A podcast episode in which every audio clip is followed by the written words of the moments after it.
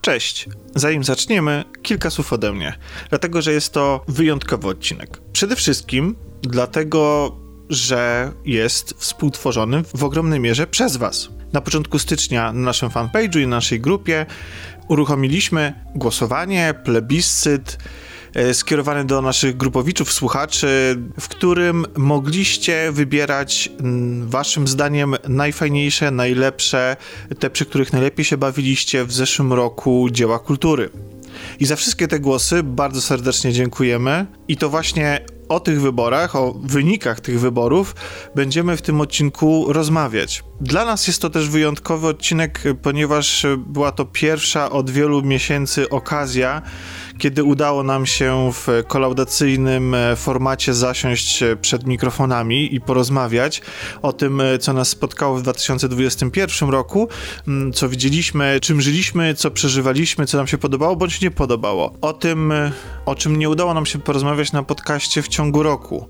I jak się okazało, na szczęście gry, seriale, filmy, kultura nadal wzbudza w nas ogromne emocje i inspiruje do rozmowy, do dyskusji. A jeśli inspiruje do dyskusji i nadal wzbudza emocje, to myślę, że można powiedzieć, że mimo nie najlepszych czasów, z kulturą przynajmniej wszystko gra. Dzięki raz jeszcze za e, ogromne zaangażowanie, za wasze dyskusje na grupie, za życie w społeczności Wszystko Gra, za słuchanie naszych archiwalnych odcinków i za wysłuchanie tego odcinka, no i przede wszystkim za oddanie głosów e, w plebiscycie, bo prawda jest taka, że bez was tego odcinka by nie było. I jeszcze taka Drobniutka informacja. Odcinek dzieli się na dwie części. Pierwsza, która trwa około półtorej godziny, dotyczy gier wideo, a po półtorej godzinie rozmawiamy w drugiej części o serialach i filmach. A teraz już naprawdę bardzo serdecznie zapraszam na odcinek.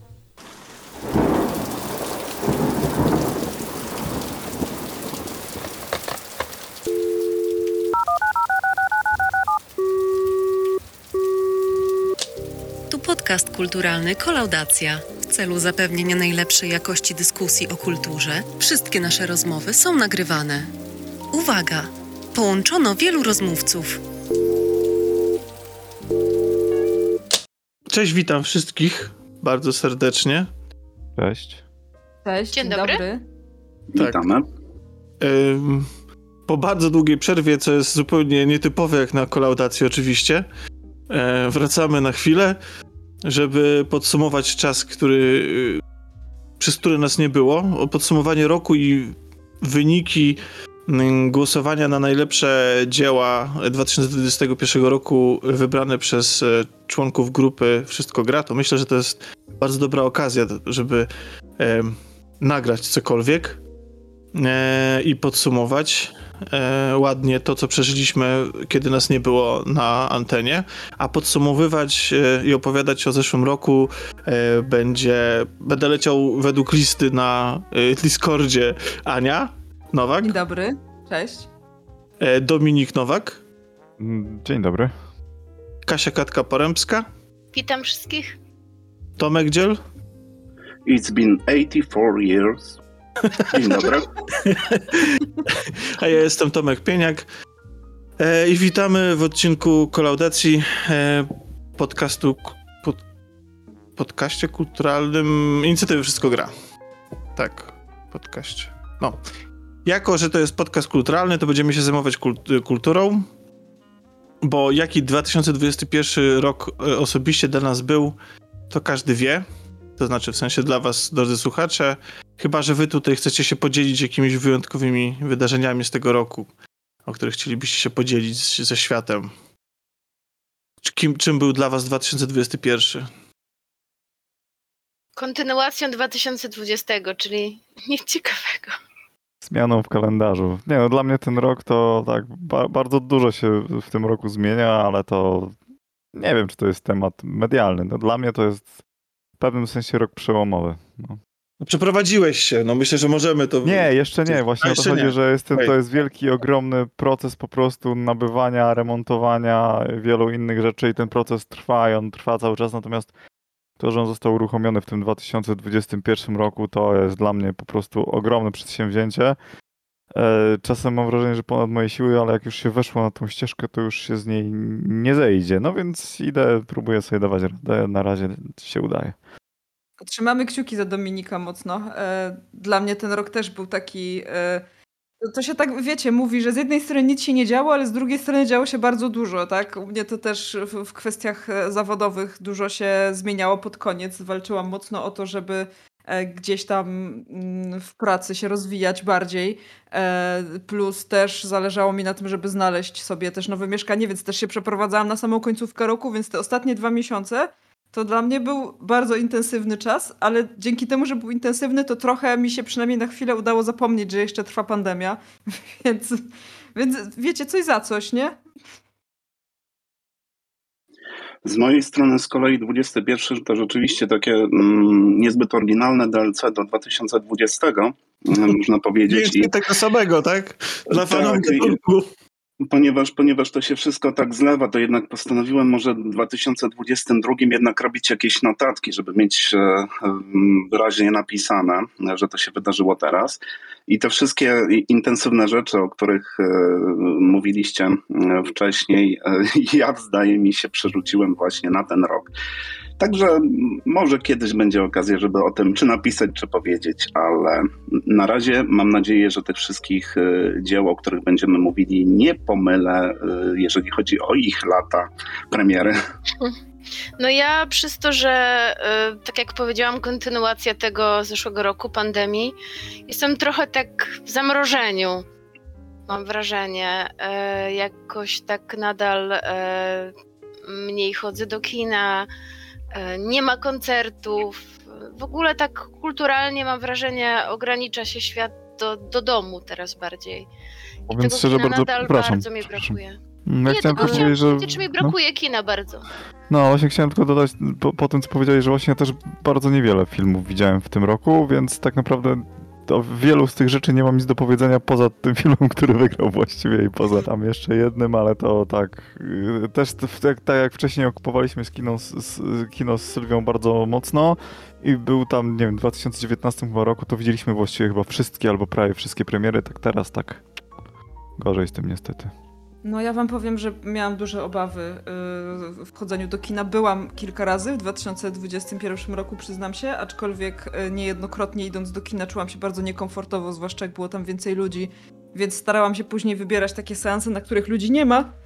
E, albo odpuszczałam. E, no i niestety właśnie w związku z tym wiele premier odpuściłam i oglądałam potem na VOD, e, ale też ten rok dla mnie osobiście przynajmniej był takim rokiem, że mało grałam, mało oglądałam filmów, e, dużo oglądałam seriali i przeczytałam bardzo dużo książek. Chyba najwięcej w, w ciągu kilku ostatnich lat. E, także z jednej strony, mo- może takie przesycenie trochę, wiecie, ile można oglądać rzeczy. nie wiem. Nie wiem skąd się to wzięło tak naprawdę, ale jakoś tak się złożyło, że przeczytałam w zeszłym roku bardzo dużo książek. Znaczy, zależy oczywiście dla, dla kogo ile to jest bardzo dużo. Dla mnie osobiście było to bardzo dużo, ale się z tego cieszę, bo też wróciłam do takich tytułów, które odkładałam już od jakiegoś czasu i postanowiłam troszeczkę z tej swojej listy właśnie rzeczy do przeczytania zejść. I bardzo się cieszę, że mi się to udało zrobić i w ten rok też weszłam mocno pod tym względem, bo już jestem w trakcie trzeciej książki, który, z, z tych, które zaczęłam Wow. Gdzieś tam, tak, w połowie grudnia zaczęłam jedną książkę, którą skończyłam jakiś czas temu i już, y, już czytam trzecią w kolejności, więc idzie mi szybko, ale też po tym jak pierwszą, którą przeczytałam była historia y, Al-Kaidy i Bin Ladena, to stwierdziłam, że pójdę w lekkie rzeczy i takie lekkie rzeczy to się czyta, wiecie, 2-3 dni, nie? więc, więc wiecie, no to, to tak... Tak trochę muszę sobie dywersyfikować, bo jednak, no mimo, że mi się ta książka bardzo podobała, to, to ona czyta się, wiecie, bo to ma, ma się takie wrażenie, że czyta się to super i to jest świetna, wciągająca historia, a potem sobie uświadamia, że to się wydarzyło naprawdę. I no jest to, jest to jednak obciążające trochę emocjonalnie i, i musiałam potem sobie, e, sobie jakieś lajtowe rzeczy znaleźć, więc w tym roku właśnie robię dywersyfikację. Jest jedna ciężka rzecz, dwie lajtowe. Jedna ciężka, dwie lajtowe. I tak myślę, że ten rok będzie wyglądał. To i tak dobrze, że w ogóle jakieś ciężkie się pojawiają, bo u mnie dominują lekkie na razie. I tak trzeba żyć.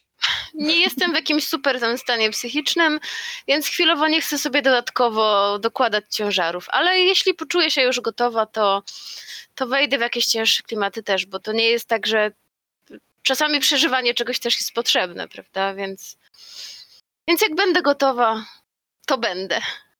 No ja Własne tak się- zdrowie psychicznie najważniejsze. Spodziewałem się trochę takich opowieści y, ciężkich albo, albo niespecjalnie pozytywnych od was. E, I jakby trochę w kontrze do tego miała, miała być e, ta, to głosowanie, ta, nie wiem jak to nazwać, plebiscyt, ankieta, cokolwiek, wybory powiedzmy.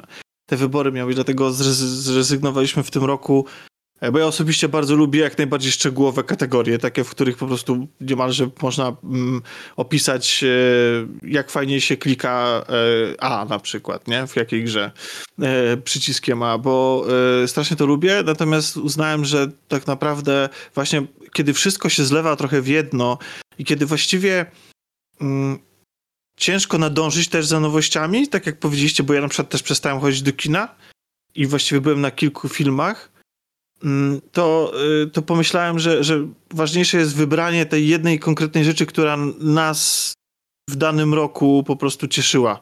E, Albo która sprawiła, nie wiem, po, którą potraktowaliśmy jako eskapizm i tak dalej. I też postanowiłem o eliminacji całkowicie negatywnych wszystkich e, kategorii. Jakby wszystkie negatywne rzeczy zostawiamy w 2021 roku i jeśli mamy za coś go pamiętać, mm, jeśli chodzi o kulturę i rozrywkę, to może lepiej pamiętać się za, za, za te, które jednak się nam podobały, nie? Zwłaszcza, że to był rok, który y, był lekko odwilżał mimo wszystko w kulturze po 2020 e, i mnóstwo rzeczy y, wpadło do kina na przykład, e, czy dokończono realizację wielu rzeczy, które się wydłużyły przez, przez pandemię i, i wy, wydaje mi się, że mieliśmy z czego wybierać. Nie wiem, czy ma, też macie takie poczucie. Ja Tomku, tak, ale tak, nie myślę, powiedziałeś, tak. jak, jak twój rok 2021. Już, już przejdźmy do tych pozytywnych rzeczy. Okej. To ja odpowiadając na to, co powiedziałeś, Tomku, jeżeli chodzi o nadprodukcję, to, to ja się bardzo zdziwiłem, ponieważ ja sobie robię co roku podsumowanie e, bardziej prywatnie niż publicznie e, płyt. Tam zwykle alternatywnych, ale to niekoniecznie jest zasada, ale najlepszych moim zdaniem płyt. I w tym roku e, bardzo się zdziwiłem, bo znowu mi się, mi się tak co roku wydaje, że nie będę miał z czego wybierać, nagle się okazuje, że mam za dużo. No to w tym roku tych płyt, które były warte uwagi, znalazłem tam 30 chyba 5, czy, czy coś no koło tego, to to jestem zdziwiony, bo w zeszłym roku było ich tam koło 20 na przykład, nie? Okej. Tak, to prawda. Jest, jest tego dużo i pojawiło się i dużo gier i dużo, mimo tego, że jest jakieś poczucie, że wcale ich nie było tych dobrych tak wiele, ale to do tego sobie za chwilę przejdziemy. E, W kinie, a już prawdziwe zatrzęsienie po prostu, jak mo- mogliście patrząc na nasze kategorie i to nie były nominacje, ale rzeczy, które po prostu wpisywałem z pamięci do nich, to, e, to po prostu seriale tych dobrych seriali, na które można by było oddawać głos y, w kategorii najlepszy serial, czy najbardziej rozrywkowy i tak dalej, to, to ich było po prostu bardzo dużo. I, do, i o nich sobie opowie, opowiemy, ale zaczniemy y, trochę, żeby y, jednak mimo wszystko zbudować pewne napięcie, to nie polecimy sobie zgodnie z tą listą, którą, którą macie tam, przepraszam. Dlatego je, jeśli mogę coś zasugerować, to jakbyśmy zjechali na sam dół, aż do y, uwag i pozdrowień, ale nie będziemy ich oczywiście teraz czytać. E, Na końcu. I, I tak, na końcu. I potem sobie jeszcze podjechać trochę, e, trochę, trochę do góry i byśmy zaczęli od najlepszej gry najlepszej gry rozr e, rozrywkowej w e, 2021 roku. Kategoria najlepsza gra Gra rozrywkowa, okej. tak. Taka żółta ikonka. Żeby Mam. łatwiej. Dwa pady. Od Również. PS4 i od PS4. Swoją drogą to też yy, zabawne, bo mm, słuchacze tego nie wiedzą, ale myśmy zorganizowali i nagrali gigantyczny, kilkugodzinny, ja nie wiem, no chyba z 5 godzin to trwało, e, podcast podsumowujący znaczy najpierw przeprowadziliśmy takie wewnętrzne głosowanie rozpisane na, na dla mnie to bardzo dużego Excela. I potem zrobiliśmy bardzo długi podcast, gdzie mnóstwo ludzi opowiadało o najlepszych grach generacji. I to się nigdy nie ukazało z kilku powodów. Po, pierwsze, ja tego nie zmontowałem e, i nie przygotowałem opracowania, ale też y, tak naprawdę to jeszcze się generacja nie skończyła. Mam wrażenie, jakby teraz w 2020 roku wychodzą dwie gry, które są, mają przynajmniej dwie gry, ale nawet więcej y, przecież hitowych tytułów ma wyjść, które ukazują się jak najbardziej na starą generację. Mało tego, prawdopodobnie są myślane, y, tworzone z myślą o niej. Um, Zgadza więc, się. To więc... by znaczyło, że jeszcze nie przyszliśmy tak do końca do tej no, nowej W ogóle generacji. nie przyszliśmy. Tak naprawdę to ta, ta nowa generacja to jest nie wiem co, no. Dzwoni, dzwoni z trasy i mówi, że żeby wstawiać ziemniaki, bo będzie za godzinę. No. A tymczasem tak. dopiero wyjeżdża z domu. Do, o, dokładnie, a tymczasem dopiero wyjeżdża z domu, dokładnie. E, więc ten, więc zaczniemy sobie od żółtej kategorii najlepsza gra rozrywkowa i żeby mm, e, nie, nie, nie wiem, nie będziemy chyba czytać, jak myślicie, wszystkich, e, a już na pewno nie będziemy podawać ile procent. Myślę, trzy pierwsze miejsca możemy pierwsze miejsca? tylko, no. Tak. Trzy pierwsze miejsca plus jeśli ktoś ma jakąś uwagę szczególną Jasne. do pozostałych może. Y, no więc tak, na miejscu trzecim w tej kategorii Forza Horizon 5. Nie wiem, czy macie jakieś przemyślenia na, te, na temat Ja Forza. mam takie przemyślenie, że ja nigdy w życiu nie grałam w żadne ścigałki. Nudziły mnie i w ogóle uznałam, że bez sensu jest jeździć samochodem w grze. Natomiast w tej grze już spędziłam godzin ze 100. I się e, czasami do niej wracam i się bardzo dobrze bawię. To jest pierwsza moja ścigałka. Dużo osób mówi, że ta gra nie wprowadza nic innowacyjnego w stosunku do poprzednich części, ale ja na szczęście ich nie znam. Bawię się znakomicie, włączam sobie radio z jakąś tam rockową muzyką i, i czasem się ścigam, czasem zwiedzam sobie świat, czasem robię jakieś tam questy poboczne. Właśnie, to jest gra z jakąś tam szczątkową, ale fabułą. Więc ja gram w gry fabuły, no. Ale tak, powiem wam, że ja też jako, jako osoba, która ma kompletnie wywalone na wszystkie y, samochodówki i ścigałki i inne tego typu gry, y, nigdy jakoś, wiecie, ostatnia gra taka, w którą grałam, to jeszcze jak grałam na Amidze w jakieś wyścigi, więc to naprawdę było dawno temu. Po prostu ten gatunek mnie absolutnie nie jara. To nie znaczy, że twierdzę, że jest zły, po prostu kompletnie nie jest dla mnie, ale jak Alek grał w Force poprzednią Horizon, to autentycznie mnie to ciekawiło i zdarzyło mi się też kilka razy przejechać. Może nie wkręciłam się aż tak, żeby jeździć tam, odkrywać te rzeczy e, i, ten świat, ale jakby widzę w tych grach bardzo dużo takiego, takiej radości z grania, po prostu z jeżdżenia. I jeżeli to jest jakby sposób y, rozrywki, który komuś sprawia przyjemność, jestem w stanie absolutnie zrozumieć, dlaczego tak jest. W sensie uważam, że ta gra właśnie jest taką miłą, przyjemną odskocznią yy, od, od wszystkiego I, I, ten klimat w ogóle tej gry jest taki, tam jest wielka impreza. Tak, tak to jest festiwal. To jest tak. jedna wielka impreza ta gra I, i może przez to, że ta atmosfera jest taka lajtowa, to też tak fajnie się w to gra, plus w to się gra po prostu przyjemnie, w sensie to jest proste, zasady są proste, jest to ładne, jest właśnie, y, brzmi to dobrze, są, jest To znaczy z tym proste, to wiesz Aniu, yy, mam trochę inne yy, wrażenie, znaczy, mechanika bo... jest prosta, tak? Yy, to Easy znaczy to mechanika... to master. E, chodzi mi o to, że mm, w tej grze to nie są tylko wyścigi. Jest jest wokół tego cała taka grywalizacja, w sensie otoczka, jakichś wyzwań, osiągnięć, e, jakieś tysiąca różnych rzeczy. Tam są jakieś pory roku, jakieś sezony. Ja w tej grze spędziłam mnóstwo godzin, a nie rozumiem połowy z tego wszystkiego, co się dzieje wokół. E, jakieś punkty się zbiera, jakieś trzy rodzaje jakichś punktów, to coś ci wpada. Znaczy, co, to, co jest dla mnie fajne, to to, że ta gra nagradza za wszystko. Czy jedziesz dobrze? Nagradza cię. Znaczy, to jest dla mnie dobre, bo w sensie ja w, przychodzę po ciężkim dniu, jestem zmęczona, jestem zdołowana, włączam sobie grę i dostaję, i słuchajcie, jadę sobie, nie udaje mi się jechać prosto po drodze, nie wiem, wpadam w krzaki i dostaję dodatkowe punkty za świetną rozwałkę. E, no nie wiem, no wpadnę do wody, czy spadnę z jakiejś góry, dostaję punkty za wspaniałe ewolucje w powietrzu. No, mm. to, to jest, rozumiem, że zawsze to jest, jest gra, która, ten, no. tak, to, nawet jak ci nie idzie, to za coś cię nagradza, więc to jest dla mnie taka gra idealna na właśnie 2021 rok, na czasy pandemii. Nagradzać za to, e, ta gra ci mówi, jesteś świetny w tym, co robisz, jakikolwiek jesteś. I dla ja mnie tak, dlatego no. to jest ideał. Chciałem w tą, tutaj w tym miejscu właśnie wejść ze swoim, ponieważ ja akurat wręcz odwrotnie, ja samochodówek trochę przejeździłem, nie nazwałbym się koneserem, ale powiedzmy znam większość tych, tych ważnych y, serii, za wyjątkiem Gran Turismo, ponieważ ponieważ ona jest powiedzmy stricte konsolowa, ale mnie się Forza Horizon właściwie nie za bardzo podeszła. E, takim moim głównym problemem jest po pierwsze to, że być może to jest wynik tego, że mój sprzęt e, komputerowy jest taki, a nie inny, bo to jest już tam dość stara tam karta graficzna, ale dziwnie mi jakoś tak niepłynnie chodzi na tym moim PC-cie. Wyłącz koparkę. Co mam wyłączyć? Koparkę bitcoinów. A widzisz, to Od razu jest, będzie lepiej y, działać. To jest powód, dla którego faktycznie może tak być. Będę musiał rzeczywiście zmniejszyć, to może i rachunki za prąd będę mniejsze płacił. Nie, no, znaczy, dziwnie mi tak jakby, tak jakby niby jest płynnie, niby mówi mi, że mam tam 80 do 100 klatek, a co chwilę widzę, że tam coś tam skrzyta i to mnie wkurza. Natomiast ja mam jakiś taki problem z, ponieważ y, y, objeżdżałem jednocześnie i nowego Need for Speeda, y, bo dorwałem się do Game Passa i objeżdżałem jeszcze taką starszą grę, która się nazywała Grid 2, która w ogóle bardzo fajny model jazdy, a tutaj jakoś tak nie byłem w stanie nad tymi samochodami zapanować, poza tym jest ich coraz więcej, jest ich bardzo dużo, to powoduje, że każdy jeździ trochę inaczej.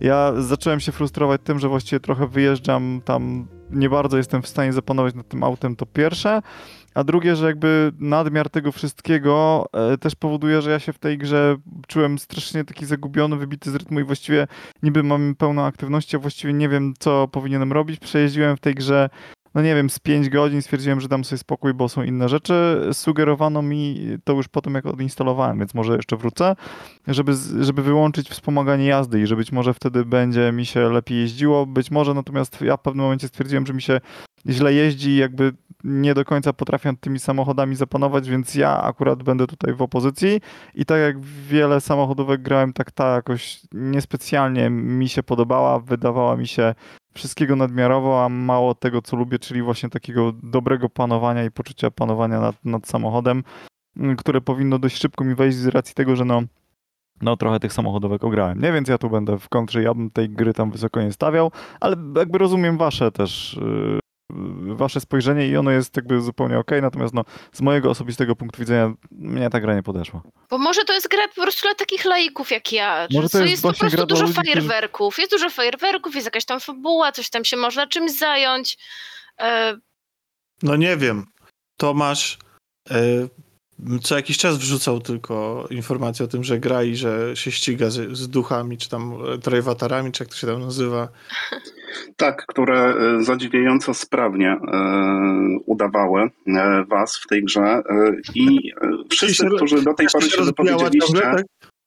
tak? tak, szczególnie o kaktusy. Wszyscy, którzy się wypowiedzieliście, właściwie macie rację, tak? Bo e, Dominik e, mówi, że to nie jest e, jakby typ rozrywki, czy mm, konkretnie modelu jazdy, który szuka. No tego Forza ma tą swoją drugą odnogę, motorsport, prawda? Horizon jest jednak tym bardziej lżejszym i tym imprezowym jakby odcinkiem. Ale to, co, co tutaj urzeka, to jest chyba właśnie ta, ta swoboda. Fakt, że jakby bogactwo wszystkiego i samochodów, i trybów, i możliwości tego, co jest do zrobienia, może czasami e, przytłaczać, ale to jest właśnie taka, taka piaskownica e, do, do zabawy. Tutaj indywidualnie każdy coś dla siebie znajdzie, ale jest bardzo rozbudowany tryb e, multiplayer, gdzie z różnymi tutaj znajomymi, czy właśnie z tymi e, typowymi randomami z internetu można jakieś super zadania wykonywać. Teraz pojawiły się te wyzwania takie sezonowe, tygodniowe i tak dalej. W związku z tym, jeżeli ktoś szuka takiego wyzwania na pewno coś tutaj znajdzie, a ktoś y, od tak y, wpadnie, y, jak Kasia mówiła, że żeby na chwilę odsapnąć, pobawić się, to jest również tytuł dla niego. I, i też wspominaliście o tym, że no właściwie nie jesteście takimi jakby growymi rajdziarzami, tak, ale tutaj chętnie z tego skorzystaliście. No i przypuszczam, że to też jest kwestia e, Game Passa, tak? Że to jest, to jest bardzo duży tytuł, tutaj udostępniony właściwie e, dla każdego za te 4 złote e, i tak naprawdę każdy, każdy mógł sprawdzić, czy to faktycznie jest dla niego i stąd całkiem spora popularność tego. To jest, to jest bardzo, bardzo udane tytuł. To, że ma bardzo sprawdzoną formułę, to, że nie za dużo może dodają z kolejnych edycji, to no też jest pytanie, czy to jest bardzo, czy nie jest za bardzo sprawdzone? Ja wspominałem o tym, że grając teraz piątą część, to przychodzi mi do głowy taki mem, jakby zestawić trzy dokładnie takie same obrazki z samochodem i tylko ponakładać jakieś filtry, tak jak poprzednia część działa się w Wielkiej Brytanii, no to jeszcze ten samochód odwrócić, tak przerzucić w poziomie. E, tutaj w przypadku tej części w Meksyku to tylko ten stereotypowy, taki ciepły filtr narzucić i to by było dokładnie przedstawienie tych ostatnich części e, Horizona. Ale to, to się sprawdza. No nie wiem, może za kolejnym razem będą musieli e, dorzucić trochę czegoś ostrzejszego, tak żeby złapało, złapało jakiś nowy smak. No ale zobaczymy. Okej. Okay. To teraz przechodzimy do miejsca drugiego, które na którym znalazła się pozycja, która o, moim osobistym goty jest. E, więc odrobinę, odrobinę serduszko boli, e, że, że znalazło się na, na drugim miejscu najle- w kategorii najlepsza rozrywkowa gra wideo e, z 2021 roku. No ale cóż, no taki był wasz wybór. Podejrzewam, że wiem dlaczego właśnie taki. Otóż na tym drugim miejscu znalazła się gra It Takes Two. I to może ja y, będę kontynuował. To, to znaczy, przede wszystkim o tej grze nagraliśmy moim zdaniem rewelacyjny specjal, który jest do odsłuchania. E, specjal kolaudacji. E, wiele godzin poświęciliśmy w nim na rozmawianie szczegółowe o tym, co nas w tej grze zachwyca i jak przeżywaliśmy poszczególnie jej elementy. Jest tam część spoilerowa i bezspoilerowa. Więc jeżeli chcecie poznać e, opinię bardzo szczegółową naszą na ten temat, to oczywiście zachęcam do, e, do odsłuchania tamte, tamtego odcinka. Od siebie mogę tylko powiedzieć, że dla mnie jest to gra, która zasługuje wielokrotnie na to, żeby być goty, właśnie naj, najlepszą grą, nie tylko w tej kategorii, bo mm, jakby fakt, że jest to y, takie, a nie inne studio, że jest to gra bardzo autorska, a jednocześnie wspierana przez dużego wydawcę Electronic Arts i jest tak fantastycznie dopracowana, e, angażująca, e, no w każdej różnorodna. To jest wydarzenie, ale oprócz tego wszystkiego ta gra jeszcze też to, to, to, co dla mnie jest mega istotne w grach wideo, ona bierze, opowiada jakąś historię i wykorzystuje te bardzo, bardzo różnorodne mechaniki do tego, żeby tą historię wspomóc. Znaczy, w sensie tam jest, mechaniki są w służbie narracji. I to jest y, coś, co każda gra, która to robi, y, powinna być jak najbardziej za to um, oddawana jej cześć. A It Takes Two y, myślę, że znalazło się na drugim miejscu w naszym tutaj lokalnym, wszystko gramowym głosowaniu z tego powodu, że gra jest, wymaga po prostu grania w dwie osoby. Co... Może tak być, wiesz, mhm. ale ja też chciałam trochę ze, ze swojej strony powiedzieć o moim doświadczeniu z tą grą która bardzo mi się podobała właśnie, jak zaczęłam w nią grać. Y, graliśmy z Alkiem krótko po premierze właśnie na fali tych wszystkich zachwytów i bardzo nam się podobała i świetnie się w nią grało i nigdy jej nie skończyliśmy. I yy, no jakoś E, A nie, u, mnie, było, u mnie z Piotrkiem było dokładnie tak samo. Nie było czegoś takiego, żeby. Ja sama nie wiem dlaczego, bo my się świetnie bawiliśmy grając w to i śmialiśmy się, i ja się nawet wzruszyłam kilka razy, i nawet mówiliśmy sobie, że dobra, to, to jutro jeszcze zagramy, albo to w weekend wrócimy do tego, żeby to skończyć. I słuchajcie, po pierwszym bosie e, przestaliśmy grać i nie wróciliśmy już do tej gry. O, wow. I to absolutnie to nie wcześniej. znaczy, że to absolutnie nie znaczy, że ja uważam, że ona jest y, zła, właśnie wręcz przeciwnie, tylko nie potrafię wytłumaczyć, co się stało, że ja do niej nie wróciłam. Być może to jest ogólnie kwestia tego, że ja, szczerze mówiąc, w zeszłym roku miałam średni klimat nagrania. Jakoś w ogóle nie miałam ochoty na e, odkrywanie nowych tytułów, jakoś tak widocznie mindset miałam inny po prostu i może dlatego, bo to, to że wiecie, y, my tego nie skończyliśmy, absolutnie nie świadczy o tym, że, że ta gra jest zła. Tylko nie potrafię zrozumieć, co się zadziało, że, że my tego faktycznie nie skończyliśmy, bo grało nam się super i ja się zachwycałam, pamiętam tym w ogóle, jak ta gra wygląda i jakie te minigierki są świetne. I, jakoś było tak, że skończyliśmy tego pierwszego bossa, bo usiedliśmy raz, skończyliśmy tego pierwszego bossa i pomyśleliśmy sobie, ale super, gramy dalej. I nie graliśmy dalej. Nie wiem właśnie, dlaczego. wiesz Ania, u mnie było bardzo podobnie, bo graliśmy z Piotrkiem, e, bo e, Tomek nas tutaj bardzo, bardzo zachęcał, no i kiedy gra się zrobiła dostępna, praktycznie prawie za darmo. Bo jest no w Game Passie. E, tak, e, znaczy no już teraz nie za darmo, bo popłacę pełną cenę za ten abonament, no ale jednak e, jest to niska cena w porównaniu z pełną ceną gry. Włączyliśmy właśnie, graliśmy jedno długie posiedzenie, dłużej niż, dłużej trochę niż wy, ale też nie wróciliśmy do tego drugi raz, a bawiliśmy się super i pamiętam jak Piotrek krzyczał z radości, dosłownie było coś takiego, że tam jest taka scena, że się skacze do takich rur jakby One były odkurzacza. super.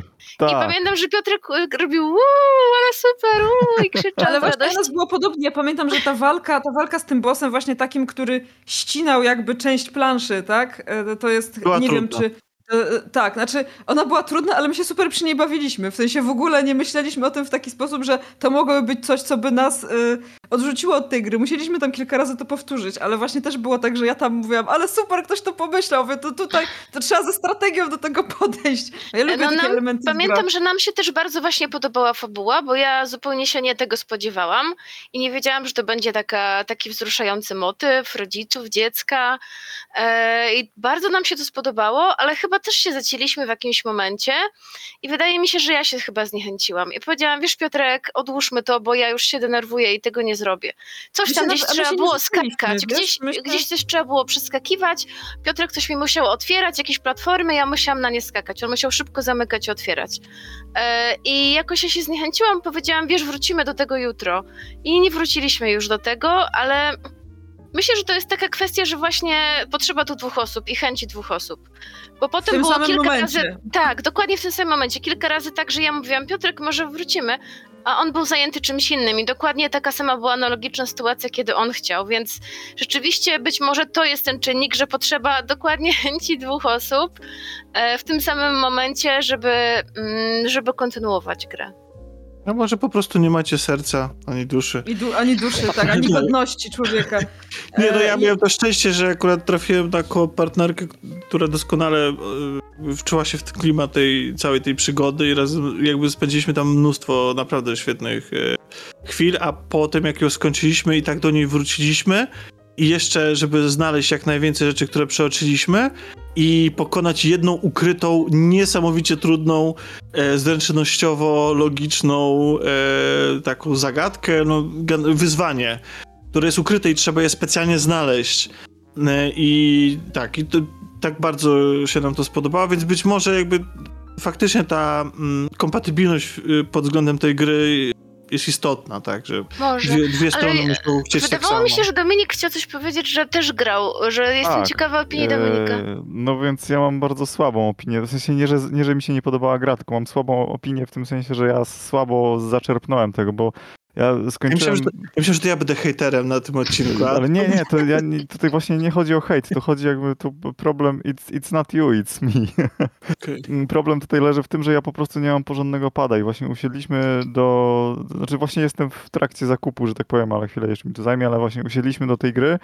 Moja żona tak za bardzo nie jest grywalna, ale poprosiłem ją w ramach prezentu rodzinowego, żeby pograła ze mną w tę grę.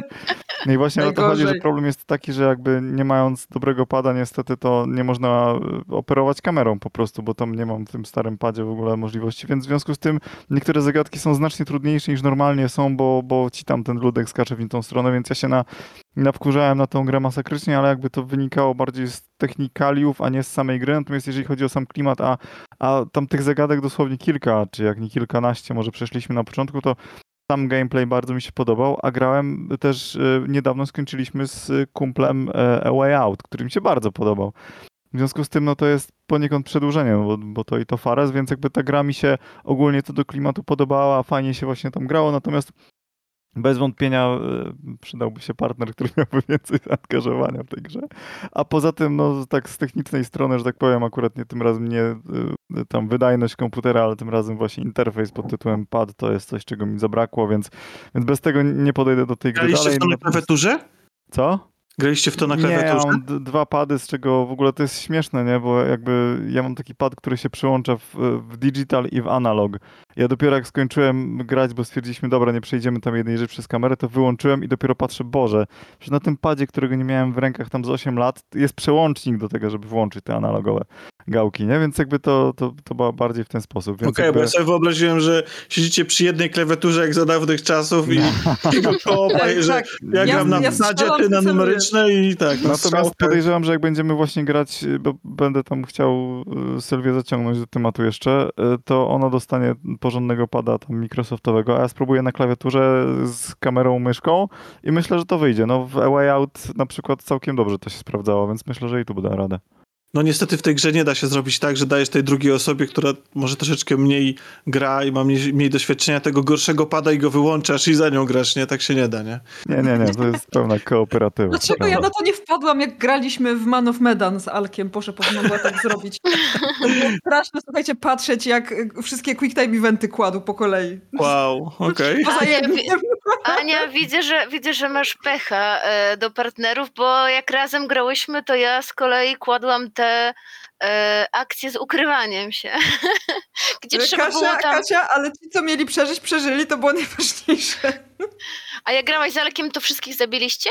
Nie, nie, wiesz co, mieliśmy jeszcze gorsze zakończenie niż to, które my miałyśmy. Ojej. Więc, e, więc jakby nie polecam. Aż, aż mi się zrobiło smutno i musiałam pójść, pooglądać jakieś memy w internecie, żeby żeby sobie poprawić humor.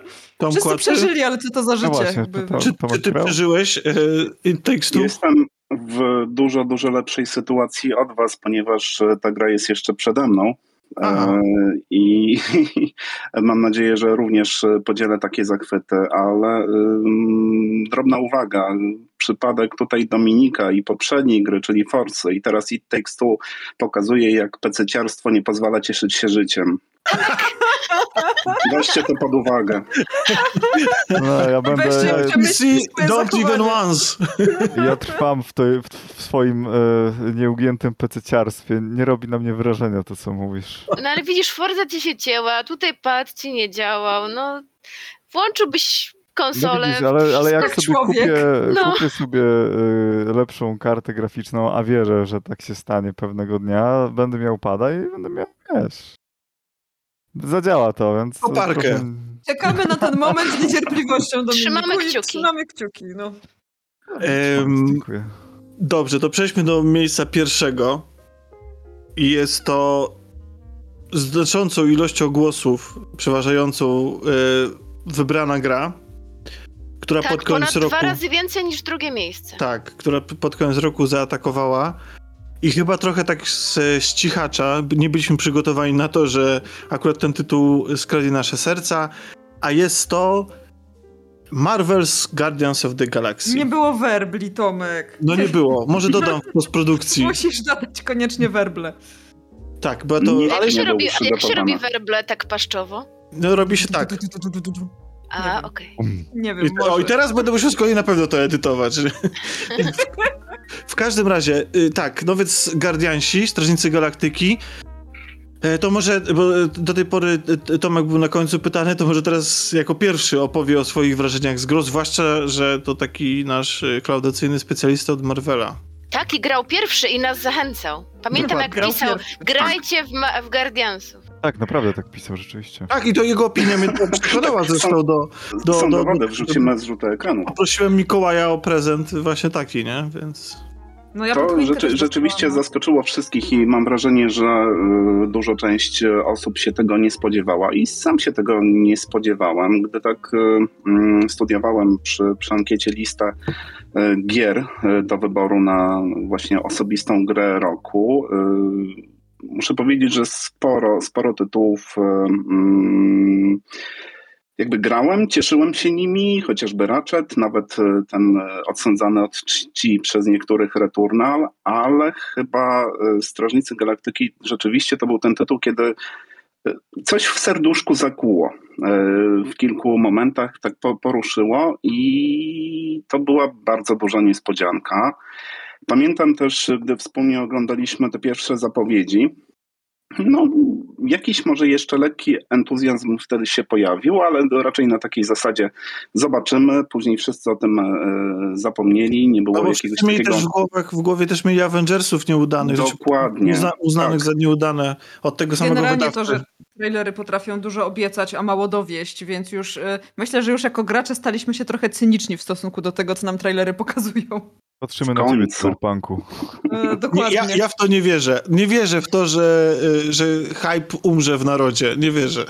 No ale dobrze, ale by, byłeś, czy też, czy też byłeś niewiernym Tomaszem? E, Nie, chyba raczej podszedłem do tego dosyć e, tak obojętnie. E, Nie miałem jakichś negatywnych uczuć względem Avengersów, w związku z tym to się nie przełożyło zupełnie na ten tytuł.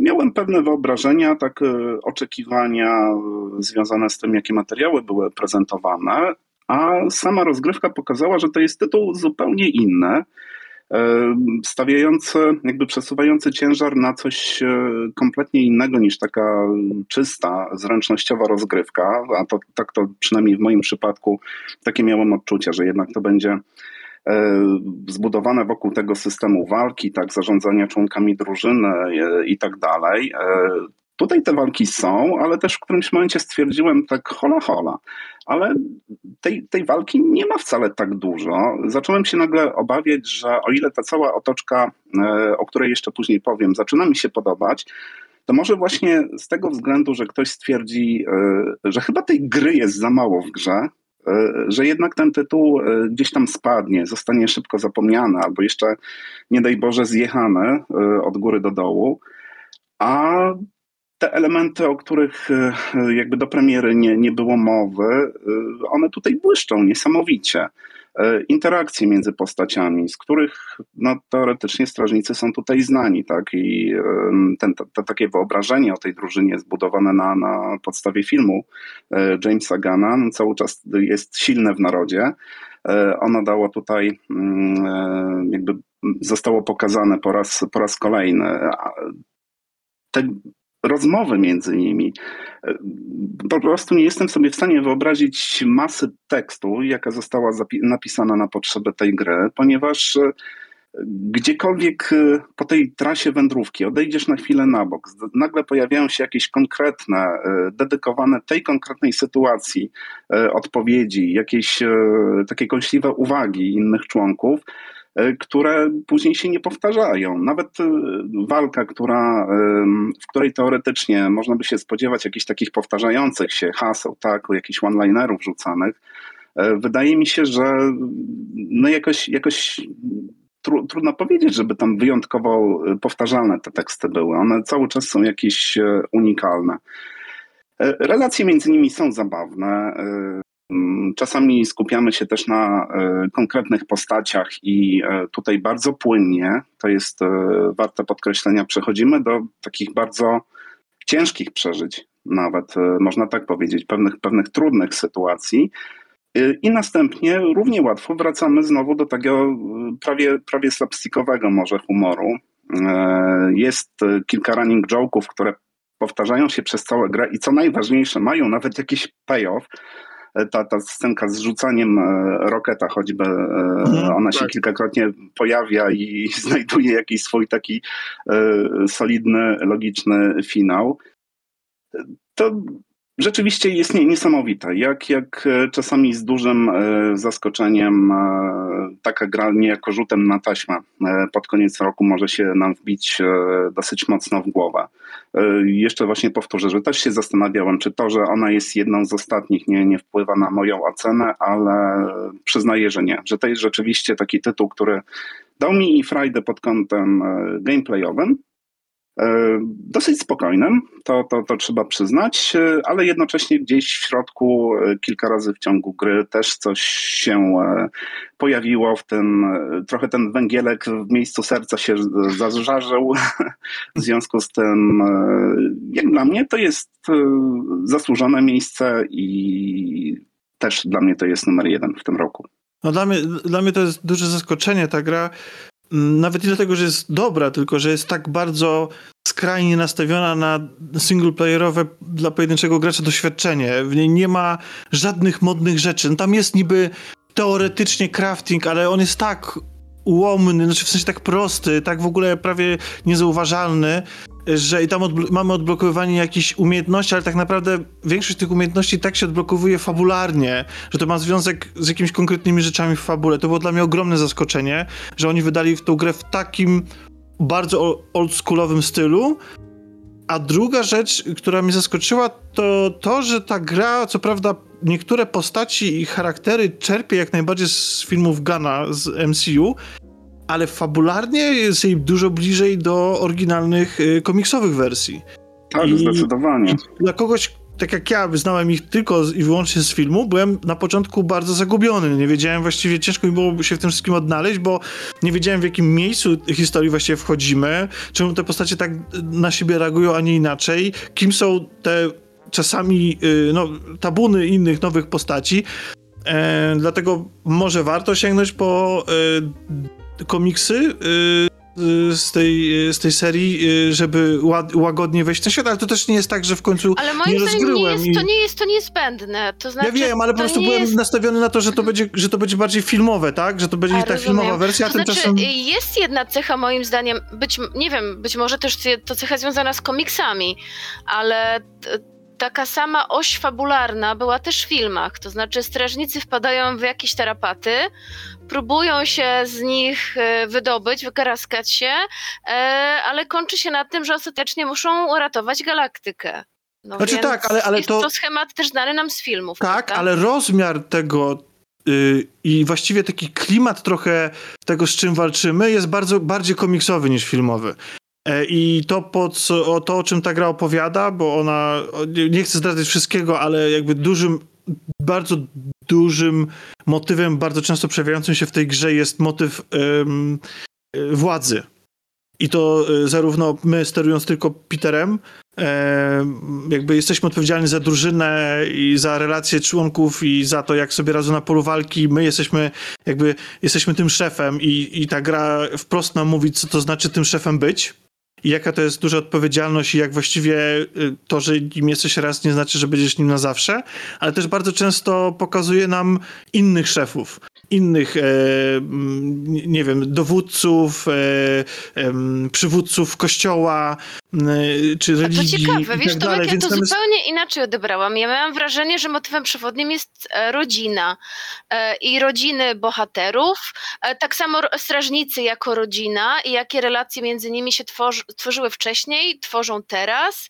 E, jakieś wspomnienia dotyczące ich rodzin? Pojawia się też kwestia y, y, utraty, jasne, to jakby to, to, to, to jest właśnie to ostatnie zaskoczenie, o którym, ja, y, zaskoczenie, o którym chciałem powiedzieć względem tej gry, mianowicie zaskoczyło mnie to, jak bardzo ona ma nie grową narrację.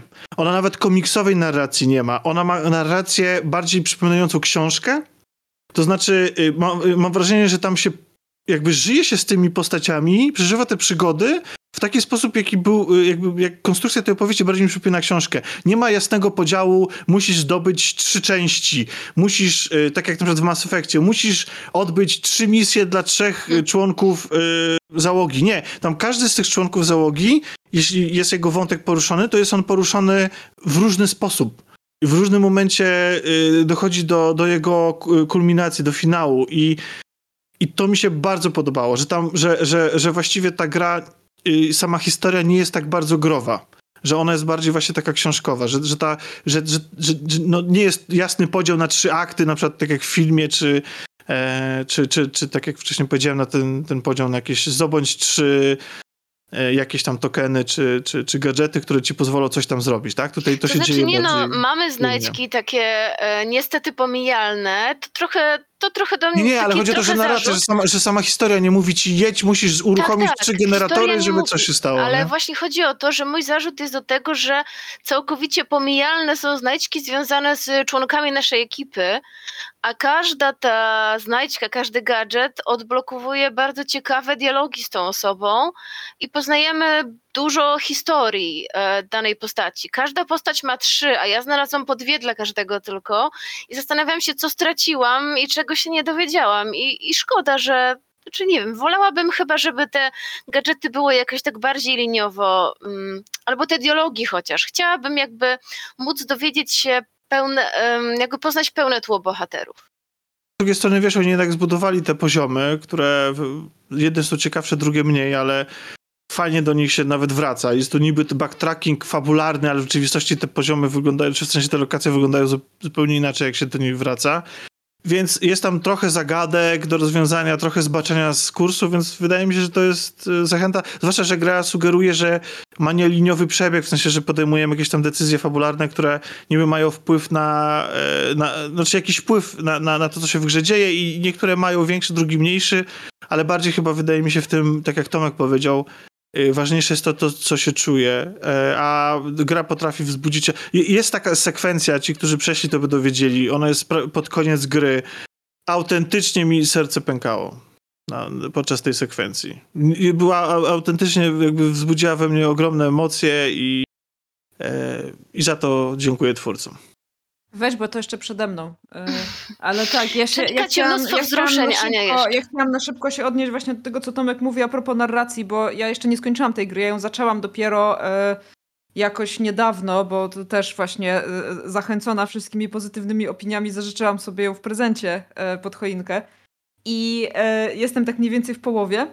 I muszę przyznać, że mi się ta narracja właśnie bardzo podoba. W sensie to, że ona nie jest taka growa, że ona jest taka bardziej jak trochę jak książka, trochę jak serial, e, ale mniej jak gra, przynajmniej w takim znaczeniu, w jakim my jesteśmy do tego przyzwyczajeni, że właśnie jesteśmy trochę sterowani od, e, od miejsca do miejsca, od znajdźki do znajdźki, od zadania do zadania. Tutaj jakby to jest takie o wiele szersze, jeżeli nie wiem, czy. czy w ogóle znaczników na ekranie nawet nie ma. Płynniejsze, tak, właśnie. Płynniejsze i wydaje mi się, że przez to też łatwiej jest się wczuć w samą historię, bo nic ci nie przeszkadza.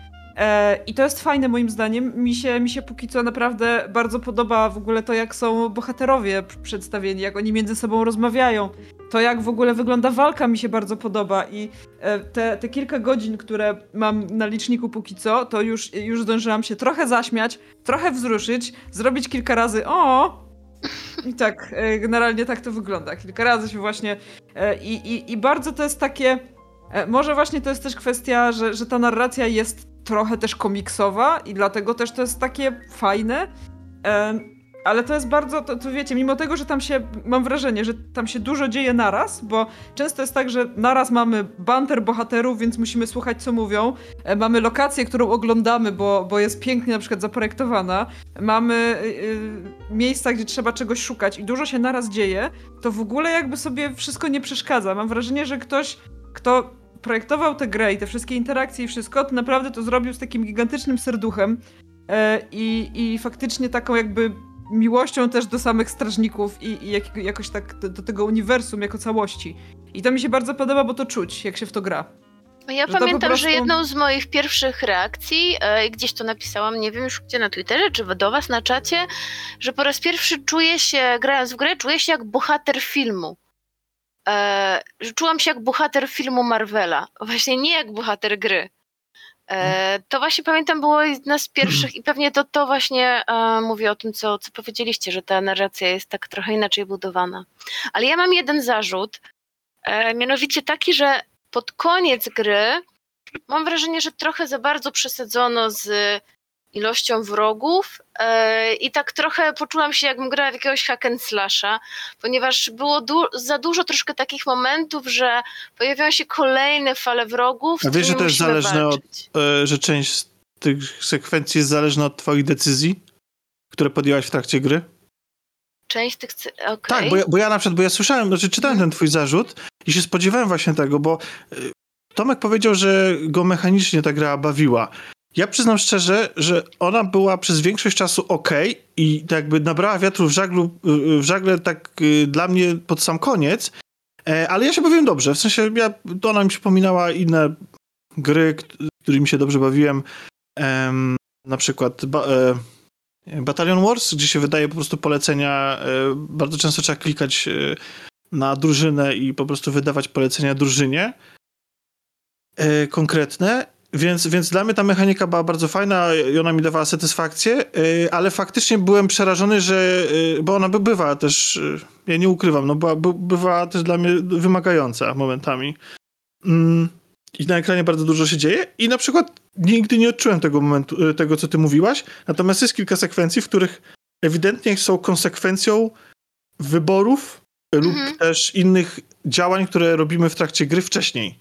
I one na przykład nie musiałem z kimś walczyć na przykład w ogóle. Tomku, może zgodzisz się? Ja tutaj, tutaj przyznaję rację Kasi, bo mm, oczywiście to, że e, pod koniec może robi się trochę trudniej, e, to jest coś standardowego e, w tego typu grach i pod tym kątem strażnicy nie odbiegali od powiedzmy ustalonych standardów, ale faktycznie jeżeli chodzi o ten tytuł, ta dysproporcja pomiędzy pierwszą częścią środkiem, a właśnie samą końcówką, gdzie już e, czujemy, jak to napięcie się nakręca, e, jest widoczna i duża, duża część tego napięcia jest związana właśnie z tymi um, znacznie obszerniejszymi falami wrogów, które są na ciebie rzucane, a coś takiego po tych doświadczeniach, które przez kilka wcześniejszych godzin mieliśmy, potrafi trochę, trochę zmęczyć jednak gracza. Także tutaj y, mam, mam podobne odczucia, y, tak jak Kasia. Znaczy ja mam dla was y, jedno do powiedzenia, git good po prostu. Dobrze, to była najbardziej rozrywkowa gra 2021 e, roku wybrana przez społeczność Wszystko Gra, bo rozumiem, że Dominik nie grał, więc... Nie, nie, nie. Bo ja jestem PC-ciarzem. Nie żartuję sobie, ta gra wyszła też na PC, nie, nie gram. Tak, tak. E, w każdym razie, jak słychać było, chyba wszyscy tutaj polecamy. Słuchajcie, jakby, ponieważ trzeba się uczyć od najlepszych. Czerpać, kraść nawet, kiedy, y, kiedy wypada. I my też tacy będziemy z naszym ogłoszeniem wyników, bo najlepsze i naj, wiadomo, że najważniejsze w branży są wybory Video Games Awards, tak? Dobrze? Bo oni ciągle zmieniają kiedyś nazwę. E, Jeffa Kiliego i on e, bezceremonialnie, bez ogródek potrafi e, nawet nie tyle pominąć jakieś kategorie, co po prostu wygłosić je półgębkiem w przerwie reklamowej w drodze do toalety, te wyniki. I my z racji tego, że się rozgadaliśmy o tych grach tak bardzo, a podobno w nic nie graliśmy i nic nie oglądaliśmy i w ogóle był beznadziejny nic rok. Nic nie robiliśmy przez ten rok, no Tak, to ja bym chciał troszeczkę przyspieszyć, żebyśmy jednak dzisiaj skończyli całość. I przejdziemy sobie oczywiście przez wszystkie kategorie, żeby nie było. E, ale chciałbym, żebyśmy następną e, kategorię, czyli najlepszą grę artystyczną z zeszłego roku, e, porozmawiali sobie może najbardziej, albo w ogóle o miejscu pierwszym, a po prostu na miejscu trzecim i drugim ja przeczytam. Co wy na to? Chyba, że macie coś bardzo ważnego do powiedzenia na temat tych tytułów. Ja mam miejscu trzecim jedno zdanie. Dobrze. ale jedno, powiedz, naprawdę. To powiedz, co jest na miejscu trzecim. Na miejscu Artystyczna gra, tak? Tak, najlepsza artystyczna. To jest... E, jest to gra Unpacking. Bardzo mnie to zdziwiło, że się tu znalazła. No, znaczy, gra też we mnie wywołała ciekawe... Znaczy nie, gra we mnie też wywołała emocje i też mi się spodobała i właśnie to jest to jedno zdanie, że to jest gra, to jest gra o przeprowadzkach i do rozpakowywaniu rzeczy. I ona nie ma żadnych dialogów, żadnych postaci. Znaczy, postacie istnieją tylko w, poprzez rzeczy, które my ustawiamy.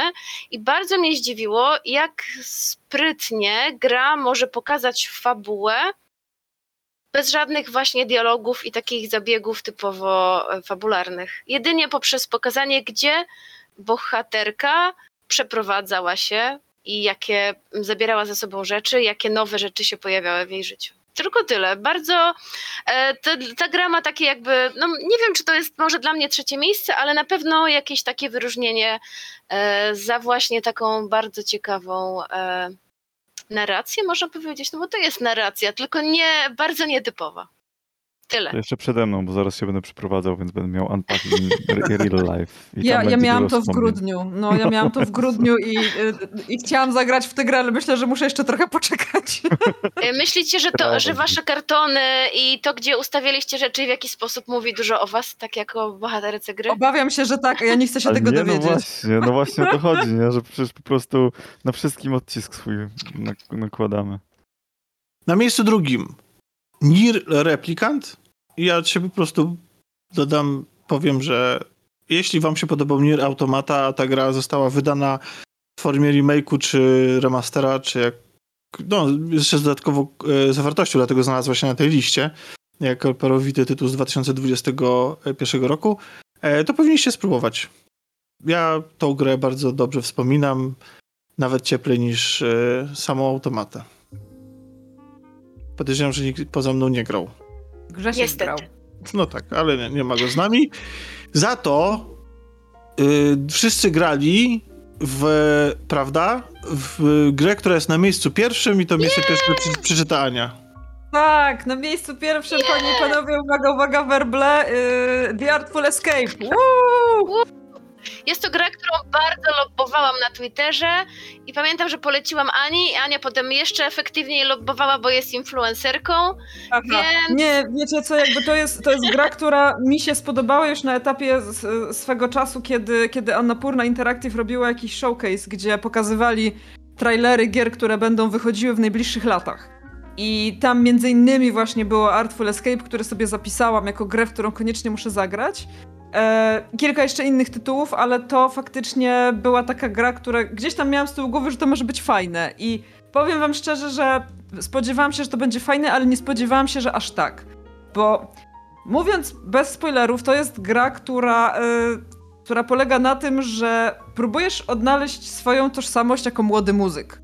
E, jesteś artystą, zaczynasz jako artysta, który trochę pozostaje w cieniu swojego chyba wujka, tak to był wujek, dobrze pamiętam Kasia, który był jakąś lokalną gwiazdą i e, masz e, odpalić recital na, na jego cześć i zagrać jego piosenki, ale twój bohater nie za bardzo czuje, że to jest dla niego dobra droga i cała ta gra to jest albo dosłowna, albo metaforyczna, zależy od tego, jak sobie to odczytamy. Historia tego, jak znaleźć własny głos, własny styl, jak, e, jak siebie odkryć tak naprawdę w tym, co się robi.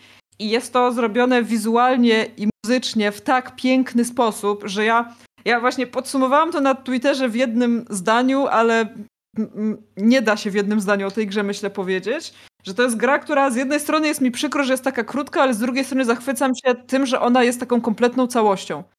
Bo to jest historia, to jest gra, w której e, mechanika jest tak banalnie prosta.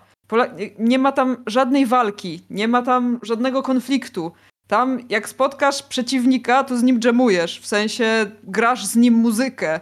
Znaczy, to jest teoretycznie to są, teoretycznie, tak w cudzysłowie, to są walki, bo to Znaczy, są tak, tak, walki z ogóle- bossami tak Ale naprawdę. w ogóle słuchajcie, w narracji nie ma mowy o tym, że to jest walka. To jest raczej tak, że Oczywiście. ty tam się pojawiasz i y, dostajesz informację, o słyszałem, że jesteś y, podopiecznym tego i tamtego, no to musisz teraz mi pokazać, ile jesteś wart. Ale to jest wszystko takie pozytywne, takie wholesome. To jest coś, to jest gra, która po prostu w 2021 roku była czymś, czego wszyscy potrzebowaliśmy, żeby po prostu poczuć, że może być fajnie, ładnie, kolorowo i nie trzeba się skupiać na rzeczach negatywnych, tylko można na tych pozytywnych. Ja po prostu mówię, to jest gra, która, którą można przejść w 4 godziny. To, to jest z jednej strony duża wada, z drugiej duża zaleta. E, Ale przez te 4 godziny ja się nie nudziłam ani przez chwilę. I w zasadzie, jak sobie o tym myślę teraz, co mogłabym zarzucić tej grze, żeby nie było tak, że, że mówię o tym, że tam wszystko jest takie super, chociaż jest, to no gdzieś tam pod koniec y, miałam wrażenie, że jednak ta interaktywność mogła być większa tego, co się tam dzieje już w samym zakończeniu, ale to jest takie już, wiecie, czepianie się dla, dla czepiania się. Dla mnie to jest zdecydowanie z takich małych gier, nie grałam ich znowu tam zbyt wiele, ale e, spośród tych, w które grałam, no to zdecydowanie jest to taka gra, która wywołuje banan na twarzy yy, i powoduje, że myślisz sobie, kurde, fajnie, że takie gry powstają i oby ich było jak najwięcej. To znaczy dla mnie nie tylko banan, ale też wzruszenie, bo tak jak Tak, powiedziałaś, ta fabuła o, o odkrywaniu siebie, bo kto by chciał być e, znany jako, e, jako odtwórca, prawda? Wszyscy chcą od głównego bohatera, żeby grał znane im piosenki, które oni już lubią i nikogo nie obchodzi, kim on tak naprawdę jest, a, a on się tak naprawdę męczy w tej skórze i cudowne jest wejść w jego buty i razem z nim odkrywać siebie, a jeszcze dodatkowo to się dzieje przez roka, więc w ogóle miód na moje serce. I to i jest w taka kosmosie, nie w zapominajmy kosmosie, o tym. tak, bo to jest właśnie kosmiczna space rock opera. E, Dosłownie bardzo przypomina mi to e, muzykę Muse albo Queen.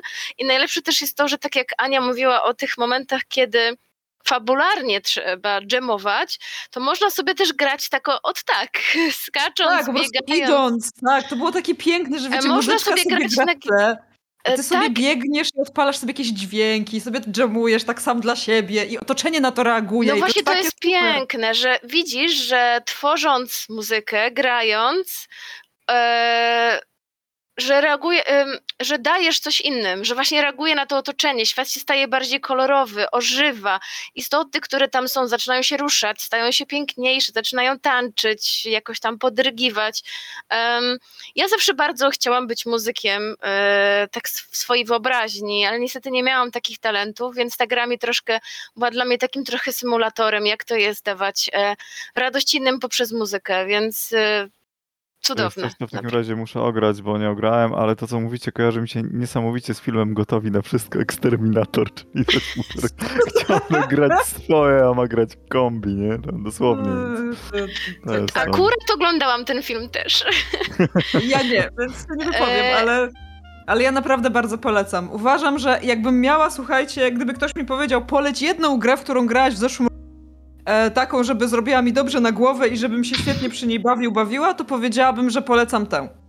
I jeszcze Ania, ty jako osoba, która rysuje, nie wspomniałaś o tej stronie graficznej, że, znaczy powiedziałaś, że jest piękne, ale po prostu bogactwo kolorów i to jak ta gra w ogóle wygląda. Każdy kadr, ja robiłam co chwilę screeny, bo po prostu ta gra... Tak, ja też nie robiłam tyle screenów, bo Myślałam, sam... że już nic piękniejszego nie zobaczę, to za chwilę robiło się jeszcze piękniej. I te kolory też właśnie kojarzyły mi się z taką space operą, takie różowe, fioletowe, niebieskie eee, i wiesz, ten element, że to wszystko się toczyło w kosmosie, jakieś same niesamowite stworzenia, plus to, że ta gra zupełnie nie męczy. To znaczy, mhm. nie ma tam, jest, ma elementy zręcznościowe, ma elementy quick time eventowe, ale absolutnie to nie jest, e, to jest takie casualowe można to sobie zrobić tak od niechcenia, prawda? To nie jest żadne, żadne wyzwanie. Tak, nie, nie, nie o wyzwanie tutaj chodzi. Tak, dokładnie. Tutaj, tutaj chodzi o to, żeby, wiecie, poczuć się dobrze po prostu, mam wrażenie, grając w tę grę i E, nawet jeżeli zdarzy się, że się spadnie z jakiegoś klifu, co mi się zdarzyło chyba raz, bo gdzieś wbiegłam, bo się zapatrzyłam na coś, co się działo w tle właśnie na, w tych lokacjach, to to absolutnie nie jest coś, co, co psuje rozgrywkę, to nie jest absolutnie coś, co wpływa jakoś bardzo na, e, na, na to, że nie wiem, nie mamy tutaj paska życia, nie tak, mamy tutaj... nie ma żadnych konsekwencji tego. Mhm. Tak, i, i to jest, wiecie, i to jest fajne czasem zagrać w taką grę, w której jakby po prostu skupiasz się na tym, żeby, żeby ją chłonąć, nie zastanawiając się nad tym, że o Boże, zaraz zginę. To jest fajne uczucie i, i ja myślę, że pod tym względem też y, warto Oczywiście to nie jest tak, że ja uważam, że wszystkie gry powinny tak wyglądać. Absolutnie do tego nie zmierzam, ale chodzi mi o to, że jest dobrze raz na jakiś czas w coś zupełnie niezobowiązującego, ale też poruszającego fabularnie i też właśnie, bo gra jest w pełni jakby udźwiękowiona, ma voice aktorów, którzy też robią świetną robotę w tej grze. bardzo mi się podoba e, zabieg, który wybrali, żeby nie musieć wymawiać imienia bohatera, które się daje, ale to jak zagracie. A właśnie, i ma tłumaczenie polskie, napisy, a to nie jest częste, jeśli chodzi o gry niezależne. Ja nawet nie wiedziałam, że ma, ale, ale tak, no to tym bardziej jakby nie ma, nie ma powodów, dla których y, mielibyście nie zagrać, zwłaszcza, że jest w Game Passie. E, chociaż ja nawet się śmiałam, że nawet gdyby nie było jej w Game Passie, to bym ją kupiła. Jest to, to jest krótkie, gra, miłe którą... przeżycie po prostu. Tak, Sam okay. raz tak, na 2021 i pewnie 2022 Chłopaki, macie coś do tak. dodania do tej kategorii? No chciałbym coś powiedzieć dobrego na temat The Artful Escape, e, ale nie mogę. E, złego też nie mogę powiedzieć, bo nie grałem. Okay. No nic nie wiem. Ej, to, masz, to ja tylko dodam, że, że, że, na czwartym miejscu tuż pod podium znalazła się gra e, True Colors Life is Strange. Um, albo odwrotnie pisane. I, I to trochę zaskoczenie w sensie, że się, że, że ta gra właściwie trochę e, przepadła gdzieś w ciągu roku, a w tytułach, które dodawaliście, bo można było wpisywać w tej kategorii swoje propozycje, jest e, Eastward, Gnozia, Death's Door, Inscription. Jeśli dobrze przeczytałem wszystko. Takie były, e, takie były dodane gry. Prawda. Dobrze, to teraz najlepsza niezależna gra wideo. Ja tylko wyjaśnię, że w tej kategorii chodzi o to, że y, nie musi być to, bo często kojarzymy gry indie z tym, że są bardziej ambitne, a te AAA y, nie opowiadają nam y, niczego ważnego, tylko służą rozrywce.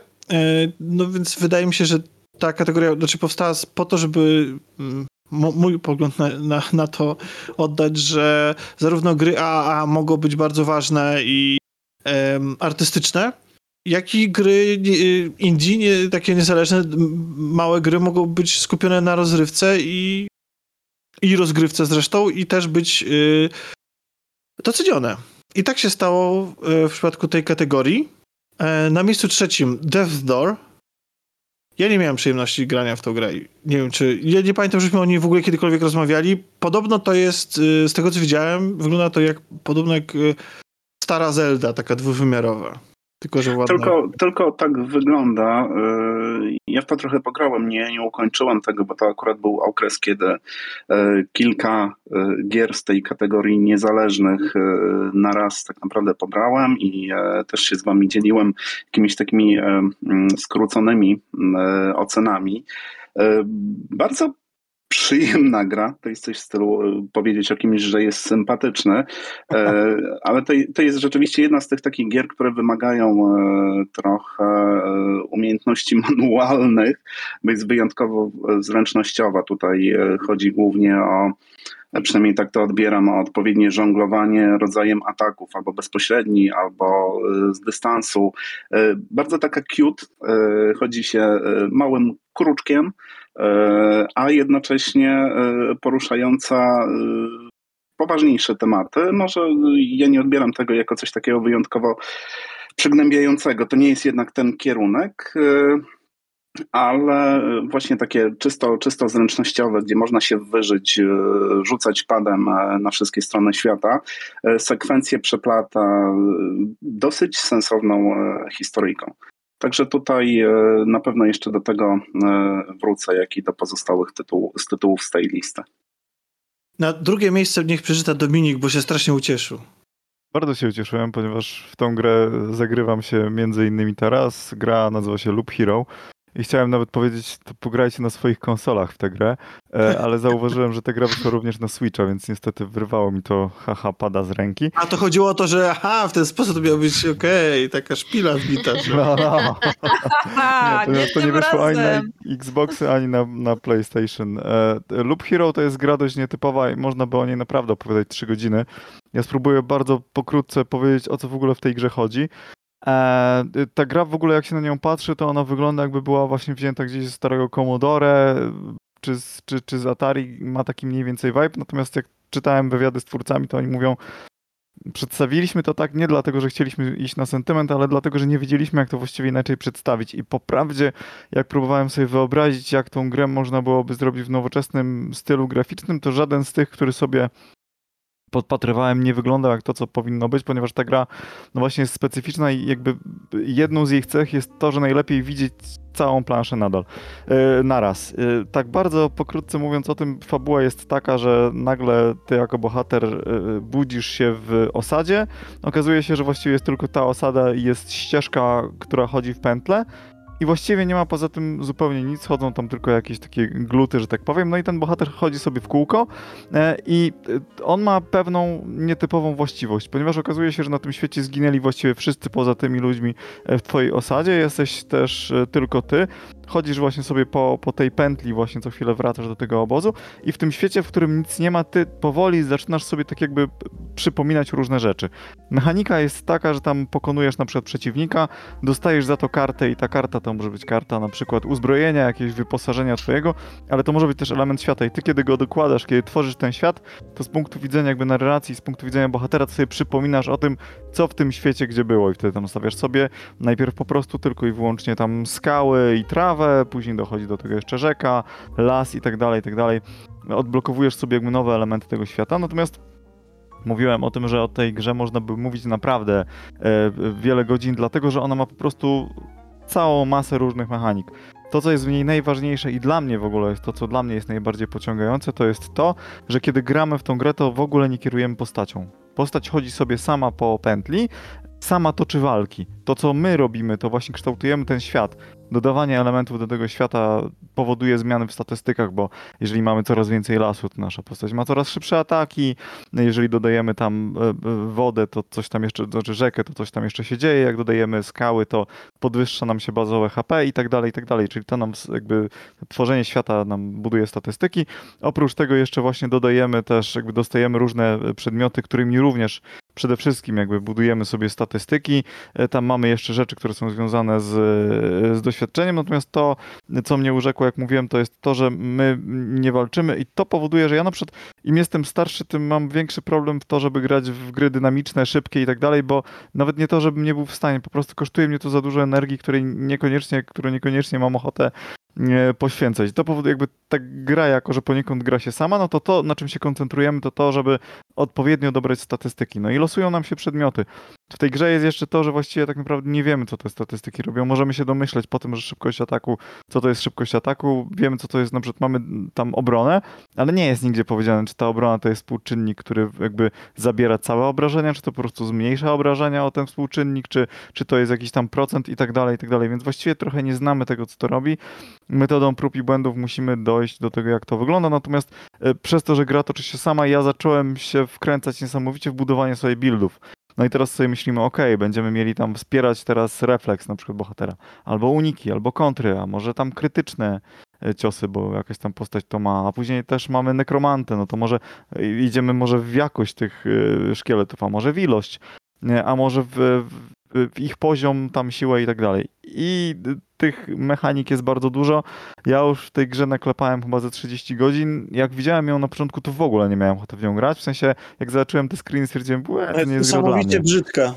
E, bo jest niesamowicie brzydka, natomiast przyznaję, bo taka jest, mi się też graficznie nie podobała, natomiast dzięki temu, jak ona wygląda, jest niesamowicie czytelna. I wszystko jest zawsze jasne w każdym momencie gry. I to jest jej ogromna zaleta, szczególnie, że ja mam dysleksję, więc jakby też potrafię więcej z niej że tak powiem, wyczytać, więc no... E, I przez to, że tak wygląda skromnie, to też można mieć odpaloną koparkę Widzę, że to jest running joke dzisiejszy, e, ta koparka. O, chyba tak. Zastanawiałem tak. się, kiedy wrócisz do koparki, bo już miałem właśnie to o tym running joke znaczy, bo, bo to e, jakby będzie ogłoszenie na koniec dzisiejszego odcinka, także to, to jest podbudowanie. Okej, okay, rozumiem, sprytna. To już podsumowując, zwijając. Dominik, czyli rozumiem, że ta gra tak naprawdę opiera się na odkrywaniu, bo wszystko trzeba tak. samemu tak. się dowiedzieć i odkryć. Ona nic jakby nie tłumaczy ci. Absolutnie tak. Znaczy trochę fabularnie się dowiadujemy, no dowiadujemy się finalnie z kim właściwie walczymy i dlaczego, tak? No ale to, to już mówienie, bo najpierw się okazuje, że to Licz tak zrobił, a później się okazuje, że to czy Licz, Lisz, tak?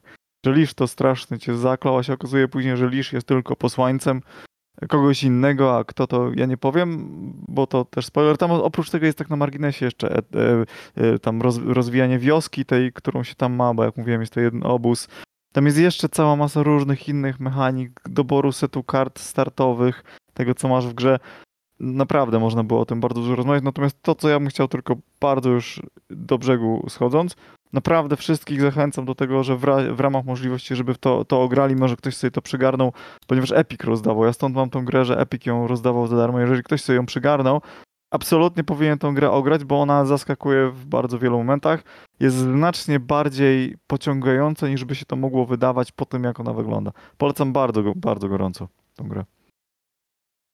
Nie wiem, czy mówiłeś y, o, o czym ona opowiada, bo to jest gra o odbudowaniu pamięci o świecie. No to jest gra o budowaniu pamięci o świecie, no, no to, to, to właśnie tak jak mówiłem, że jak zdobywasz kolejne karty i że tworzysz ten świat, że tak powiem, coraz bardziej, to to, to jest y, tak naprawdę, y, to, to sobie bohater przypomina. Natomiast jeszcze można powiedzieć, że to jest gra właściwie row, roguelike, roguelite. Stąd ten no loop. Ten loop, no bo no tak, no bo to ciągle jakby jesteś w loopie, co prawda nie ty walczysz, tylko to walczy system, ale no mówię, no twoje decyzje mają bezpośrednio e, wpływ na to, jak bohater sobie radzi, no więc trochę się czasem to ogląda jak mecz piłkarski, ale wierzcie mi, emocje podczas finałowych start z bossami są, są wy, wyjątkowe, że tak powiem i często człowiek tam z aktywnej pauzy korzysta i myślisz sobie, kurde, a może by tu jednak, jak widzę, że cieniuje, może by tu zmienić jakiś przedmiot na końcu, może nie, ale kurde, zabiorą mi tutaj możliwość spawnowania większej ilości szkieletów, no to nie, no to może coś tam, więc jakby taktyczne myślenie i takie, czasami ta gra bywa złośliwa, bo człowiek sobie wymyśli jakiś build, a to w ogóle przedmioty na to nie wpadają. W ogóle, w ogóle i, i build jest nieudany. Już człowiek wie, że przy trzecim kółku już nic z tego nie będzie. Na przykład lepiej się zwinąć. Ale serio, no, naprawdę tam jest tyle mechanik poukrywanych po raz kolejny, że no, to, to, naprawdę byśmy mogli noc zarwać, ja bym opowiadał o kolejnych elementach. Nikomu to niepotrzebne. Potrzebna jest natomiast rekomendacja. Serio, jeżeli macie opcję, grajcie w tę grę. Nie powinniście się zawieść. I na miejscu pierwszym w kategorii najlepsza niezależna gra wideo 2021 Kena, Bridge of Spirits. Graliśmy? Cisza. Zapadła taka niezręczna cisza. Ja nie grałam, absolutnie nie, nie ten. Ja grałem. Kupiłem ją na premierę. Jest to jedna z niewielu gier, które kupiłem w ogóle w dniu premiery, dlatego że absolutnie zachwyciłem się tym, jak ta gra wygląda. Nie dziwne, że się zachwyciłem, bo jest to gra od ludzi, którzy wcześniej zajmowali się animacjami, e, a postanowili zacząć robić gry i gra im wyszła, przynajmniej tyle, ile grałem, bo jej nie skończyłem, bardzo dobrze. Niesamowity... Jest to action adventure, e, polegający w dużej mierze po prostu na bieganiu po świecie i e, biciu potworów w takim slasherowo-shooterowym stylu. Mm, po, jakby, mm, a w przerwach e, zarządzamy grupką stworków, które do nas dołączają i e, które musimy odnajdywać po to, żeby między innymi rozwiązywać proste zagadki środowiskowe. I, i to właściwie tyle, ile ja mogę o tej grze powiedzieć, jeśli chodzi o samą mechanikę, y, także niewiele. Mimo tego, że gra jest na miejscu pierwszym naszego zestawienia, więc powinniśmy się trochę bardziej na jej temat rozgadać. Więc żeby odrobinę wydłużyć ten czas i, i przykryć tą naszą niekompetencję i ignorancję, powiem, że um, dla mnie to był jakiś osobisty zakup, to znaczy w sensie jak zobaczyłem tą grę na gameplayu, na trailerach, jak ona mi się przypomniała, że to już jest premiera już, już, bo to chyba we wrześniu było, to ja postanowiłem, znaczy, bo, stwierdziłem, że ja potrzebuję tej gry natychmiast, po to, żeby po prostu w niej, y, z nią obcować. Jest tak piękna, tak urzekająca y, i w samym czuciu i graniu w nią niesamowicie też dla mnie nostalgiczna, ponieważ grając w nią często wspominałem y, gry z GameCube'a. To jest taka łatka, która przygnęła do tej, do tej gry, że często się ludzie mówili, że o, to jest jak granie na GameCube'ie i to jest ciężko wytłumaczyć komuś, kto nie grał w gry z GameCube'a, na GameCube'ie to jest taka specyfika animacji, e, interakcji ze światem, wielkości tego świata, że jak się wspomina e, Zeldy GameCube'owe, czy jak się wspomina Star Foxa, takiego e, Star Fox Adventures na, na, na GameCube'a, to są właśnie te gry z tamtego okresu. To jest taki okres PS2 um, i właśnie GameCube'a i ta gra, y, tyle ile ja w nią grałem, to byłem zachwycony i na pewno do niej wrócę i będę chciał ją skończyć. Chociaż podobno jest trudna pod koniec, ale tego, tego nie jestem w stanie zaświadczyć. Tymczasem na naszym na miejscu pierwszym, więc gratulacje. Chociaż niewiele wygrała z Loop Hero. Następna kategoria to, y, to bardzo krótko, ponieważ to była y, y, kategoria, która tak naprawdę docelowo miała służyć. Pomyślałem, że tam się znajdą gry związane z multiplayerem. To jest kategoria gra wideo komputerowa, przy której najlepiej bawiłeś się lub zrobiła na tobie największe wrażenie w 2021 roku i to nie musi być gra z 2021. Nie chciałem robić kategorii najlepsza gra multiplayer, wiadomo, że i tekstu. E, i, i, i, tylko chciałem, chciałem zrobić kategorię, e, to, bo, bo, często, zresztą my to powie, mówiliśmy, że często nie konsumowaliśmy tych na bieżąco, tych nowych treści, no ale gdzieś uciekaliśmy w te wirtualne światy do czegoś.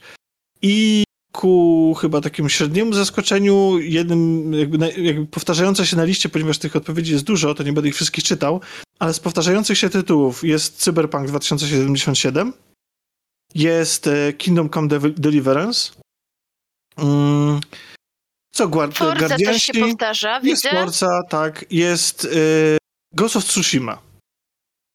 E, pojawia, pojawia się też takie gry jak Psychonauts 2, o których w ogóle nie wspomnieliśmy dzisiaj. Halo 5, to nie wiem, czy to Tomasz, yy, Tomek, to ty? Nie. Nie, bo Tomek odkrył... Nie, Tomek... nie, u mnie to już jest 22, także... A, okej, okej, okay, dobrze. Ale, ale Stardew Valley to ja, przyznaję się. Tak, to ty, okej, okay, bo, bo, bo Tomek odkrył w sobie Master Chiefa, a y, Ania odkryła w sobie... Y, Farmera, po raz Farmera, kolejny. Tak. Eurotrack Simulator 2 to podejrzewam, że albo Dominik. E, jest Farming Simulator 22, to musiałem przeczytać, bo to oczywiście Piotr. No, tak, mój tutaj ukochany właśnie teraz przerzuca jakieś paki na.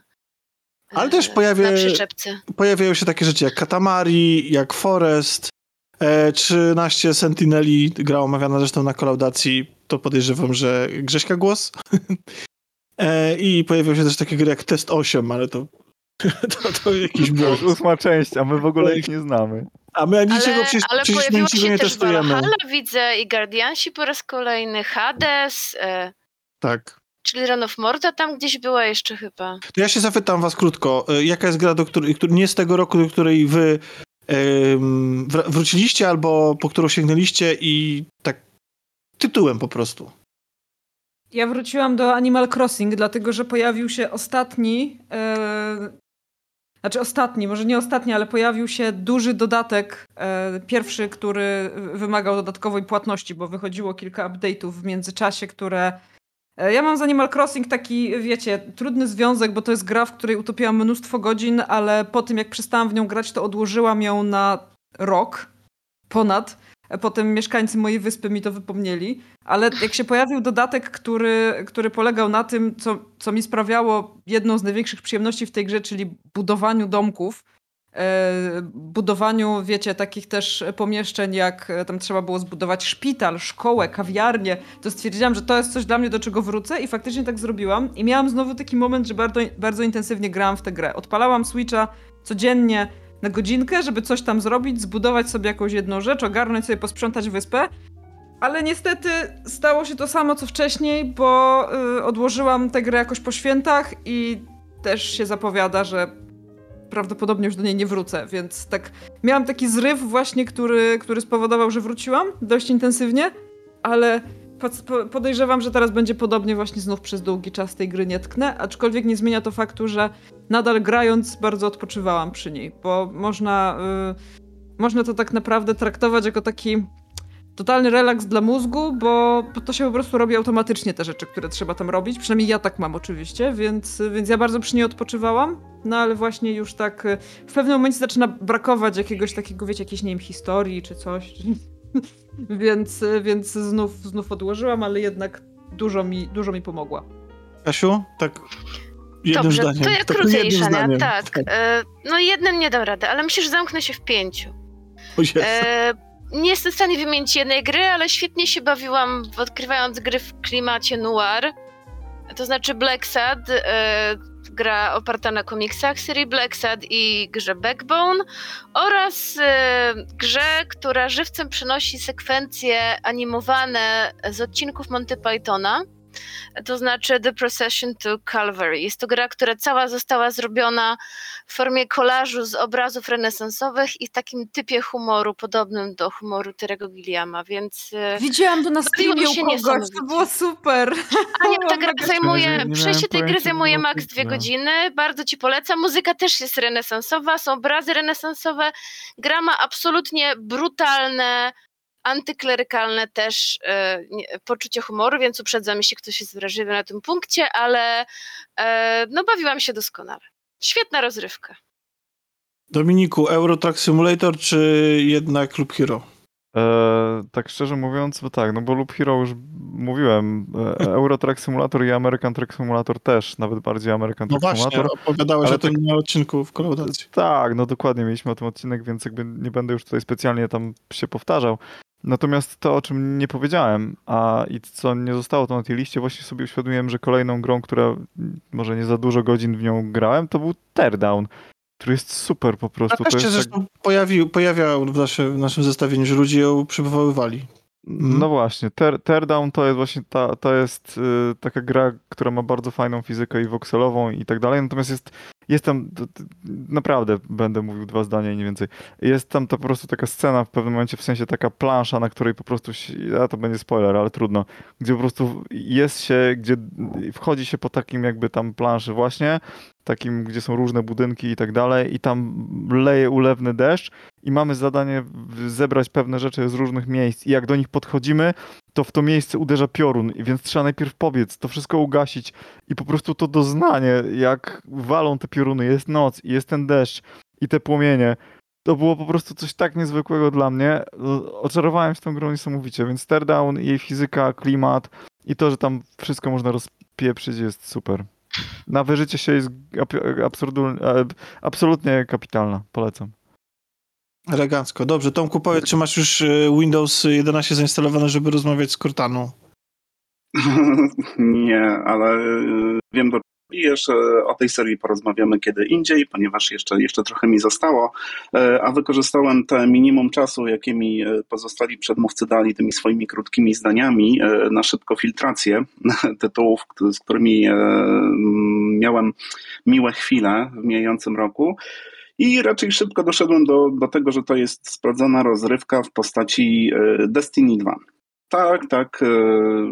Nie, nie jestem jakimś nałogowcem, nie, okay. jestem, nie jestem tutaj e, naukowcem, ponieważ teraz też, teraz też mam dłuższy okres e, odwyku, ale jednak od jakiegoś czasu e, regularnie te wszystkie sezony, które nie tylko polegają na wypełnieniu przepustki sezonowej, ale stanowią takie kolejne etapy e, w historii, e, jednak przechodziłem, grałem dosyć regularnie i za miesiąc się pojawia bardzo duży dodatek, zupełnie nowy i też czekam, przypuszczam, że w tym roku to też będzie jakaś istotna E, część czasu e, gry, e, jaki, poświęcę temu tytułowi. No to nieźle. No dobrze, to, były, to była część growa i myślę, że możemy przejść tym sposobem do części audiowizualnej, znaczy w sensie głównie wizualnej, w sensie filmowej i telewizyjnej po prostu. I dlatego przejdziemy sobie do dużej kategorii. Zaczniemy od dużej kategorii. To jest trzecia kategoria od góry. Z telewizorkiem takim starym, oldschoolowym CRT stojącym na, na tym. Sza, szare zdjęcie takie. Ale Tomek, żonglujesz tymi kategoriami. No, bo chcę utrzymać też, wiecie, dynamikę tego naszego nagrania, żeby, żeby też no, zbudować coś na kształt właśnie Video Game Awards, żeby, żeby te nagrody, przynajmniej naszych grupowiczów, yy, też się liczyły. Najlepszy serial, którego dowolny sezon miał swój oficjalny yy, finał w oficjalnej dystrybucji. O Jezu, jak można, jak można taką długą kategorię napisać? Dobra, generalnie chodzi o to, że to jest najlepszy serial, który po prostu się zakończył w jakikolwiek jego sezon w zeszłym roku i jest on na, dostępny u nas na naszych platformach. Czyli taki na przykład Disney Plus tej kategorii wypada, ponieważ go u nas nie ma. I nie liczymy w tej kategorii żadnych tam VPN-ów i tak dalej em, korzystania z, z zagranicznych kont. Po prostu liczy się to, co mogliśmy obejrzeć w Polsce bez żadnego kombinowania. Tak, żeby też dać jak po prostu największą szansę e, tym e, tytułom, które po prostu były do, dostępne dla najszerszej publiczności. I tutaj mamy taką sytuację, że y, mamy egzekwo miejsce drugie, więc przytam też y, będą aż cztery tytuły, ponieważ nie wiem, czy też macie takie wrażenie, ale to był tak niesamowicie bogaty y, w w seriale Rock. Mieliśmy na, świetnych, y, świetne animacje, y, mieliśmy sukcesja. Jak jest sukcesja w danym roku, to już właściwie jest właściwie najlepszy rok kiedykolwiek. Ale też mieliśmy polski serial Klangor, który na przykład mnie bardzo kupił z miejsca, kryminał. Nie wiem, Tomku, bo wiem, że ty też widziałeś, czy ty też... Nie, Klangoru akurat A, nie widziałeś? oglądałem. Okej. Okay. Nie, nie, nie. Klan. Może o. Może. Okej. Okay. To, to jest pytanie do Piotra. Apple jakby ruszyło z jakąś taką mocną ofensywą serialową i tutaj na liście naszej się pojawia chociażby Fundacja, e, a przecież było tam jeszcze więcej tych seriali. E, Inwazja zdaje się e, i, i, i zresztą tytuł, który, zaraz o którym sobie porozmawiamy, też bardzo głośny. Więc nie wiem, czy macie takie wrażenie, ale dla mnie serialowo to był naprawdę mocny rok. Ja się zgadzam. Y, ja powiem ci szczerze, że mam wrażenie, że o wiele więcej obejrzałam w zeszłym roku niż rok wcześniej, ale też y, więcej z tych seriali było dobrych, w sensie jakoś tak bardziej mi się podobało niż, niż to, co ogląda, oglądałam w poprzednim roku. Więc myślę, myślę, że tak, że tutaj była trochę taka klęska urodzaju. Nie, wspomina, nie wspomnieć o Squid Game. Aj, no Squid Game to jest serial, który obejrzałem tak po prostu w całości. On może, można mówić, że jest taki albo inny, ale jakby nie patrzeć, on utrzymał moją uwagę yy, przez cały sezon od początku do końca. No giga hit. A to się no, rzadko zdarza, bardzo rzadko. Yy, na naszym, na naszej, naszym głosowaniu zajął miejsce czwarte, czyli tuż pod podium. Tymczasem na miejscu trzecim Sprzątaczka. Ale przepraszam, to miejsce czwarte jest egzekwo z dwoma innymi. Faktycznie. Mhm. Nie, z jednym jeszcze. Z sukcesją czy sezonem trzecim. Na trzech pierwszych miejscach mamy sześć pozycji. Okay, tak, ale są, ja myślę, są trzy e, na trzecim, tak. Ale ja myślę, że ja myślę, że e, faktycznie, wow. No więc na, e, to jest nadal miejsce trzecie. No więc miejsce trzecie to jest sukcesja, e, trzeci sezon. Squid Game e, i Sprzątaczka. Ja myślę, że sukcesja znalazła się tak nisko ze względu być może na to, że weszła bardzo późno i się skończyła bardzo późno, bo tuż przed Sylwestrem zdaje się. E, był, był, był finał tego sezonu na HBO. Ale też mm. pytanie, wiesz co, jak ludzie głosując podchodzili do tego, bo ja, e, ja na przykład głosując w tej kategorii głosowałam na serial, który się najbardziej podobał, który mi Mhm. sprawił największą frajdę, a nie taki, który moim zdaniem jest najlepszy. Jasne, Bo rozumiem. sukcesja jakby tutaj by wygrała wtedy, ale że ten serial mnie męczy, chociaż Jasne. uwielbiam go oglądać, to nie zagłosowałam na niego w tej kategorii. Może ktoś też tak podchodził do tego. Ja też E, tak samo. A czy mieliście przyjemność y, obcowania ze sprzątaczką serialową? Nie, jeszcze nie. Ja miałem i mega polecam ten serial. Uważam, że Netflix naprawdę ciężko znaleźć ym, na Netflixie te takie najbardziej stopowego tiru y, seriale i Squid Game, y, nie Squid Game, tylko Sprzątaczka, to jest właśnie tego typu serial. To jest serial, który jest jednocześnie, ogląda się go z zapartym, zapartym tchem, y, bardzo się angażujesz w przygody tytułowej bohaterki, ale też non-stop zderzasz się z prawdą. Prawdą o, mm, o ludziach, prawdą o systemie prawnym, prawdą o, tym, jak skonstruowane jest społeczeństwo w Stanach Zjednoczonych e, i jak trudno poradzić sobie samemu po prostu, kiedy nie możesz liczyć ani na rodzinę, ani na opiekę, ani na państwo, ani na nic innego. Jak kiedy chcesz zerwać ze swoim dotychczasowym życiem, zacząć wszystko od nowa, w imię oczywiście dobrej zmiany i jednocześnie e, życie rzuca ci kłody pod nogi. Jest to jakby totalnie, absolutnie polecam e, ten serial. em,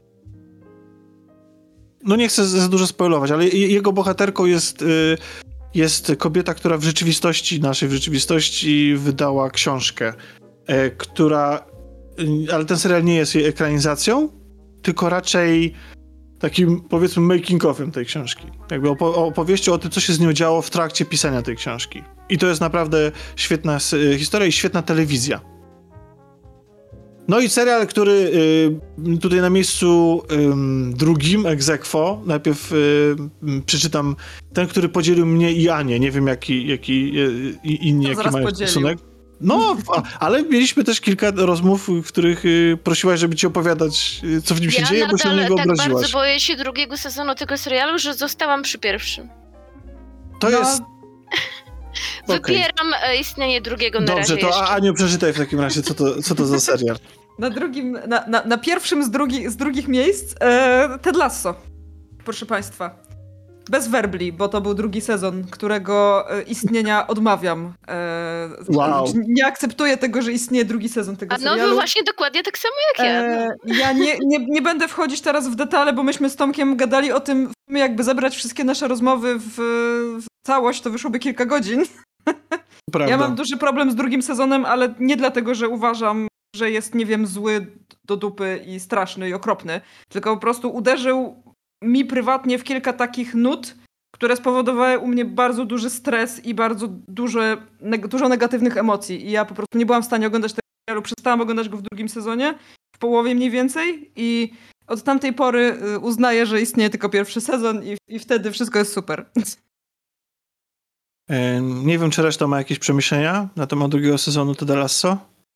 To jest chyba jakaś e, ogólna klątwa e, tego serwisu VOD spod znaku jabłuszka, że drugie sezony są tak odmienne e, od tego, co, do czego przyzwyczajają nas pierwsze i e, jak odbieramy te seriale, że e, faktycznie e, chcielibyśmy wyprzeć. E, Poza Tedem Lasso rozumiem e, jakby tą zmianę, chociaż ja się kompletnie czego innego spodziewałem, e, tego, tego skoku jakościowego między pierwszym a drugim tutaj po waszych e, rozmowach i e, po tym, tym ciepłym, takim e, naprawdę wholesome e, pierwszym sezonie spodziewałem się, że drugi ma nagle vibe e, Requiem dla snu e, z waszych e, opowieści.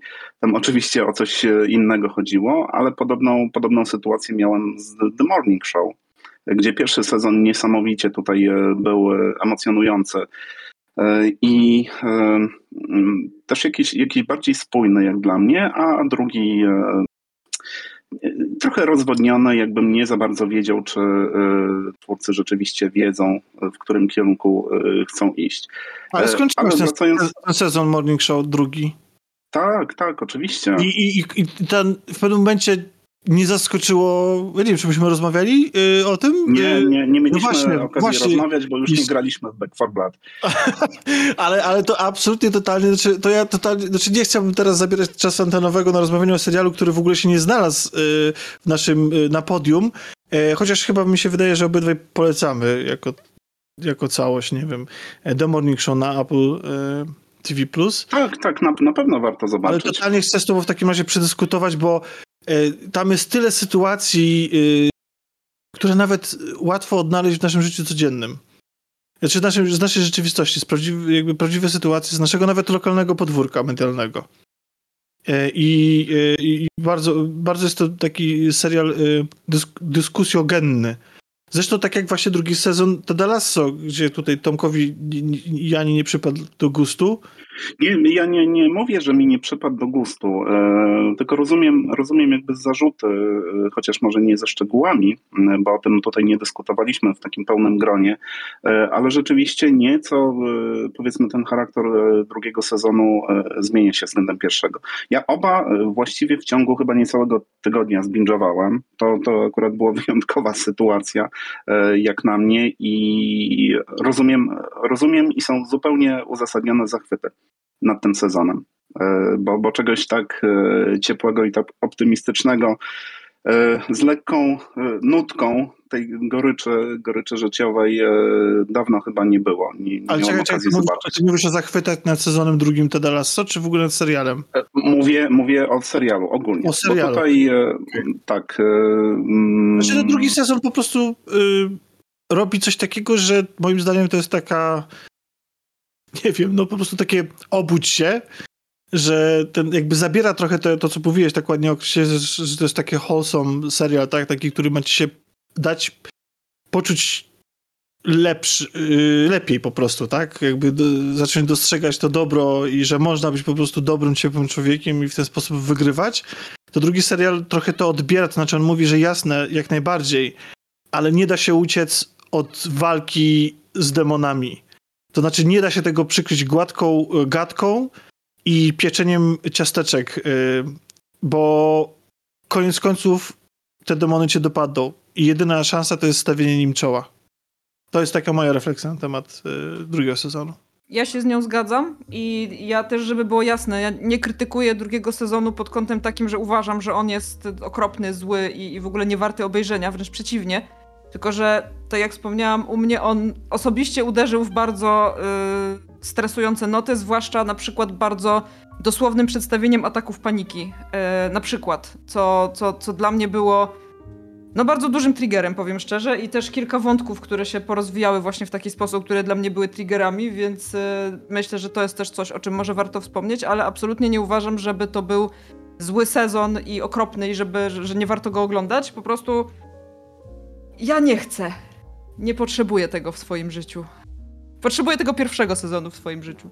To, o czym mówisz, bardzo mi pasuje do filmu jednego Koterskiego, który mnie osobiście zbyt dotyka, żebym go był w stanie obejrzeć w całości. Więc nie wiem, o czym mówisz dokładnie, jeżeli chodzi o te Dallas, ale doskonale rozumiem to uczucie, kiedy odpychasz coś od siebie, bo wiesz, że negatywne emocje z tym związane są ci zwyczajnie niepotrzebne. Tak, tak. I u mnie to jest bardziej ta kwestia, niż kwestia tego, że, że, że, że mi się tam coś podoba i strzelam focha. Po prostu fizycznie mnie triggeruje ten drugi sezon w wielu A ja y, nie wiem, Aniu, czy ty oglądałaś, bo ja po prostu przeczytałam o tym sezonie i stwierdziłam, że mi to wystarczy i... Ja wiem wszystko, bo mi Tomek wszystko opowiedział. E, rozumiem, to znaczy wszystko, ja, e, ja po prostu stwierdziłam, że w tym momencie jak jestem jestem raczej w dołku niż na górce i po prostu właśnie potrzebuję bardziej takich rzeczy właśnie wholesome, poprawiających humor i pozytywnych i bardziej potrzebuję ciasteczek.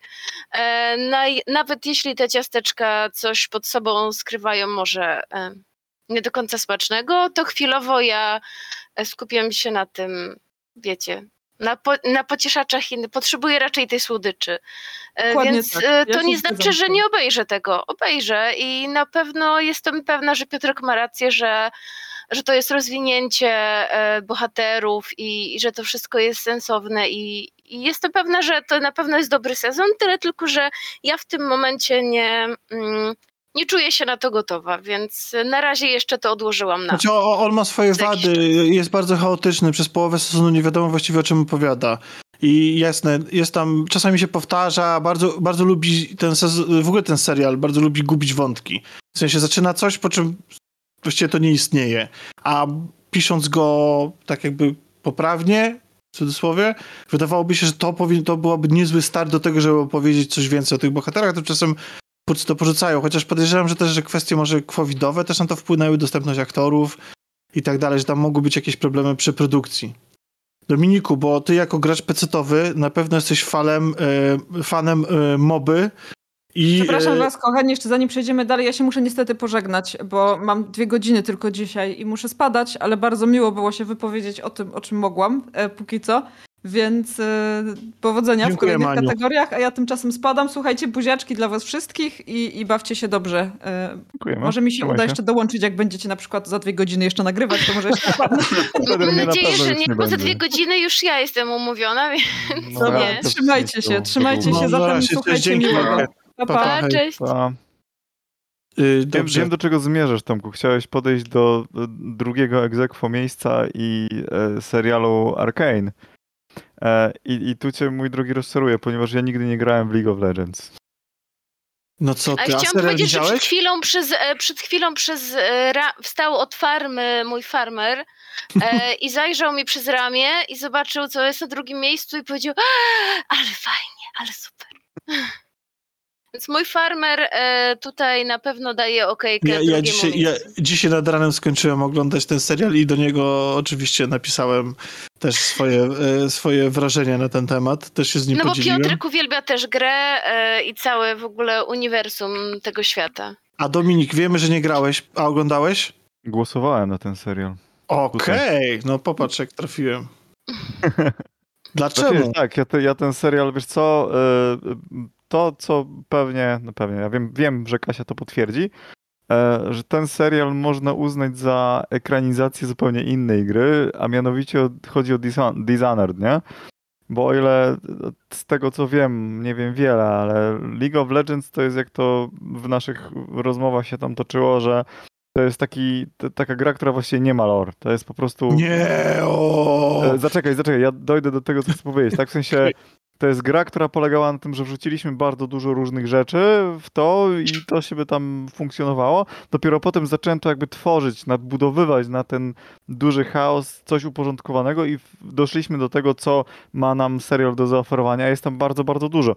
Jakby chodzi mi o to, że jakby tak korowo, no to nie powstawało z myślą o fabule, nie?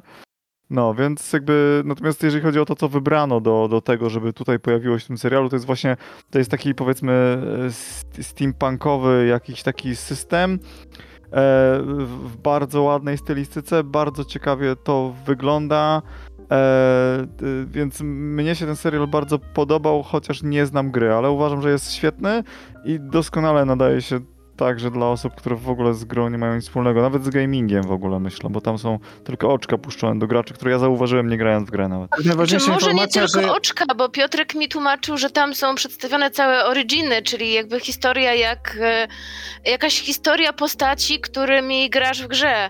E, I wprawdzie gra w LoL to jest gra MOBA, no więc tam nie ma jakiejś fabuły, ale każda z tych postaci ma jednak jakiś background, ma jakieś swoje odzywki, jakiś ma swój charakter.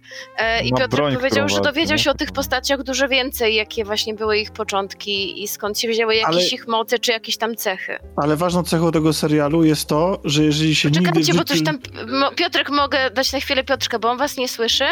Mogę na moment coś chcę dopowiedzieć. Były przesłanki, że one są siostrami. e, Jakie one? To nikt nie wie o jakich one Boha bohaterki, główne bohaterki. I Jinx, y, przepraszam, i, i Vi. I generalnie były przesłanki, że one mogą być siostrami. One w grze się atakują i nie, nie cierpią, ale nie było o tym nigdy, nie było oficjalnego info. Więc to jest jakby takie pierwsze Tak, no i- y, oficjalne pokazanie. Tak, to są siostry. No i tutaj O, mamy Czyli typowego, tak, czy to było wielkie wow, tak? ty, typowy, typowy przykład fana po prostu. ale znaczy... E, ym, tak, bo to jest opowieść oczywiście o dwóch siostrach, ale to, co jest ważne, to, co jest istotne, bo żeby y, ci, którzy nie widzieli, żeby się nie zniechęcali, to jest to, że nawet jeśli się kompletnie nie zna, albo nawet nie lubi Lola, albo nie masz zielonego pojęcia, o czym ta gra jest i te postacie, lore i tak dalej, to i tak się wchodzi w ten świat, w tych bohaterów, w ten serial po prostu jak rozgrzany nóż po prostu w masełko. Mm. No, Chciałem no powiedzieć, że obraz szaleństwa e, jednej z postaci, bo nie nazwiemy tego wprost, bo tego na początku nie wiemy, ale obraz i sposób pokazania szaleństwa w poniekąd dosłowny sposób jednej z postaci i głosy w jej głowie to jest mistrzostwo świata. Ja do tej pory mam dreszcze, jak o tym mówię. Po prostu no, jestem zachwycony właśnie jakby sposobem przedstawienia tej konkretnej postaci, która można powiedzieć, że jest główną postacią, bo to jej ścieżka jest jakby, ma największy nacisk i jakby no wizualnie i graficznie w ogóle jak to jest pokazane, jak ktoś ma na głowie, jak wewnętrzne demony, jak potwornie są silne, chociaż to są niby wydarzenia, które już tam się później okazuje, wydarzyły się dawno temu, ale to były rzeczy kluczowe jakby kształtujące tą postać. I to, jak to cały czas ją żre, a cały czas jeszcze bardziej, nawet później, jak to się mówi, ryje beret, no, ja chylę czoła ogromnie twórcom serialu za, no, za, za, za, to, za to pójście w tą stronę, które jest jakby odbiciem, bo ten serial ma swój język graficzny, bym powiedział. To są takie elementy, które są nałożone i dodatkowe. No, tak, ja jestem zachwycony. To jest kolaż takich stylów graficznych, tak? Tam jest tak. i 3D i 2D, różne elementy mają różny klatkarz, yy, więc tam jest mnóstwo filtrów. Jakby ogląda się to naprawdę każde ujęcie jest jak tapeta, jak to się mówi. E, e, every frame is a picture. I Tomek coś podejrzanie cicho siedzi. E, siedzi podejrzenie cicho, bo akurat w kategorii serialowej sięgałem po te e, tytuły z, mm, ze średniej półki, e, jeżeli chodzi o oceny krytyków, tak to nazwę, i w związku z tym te najwyższe pozycje są oczywiście na mojej liście do obejrzenia i chyba przyspieszam tutaj słuchając Was opinii chociażby o Arkane, taki seans, ale nie jestem w stanie teraz powiedzieć ani słowa. Ja jestem zachwycony. Nawet ja słyszałem opinię, że ten serial jest cudowny e, wizualnie, ale ta fabuła to jest taka, no taka tam pretekstowa, albo że taka, no może być taka, że to okej. Okay. Ja, ja wiem, ludzie, ludzie, to ludzie, macie serce i duszę, jakby podstawowo od czegoś takiego, od takiej opowieści, czego się oczekuje, to przede wszystkim, żeby świat się dał kupić, skoro jest fantastyczny, po drugie, żeby ta historia angażowała i po trzecie, żeby, żeby mm, emocje wyzwalała. I wszystko robi ten serial, że, że tak się dzieje. Ta historia nie potrzebuje być ani bardziej skomplikowana. Jest, jest pełno bohaterów, którzy, każdy z nich ma swoją własną motywację. Niektórzy są bardziej skomplikowani, inni są bardziej prostolinijni.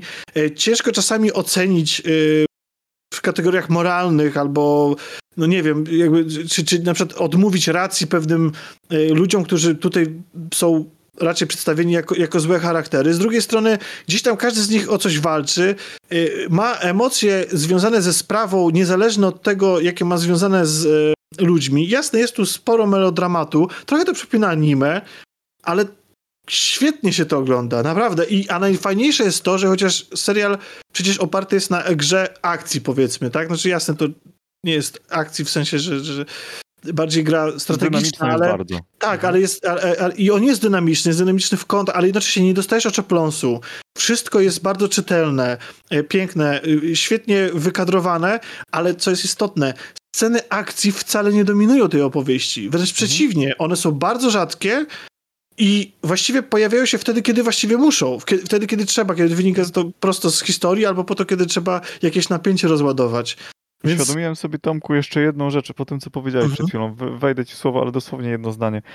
E, że to jest serial, który ja nie kojarzę od dawna serialów, w którym tak dobrze rozumiałbym wybory postaci od początku do końca wszystkie cechy postaci, jakby y, źle mówię, wszystkie wybory, rozumienie to, dlaczego akurat zachowały się tak, nie inaczej, jest dla mnie totalnie uzasadnione. Na końcu czuć w ostatnim odcinku, że pewne rzeczy zostały troszeczkę zbyt przyspieszone, bym powiedział. To może gubić, ale ja na przykład rozumiem finałowa scena, która jest takim zapowiedzią tego, że będą jeszcze większe fajerwerki, to ja na przykład rozumiem doskonale, z czego ona wynikała. Tak, mi się też to podobała, ta, to, że, że finał też jest osobisty.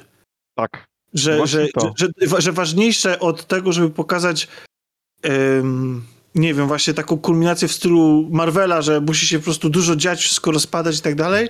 Tutaj ważniejsze jest to, jak, y, jakie relacje między, są między bohaterami, jakie decyzje podejmą i tak dalej. Moim zdaniem to jest absolutna topka. Netflix po prostu umie w animację. Nawet jak robi średnie animacje, to i tak robi je lepsze niż seriale, które kręci. Naprawdę. Jest, jest, jest, tak, jest tak mocny w tych animacjach. Trzymam kciuki, chociaż oczywiście robiło to studio, które jest związane bezpośrednio, z, yy, znaczy bezpośrednio, w sensie związane jest z Riotem, bo robiło już dla tej gry League of Legends jakieś tam animacje. trzymam mocno za nich kciuki. Mam nadzieję, że następny sezon będzie równie dobry za ich następne projekty i kurczę, no szkoda, że nie ma po prostu gry, która jest, by trafiała w mój gust growy w tym świecie, bo totalnie bym bym e, popłynął e, z tym, Bo tych, z bo tą tych marką. gier w ogóle teraz z uniwersum League of Legends ileś tam się pojawiło, nie? Tak, ale wiesz, No ja po prostu chciał mieć, wiesz, stealthową albo action adventure grę z To trzeciej zagraj osoby. sobie jeszcze raz w Dishonored. Dishonored będziesz miał. No tak, no jaha, że tak. To jest- ten świat właśnie. To by się mogło dziać nawet w tym, tym samym mieście, to Dunwall, to mogło być to miasto, którego nazwy teraz nie pamiętam, z Arkane. Spokojnie one mogą funkcjonować w tym samym uniwersum. Tymczasem, na miejscu pierwszym w tej kategorii, moim zdaniem absolutnie zasłużony zwycięzca, bo serial z HBO Mary z Easttown. I ja nie pamiętam, już czy my rozmawialiśmy na kolaudacji o tym serialu. Wydaje mi się, że ja z Czarkiem na ten temat rozmawiałem. Wy w ogóle ktoś z was go widział? Tarka? Ja jeszcze nie. Nie, Bo ja jakoś w tym roku bardzo mało seriali obejrzałam. Ja też nie widziałem niestety Mary A, czy. Czarka widział, dobra, złapałem dopiero żart, okej. Nie Okej, to, ja, to, to ja w takim razie... Czarka widziałam, ale serialu nie. To, to ja, ja, ja, ja, to ja Czarka nie widziałem, a, a serial jak najbardziej. Widzisz, jak się uzupełniamy, to No właśnie. Bo, bo chciałem, dosłownie dwa słowa. Znaczy, absolutnie zasłużenie. To jest arcytelewizja. To jest absolutnie najwyższy kunszt telewizyjny, jaki można sobie wyobrazić. Jest to y, kryminał i dramat opowiadający, znaczy, dziejący się w małym miasteczku w, w Stanach Zjednoczonych, który jest na tylu poziomach doskonałym, doskonałą telewizją od strony technicznej. To znaczy w sensie takiej rzemieślniczej. Po prostu aktorsko. y, To, jak jest napisany, to, jak został sfotografowany, to y, y, zresztą o jego jakości niech świadczy to, że był to se, jakby finał tego sezonu, y, sezonu, to właściwie to jest historia zamknięta, to jest tylko jeden sezon. Jakby finał tej opowieści spowodował, że ludzie na niego e, czekający zawiesili e, serwery mm, HBO. Po prostu. W sensie tak duże było zainteresowanie finałem e, tej zagadki kryminalnej, chociaż tak naprawdę to, kto zabił, czy tam kto za tym wszystkim stoi, nie jest aż tak bardzo y, istotne dla odbioru całości, jak to, o czym i o kim opowiada ten serial. A opowiada o tym, o czym dobre kryminały, czy dobre seriale w ogóle opowiadają. Przede wszystkim o ludziach, o ich relacjach, o emocjach. A jeszcze do tego toczy się w środowisku bardzo konkretnym, bo jest to miasteczko w Pensylwanii, w Pensylwanii. E, I ja się dowiedziałem, słuchajcie, nie jak, jak będziecie y, oglądać, y, to nie wiem, polecam może oglądać z napisami, bo y, ten serial jest podobno zrealizowany w slangu, który istnieje tylko w tamtym rejonie, w którym się toczy gra, y, w którym się toczy opowieść. E, I aktorzy, y, łącznie z Kate Winslet, która absolutnie fenomenalnie wypadła na ekranie, e, uczyli się tego slangu i y, faktycznie dialogi są w nim prowadzone, w tym slangu. wow. Więc y, jeżeli chcecie jakby y, taką y, językową ciekawostkę y, usłyszeć, to, to, to, to polecam odpalić z napisami. E, Swoją drogą ciekawe, czy napisy angielskie na przykład są po angielsku, a nie w tym slangu. I tak jak mówię, jest emocjonujący, jest świetnie napisany, ale też przede wszystkim jest mądry. Opowiada o ludziach, e, o, o skomplikowanych relacjach i Też jest jakimś tam komentarzem społecznym na temat pewnych grup społecznych i, i tego, jak jest urządzona współczesna Ameryka, więc y, mega, mega, mega polecam, naprawdę jest to zasłużenie, mimo całej zachwytu, za, y, ca- całego mojego zachwytu dla Arkane, to Mers Easton zasłużenie na miejscu pierwszym w kategorii najlepszy serial 2021 roku. I teraz słuchajcie, poleje się krew. Poleje się krew, ponieważ przechodzimy do dwóch kategorii. Najlepszy artystyczny film i to sobie zostawimy na koniec. A teraz opowiem sobie o najlepszym filmie rozrywkowym, który miał premierę w oficjalnej dystrybucji w Polsce. I ale dlaczego krew? no bo ja wiem, że są wśród nas osoby, które widziały ten y, film, który jest na miejscu pierwszym. I te osoby mają chyba odmienne zdanie na temat tego dzieła. Ale zanim Wiem, na dojdziemy do którym biegu nie jestem. y, do miejsca pierwszego, na miejscu trzecim w kategorii najlepszy rozrywkowy film Legion Samobójców. bardzo udany powrót do tej marki. Ja się doskonale bawiłem. Tak, Absolut... ja tak samo. Jakby, ja widziałem ten film dwa razy i za każdym razem um, było to bardzo udany seans. Aczkolwiek no, trzeba przyznać, tak, to jest film, który jest po prostu. Y, James Gunn kręci ten sam film w kółko. Jeden. Taka prawda. Y, nie wiem, Tomek, ty masz jakieś zdanie na temat Legionu? Mm, nie, e, nie widziałem akurat tego, e, okay. a mówi, że to jest uda, udany powrót do marki. To a znaczy, co? w porównaniu, w porównaniu do tego, co się działo z pierwszym, e, no to chyba nie ma dużego problemu z naprawieniem wielu rzeczy, bo tam chyba poprzeczka była bardzo nisko ustawiona. No to prawda, wystarczyło po prostu nakręcić film, jakikolwiek.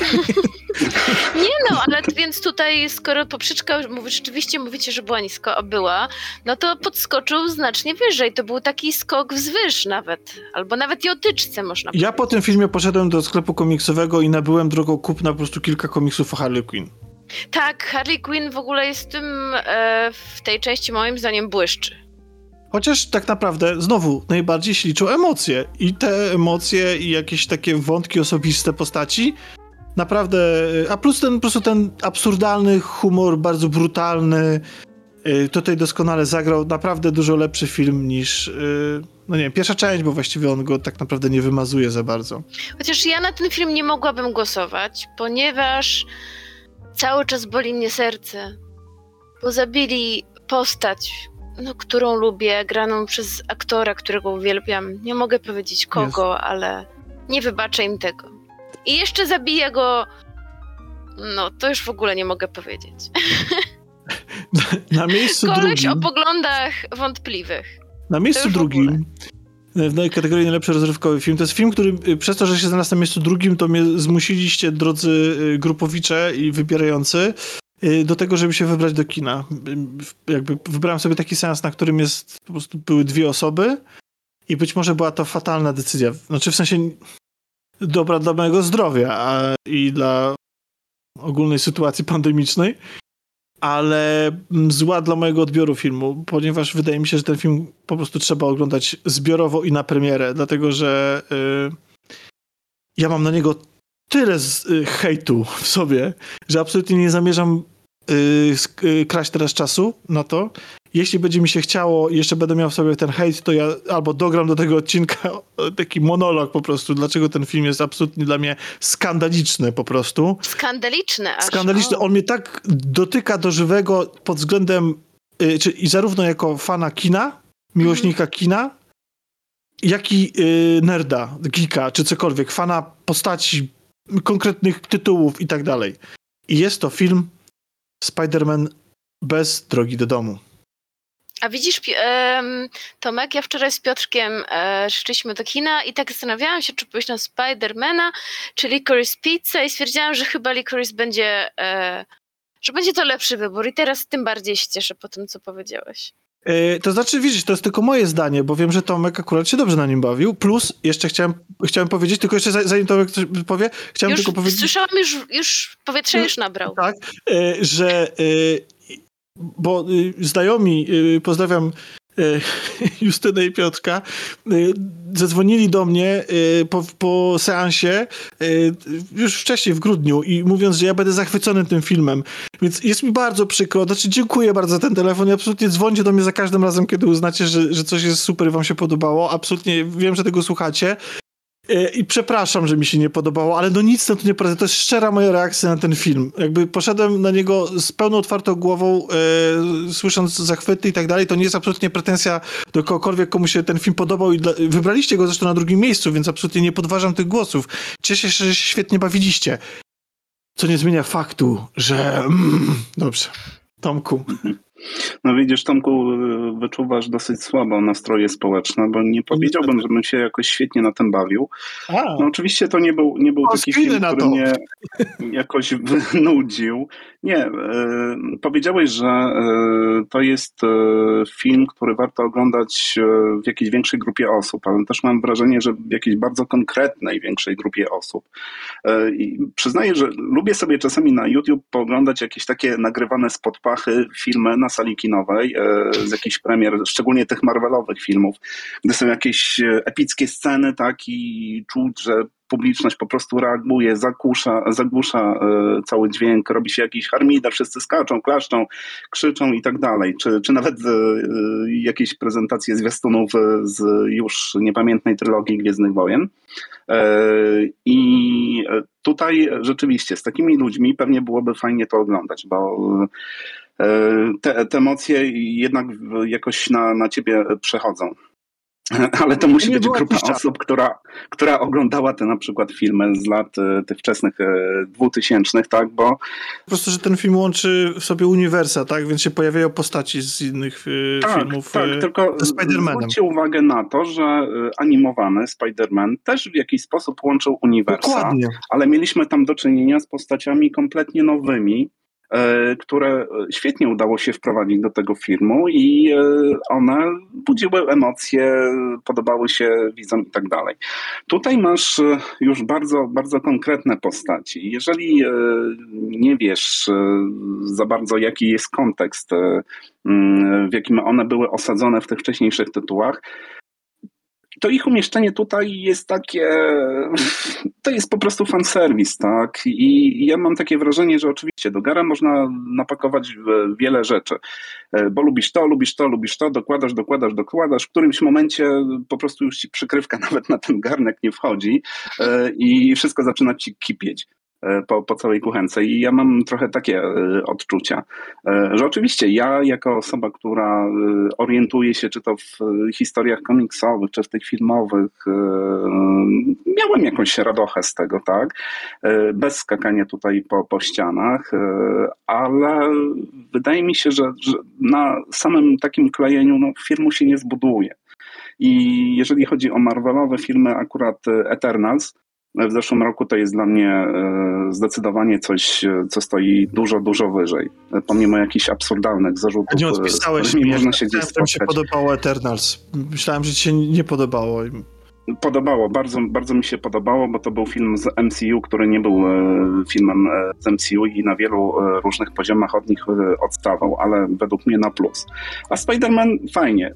Kiedyś, kiedyś powiedziałem, to, to był chyba jeszcze ten pierwszy Homecoming, że no faktycznie był rozrywkowy i w dobrej kategorii trafił na wysokim miejscu. I tutaj mogę powiedzieć dokładnie to samo. Tak, był, był rozrywkowy, było śmiesznie, było och, ataki nostalgii z każdej strony. Było, było trochę smutno, parę łezek mogło y, polecieć i y, na, na końcu mam, mam takie wrażenie, że w sumie y, to trochę wygląda jak zamknięcie jakiegoś pewnego rozdziału, że, że to jest znowu zbudowany film pod mm, jakby otwarcie pewnej historii na nowo. I tak jak wielokrotnie tutaj ze strony Tomka padają właśnie takie zarzuty, że duża część filmów MCU to są jakieś e, trailery, zwiastuny tych części, no to e, jest mi tak trochę przykro, że e, cały film został zbudowany na, na takiej bardzo silnej nostalgii do tych poprzednich tytułów, do tych postaci wszystkich, które się pojawiły. I nie ukrywam, tam przecież pojawiła się też jedna z postaci, która dla mnie jest no, jakby top stopów jeżeli chodzi w ogóle o komiksy Marvela. E, I, seriale, z którymi już mieliśmy okazję się zapoznawać. E, no i zbudowanie na nostalgii sprowadziło do e, tak naprawdę przygotowania sobie jakiegoś punktu wyjściowego na przyszłość. No i na pewno z przyjemnością będę wracał do tych wspomnianych filmików na YouTube, żeby oglądać reakcje publiczności i jakoś się z nimi e, tym e, lekko ekscytować, no ale to, to są takie punkty, wycięte, wycięte sceny, a jako całość jest ok, jest, jest, jest fajnie, ale ja bym akurat tutaj osobiście aż tak nie kipiał z zachwytu. No ja mam, ja mam jestem bardzo, dużo bardziej... Tak, tak, Dominiku? Chciałem tylko powiedzieć, że jeżeli chodzi o e, nagrania z sali e, filmów, absolutnie polecam wszystkim e, The Room Tomiego Wizu i zobaczyć jak tam publiczność reaguje na seansy filmów, które oglądali już milion razy.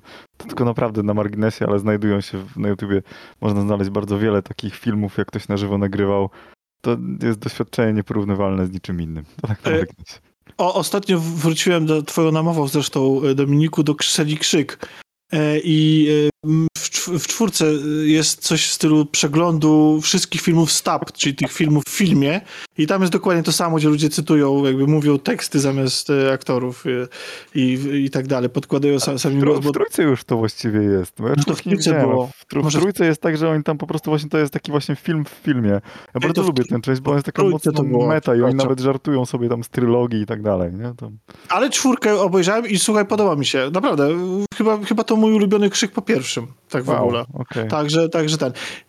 No dobrze, ja jestem dużo bardziej krytyczny wobec tego filmu e, jak Tomek, jakby do, do, do, do tego, że e, Tomek wspomniał jakieś swoje ulubione postaci, że chyba wiem o kogo chodziło i że nie został mu oddany należyty szacunek.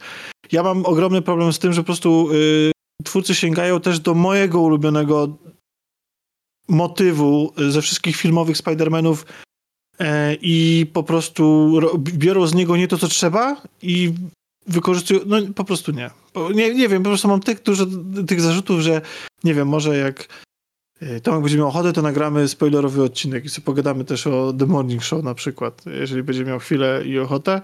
Ja wtedy swoje żale e, wyleję, bo... No, ale y, dziękuję jeszcze raz, że mnie do niego zmusiliście, że to w ogóle cały ten e, cały ten y, plebiscyt y, i wszyscy, całe te wybory i nagrody i tak dalej zmusiły mnie do tego, żeby w krótkim tempie nadrobić po prostu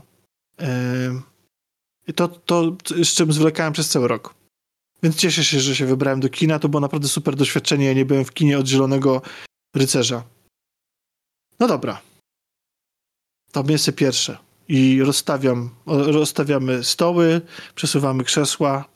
Na miejscu pierwszym najlepszego filmu. A jeszcze zanim zaczniemy, tylko powiem, że mój yy, Y, jakby moja topka, w sensie najlepszy film rozrywkowy, jaki ja uważam, że w zeszłym roku wyszedł, to jest ultimatywne spełnienie fantazji um, białego mężczyzny w, w kryzysie wieku średniego, czyli nobody, nikt. Po prostu jest tam, każda scena jest tak napisana, żeby być jakimś, od, jakimś odzwierciedleniem y, po prostu życia y, blisko, białego mężczyzny blisko czterdziestki. Jakim jestem i myślę, że tam po prostu się odnajduję.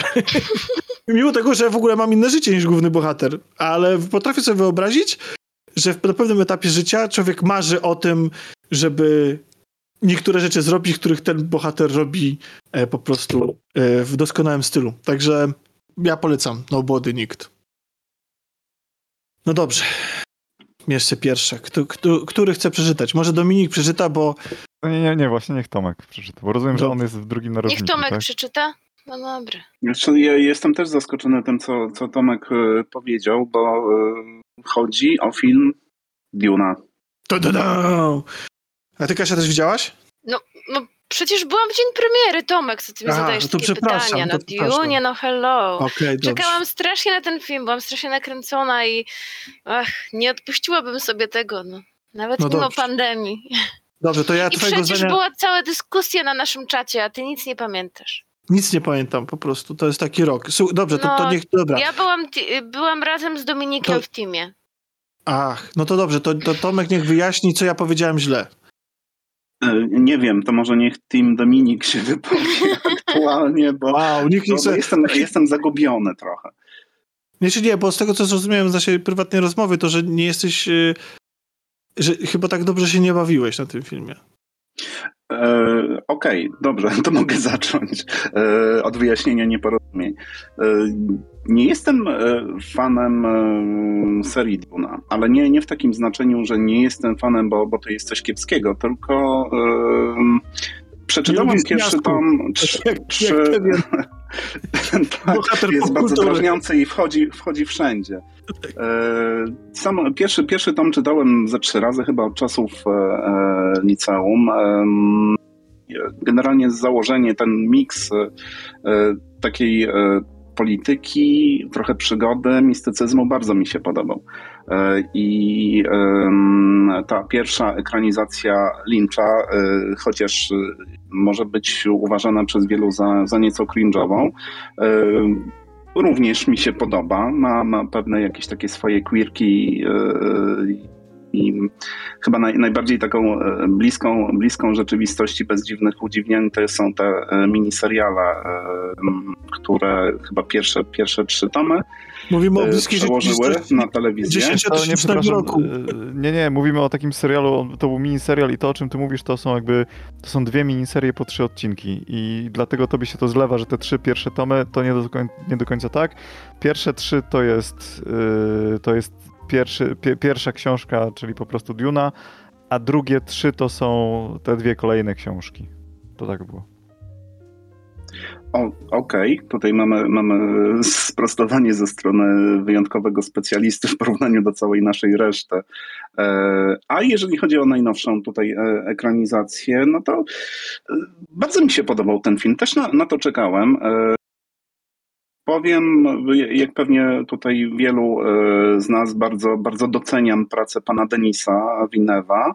E, jeżeli chodzi o tutaj kinematografię i e, przyznaję, że i w tym przypadku dostałem to, czego się spodziewałem e, po jego stronie. To połączenie wizualiów, tak obrazu z muzyką, z takim rozmachem, z panoramą, że tak to nazwę.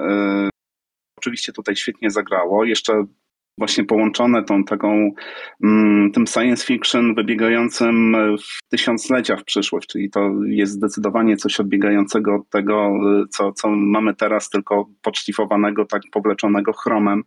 I, i wydaje mi się, że, że ta wizja y, się udała. I takie sceny y, monumentalne, w Nowym Początku była, była ta scena, gdy widzimy po raz pierwszy ten statek obcych i te chmury przelewające się przez wzgórza. W Blade Runnerze ten ogromny hologram Joy.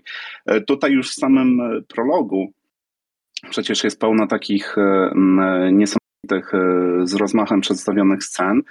I, I to wszystko tu było i to powodowało, że te godziny na, na seansie no po prostu to się chłonie wszystko, to się patrzy nigdy nie byłem taką osobą, która e, gra w bingo albo przynosi ze sobą e, checklistę na sto kilkadziesiąt pozycji, żeby posprawdzać, czy dana ekranizacja, czy, czy to jest ekranizacja tak, taka dosłowna, jeden do jednego i czy absolutnie wszystkie fakty się zgadzają z książką. Tutaj powiem szczerze, że pewnie nawet w części przypadków nie byłbym w stanie sobie tego przypomnieć i porównać, ale dla mnie to wszystko grało taki jakby nie czuję, żeby mi czegoś e, tutaj brakowało, żeby czegoś mi jeszcze mm, pozbawili. Oczywiście fakt rozbicia tego na, na części jest takim trochę przykrym, bo chciałoby się jeszcze więcej tego. E, nie, nie byłem w takim miejscu, że już absolutnie przesyt, tak, dość, kończymy. E, i jakieś wielokrotne kończenie tego filmu, które też lekkie takie odczucie miałem, nie do końca mi przeszkadzało. W związku z tym ja jak najbardziej zgadzam się tutaj z werdyktem i, i Dune uważam za bardzo udany tytuł, długo wyczekiwany, który moje oczekiwania akurat spełnił. A ja chyba tutaj... jestem ciekawy, jak, jak właśnie ze strony tych większych, większych fanatyków, powiedzmy, serii i e, osób, które są w stanie bardzo do, dokładnie jakby to porównać, jakie oni mieli odczucia. Znaczy ja tutaj jestem chyba w tym gronie jedyną osobą, która w ogóle nie czytała książek. A, przepraszam.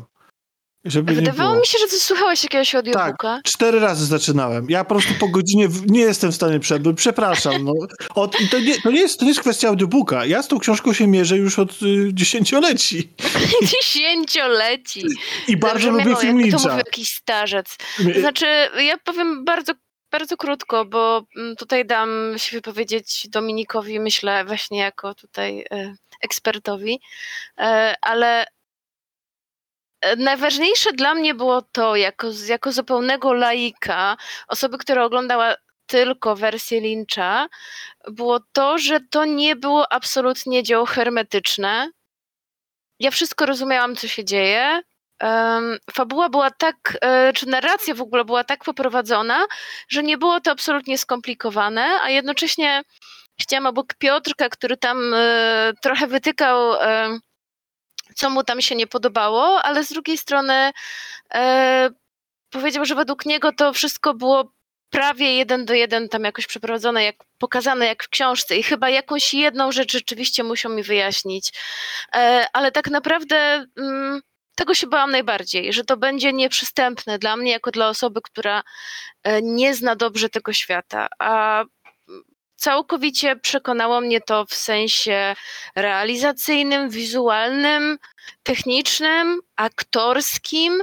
E, bardzo mi się podobało, że było tam dużo takich małych niuansów, e, jak na przykład rzeczy, które nie musiały być wypowiadane w dialogach. Na przykład bardzo, mm, bardzo podobała mi się, jak pokazana była relacja ojca i syna to znaczy już teraz zupełnie nie pamiętam nawet imion tych bohaterów, szczerze mówiąc. E, ale mam nadzieję, że wiecie, o których mi chodzi. W jakichś takich pojedynczych gestach, typu położenie ręki na ramieniu czy objęcie. E, I doceniam to, że w takim ogromnym, ogromnym wizualnym widowisku znalazło się miejsce na takie, na takie małe szczegóły, które świetnie budowały postacie. Więc e, ja się bawiłam doskonale, uwielbiam kino Villeneuve'a. Jedyne, czego mi brakowało, to muzyka Johanssona, który niestety zmarł i już...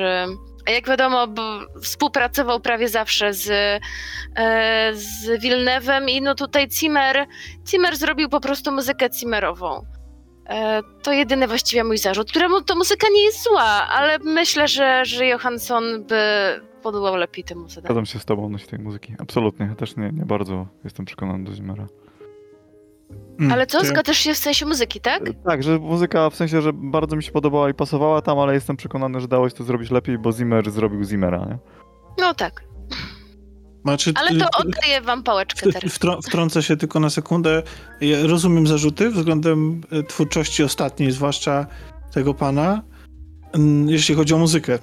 Natomiast y, ja nie mogę się oprzeć wrażeniu, że, że ono nawet lepiej współgra z Villeneuve'em niż z Nolanem. To znaczy, wydaje mi się, że jest, że ta, ten nieznośny patos i atakowanie y, uszu tym dźwiękiem doskonale współgra z y, taką ascezą wręcz geometryczną, geometrycznych kadrów. Znaczy po prostu y, i światy o, mam wrażenie, że ta muzyka uzupełnia po prostu, że, że ten hałas, te, to dudnienie, to, to wszystko granie takich na najwyższych, no tak jakby w, wypełnia te puste miejsca w kadrach Villeneuve'a. A pamiętasz które zresztą mi się muzykę, podobają, żeby nie Pamiętasz było, muzykę Ale... z Arrival? Pamiętasz jak tam też było takie... Widzisz, ja, tylko, że ja ten film, to, to jest moja kwestia mojej być może ignorancji na pewno muzycznej, że ja w ogóle Arrival nie kojarzę z muzyki. Ja wiem, ja, ja, ja, ja, wiem, że tam były sceny, które zrobiły na mnie ogromne wrażenie. Bo ona była tak ambientowa i tak, tak, idealnie wpasowana, że może właśnie zwróciłeś dlatego na nią uwagę. Tak, no, bo już jestem, nie wiem, przygłuchy albo cokolwiek. No, tam był razie... taki pomruk po prostu mm, przez tak. cały czas. I on też pasował, natomiast po prostu kiedy widzę te gigantyczne krajobrazy, wielkie maszyny i tak dalej, to to walenie po prostu y, w gary, czy tam w klawisze, y, powoduje, że drże jak piasek w tym filmie. Kiedy no to prawda, ten. film jest bardzo, bardzo monumentalny, ale to absolutnie nie jest Dobrze, ale bo kradniemy Dominikowi po prostu tak. czas. Proszę, ja się zbieram, już mam 50 różnych zdań w głowie powiedziałem, które wypowiem i nic z tego nie wyjdzie pewnie. E, zacznijmy od tego, że nazywanie mnie ekspertem od Duny to jest nieporozumienie. O, już dobra, już... E, ja jestem ogromnym fanem lore Duny, jak najbardziej. Natomiast jakby y, ja książkę czytałem w wieku chyba 18 lat, tak? Czyli 20 lat temu, w związku z tym nie pamiętam jej nie wiadomo jak, e, jak szczegółowo i to była jedna z najlepszych rzeczy, tak które mogły się wydarzyć przeglądają tego filmu, bo dzięki temu pewnych rzeczy tam nie, mm, e, nie, nie dostrzegłem rozbieżności między filmem a, a książką. E, bardzo krótko przechodząc, ja tak, jak przeczytałem tę książkę, jak byłem jeszcze nastolatkiem późnym, ale jednak w związku z tym miałem do niej takie bardzo nabożne, bym powiedział, e, podejście. W związku z tym e, strasznie, e, jakby jak zacząłem oglądać Dune Lyncha, to sobie myślę, że to nie jest to. to jest zupełnie nie to. Jakby mój pierwszy kontakt z Dune Lyncha był taki, że ja stwierdziłem, że tego filmu się w ogóle nie da oglądać, ale oczywiście go obejrzałem od początku do końca. Po latach nauczyłem się ten film szanować przez jego stronę wizualną, przez jego klimat. Natomiast wiecie, jeżeli czyta się o ludziach pustyni, właśnie Fremenach, którzy tam są i którzy tam są od pokoleń, pokoleń, e, o tym, tym całym społeczeństwie, o tym wszystkim, co tam się dzieje nagle włączasz sobie Dune Lyncha i widzisz, jak ci ludzie w tych kostiumach chodzą i po tej pustyni tam się potykają i nie potrafią iść. Ty myślisz, to nie są moi fremeni, którzy wychowali się na tej pustyni, to po prostu nie są oni, nie? I tam była cała masa różnych elementów, jak ta broń soniczna, która tam występuje, która zupełnie, no nie, że nie ma pokrycia w, w, w książce, ale powiedzmy nie ma pokrycia w fabule jako takiej, tego tam zupełnie ona nie jest używana, bo to gdzieś tam jest sobie w uniwersum i tak dalej, i tak dalej, i tak dalej. W związku z tym ja jakby byłem mocno niepocieszony, natomiast pewne elementy rzeczywiście są tam, są tam fajne. Później był wspomniany serial właśnie, który z kolei jest dosłowny, ale, ale jemu brakuje dość mocno klimatu i to też było coś, czego brakowało. I do tego filmu, który właśnie, o którym teraz, do którego podchodzimy, to było tak, że e, ja śledziłem na bieżąco przez tych 20 lat, e, od kiedy przeczytałem tę książkę, losy kolejnych adaptacji i tak dalej, i po tym jak się zawiodłem na tym serialu, bo on był z roku 2000, w związku z tym mamy już te 20 ponad lat, to jak zacząłem się do tego e, jak, jak, jak oczekiwałem na ten film właśnie, to miałem ciągle nadzieję, że on w końcu, w końcu wyjdzie. Za Dune kolejne adaptacje zabierało się cała masa ludzi. Ci, którzy brali się za ten film ciągle, a to były prawa zablokowane, bo ktoś się trzymał, a to był z czymś tam innym problem, a to nie mogli się dogadać z synami Herberta, y, którzy tam byli producentami wykonawczymi. Zawsze to był warunek korzystania z tych praw, żeby E, żeby zrobić wreszcie jeden film. W związku z tym ja 5 lat temu, już teraz 6, bo to był 2016 rok, pamiętam, że natrafiłem na informację o tym, że mam właśnie film wyjść, zobaczyłem grafiki konceptualne, które mi się strasznie podobały, które stwierdziłem, kurde, to jest wreszcie coś, co wygląda tak, jak ja to sobie, jak ja to sobie w ogóle wyobrażałem. E, I, i, I później się okazało właśnie, że się nie mogą dogadać. I nagle w 2020 chyba roku wyszła informacja, że ten film właściwie jest że oni już go robią, że oni już go kończą. To mi wtedy po prostu e, zszokowany byłem totalnie i nie potrafiłem w to uwierzyć. No a w związku z tym, że czekałem na ten film tak długo, robił to Villeneuve, którego bardzo lubię i bardzo szanuję. E, zawierało to, bo już widziałem wizualnie te grafiki, które ja wcześniej widziałem. Ja sobie jakby ja wiedziałem, że nie mogę sobie pozwolić na to, żeby się na ten film za bardzo cieszyć, bo byłem po prostu pewien, że coś gdzieś nie wypali. No i teraz tak, mam tą fabułę, którą pamiętałem sprzed 20 e, lat. E, e, wszedłem na ten film jeszcze, poszedłem do IMAXa, na premierę w ogóle. I zacząłem oglądać ten film i nagle moim oczom ukazało się wszystko to, co chciałem zobaczyć, a tam, gdzie moja wyobraźnia nie dociągała, tego tam widziałem jeszcze więcej, jeszcze lepiej, jeszcze cudowniej.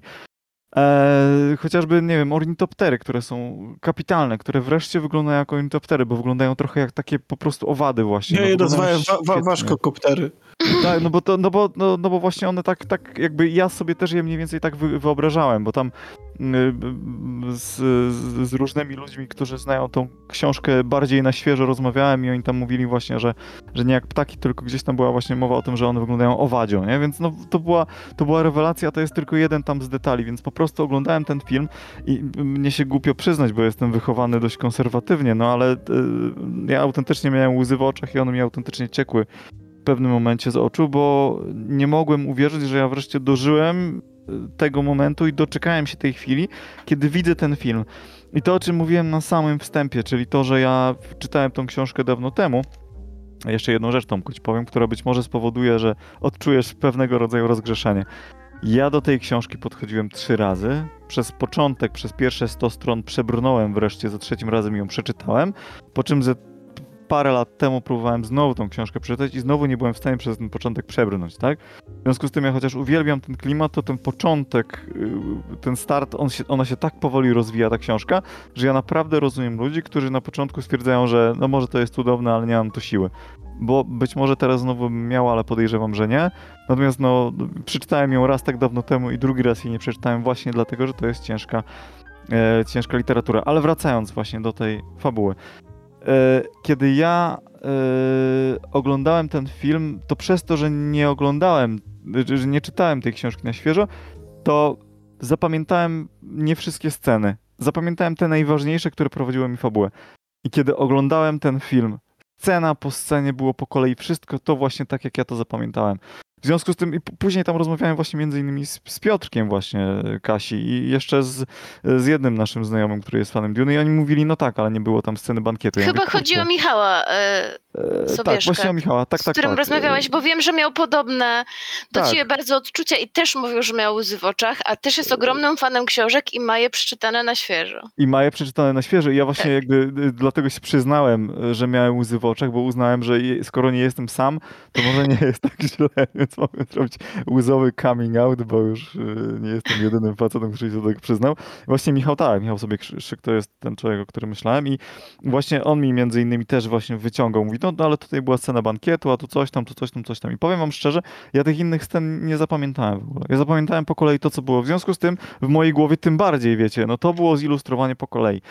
Tutaj z tym filmem jest jeszcze taki problem, czy z adaptacją tej książki jest, jest taki problem, że ta książka jest niesamowicie spójna. Tam ja, mm, tak jak zawsze szukałem i zawsze szukam pewnych niespójności dziur, tam ich po prostu nie znalazłem. Herbert sobie niesamowicie przemyślał, przekalkulował pewne rzeczy, które tam e, się składały, że tak powiem, do kupy. W związku z tym tych, tych dziur fabularnych ja tam po prostu nie znalazłem i e, kombinowanie przy tej fabule jest o tyle problematyczne, że to powoduje, że zaraz coś ci tam się nie będzie zgadzało. W związku z tym ja nie dziwię się Wilnewowi. Mówiąc szczerze, inaczej, jak usłyszałem, że będzie film, to sobie myślę, mam nadzieję, że to nie będzie jedna część. Bo jeżeli to będzie jeden film, to będą musieli parę rzeczy wywrzucić. I kiedy się dowiedziałem, że to jest dopiero część pierwsza, to ja wtedy odetchnąłem z ulgą właśnie, że to jest tylko połowa, bo, bo inaczej musieliby zabrać jeszcze więcej. Tam y, ja, nie licząc samej końcówki, dopiero na samym końcu jakby, od, jakby zorientowałem się, że faktycznie czegoś mi tam brakowało, jeżeli chodzi o fabułę, bo pamiętam, że było, ale uważam, że to, jakie wybory w ogóle twórcy podnieśli w tym filmie, to były po prostu trafione w samo sedno. E, to jak to wyglądało, to jak oni grali, to właśnie chodzenie po pustyni słynne, ponieważ jest scena poświęcona właśnie chodzeniu po pustyni i sposobu chodzenia po tej pustyni. I to zostało tak jakby taki nierównomierny tańco szuranie po tym piasku, nie? I to też było pokazane właśnie, w jaki sposób oni się tam poruszają. Były to takie ataki spod powierzchni, gdzie ci fremeni widać, że oni żyją w tym piasku, że tak powiem, nie? Były te niebieskie oczy, które, które były takie, jak sobie wyobrażałem, później Michał uświadomił, że one były inaczej opisane jednak, ale takie zapamiętałem, więc jakby na moją korzyść to, że już dawno nie miałem jakby nie miałem styczności z tym, z tym, z tym światem, e, z tym materiałem źródłowym, to też zadziałało na, na moją korzyść. Więc w każdym razie wiele takich rzeczy, o których się nie, nie mówi w- tym filmie, no bo to są mm, takie rzeczy, które właśnie wynikają gdzieś tam z kontekstu książki i pewnie nie byłoby jak tego omówić, ale one są, są też spójne. Jak y, słuchałem wywiadów z Wilnewem, to on mówił, kiedykolwiek mieliśmy wątpliwości, sięgaliśmy za materiał źródłowy i ja mu absolutnie wierzę. Na przykład w samej, nie w samej scenie, ale w scenie, tam jednej z pierwszych scen, kiedy oficjalnie przekazują tym Madrydom władzę, zwierzchnictwo nad Duną, tam z tyłu wychodzą nawigatorzy gildii na przykład, o czym w ogóle mowy nie ma. E, zobaczcie, jak to wyglądało u Lyncha. Było wielkie akwarium, gdzie tam wprowadzali sobie tam nawigatora gildii. Mm, e, to, e, to jest rzecz, tak na marginesie, scena z A późniejszych byli- książek. Byli nawigatorzy? E, byli nawigatorzy gildii, którzy stali, oni byli, wiesz co, w- jak y, była właśnie scena przekazania, to oni z tyłu szli tam za posłańcem Imperatora, oni mieli, byli jakby w takich, mieli głowy jakby w Rozumiem. takich słoikach, że tak powiem. Fariak, ale y, rozumiem, chociaż I szkoda, o to że... chodzi, nie? Wiesz, to jest element, którego jakby nie, nie mają prawa znać ludzie bez kontekstu oryginału. A ja sobie myślę, Boże, to są oni. Oni wyglądają tak, jak powinni. Oni chodzą w tych słoikach, bo są w środku mutantami, nie?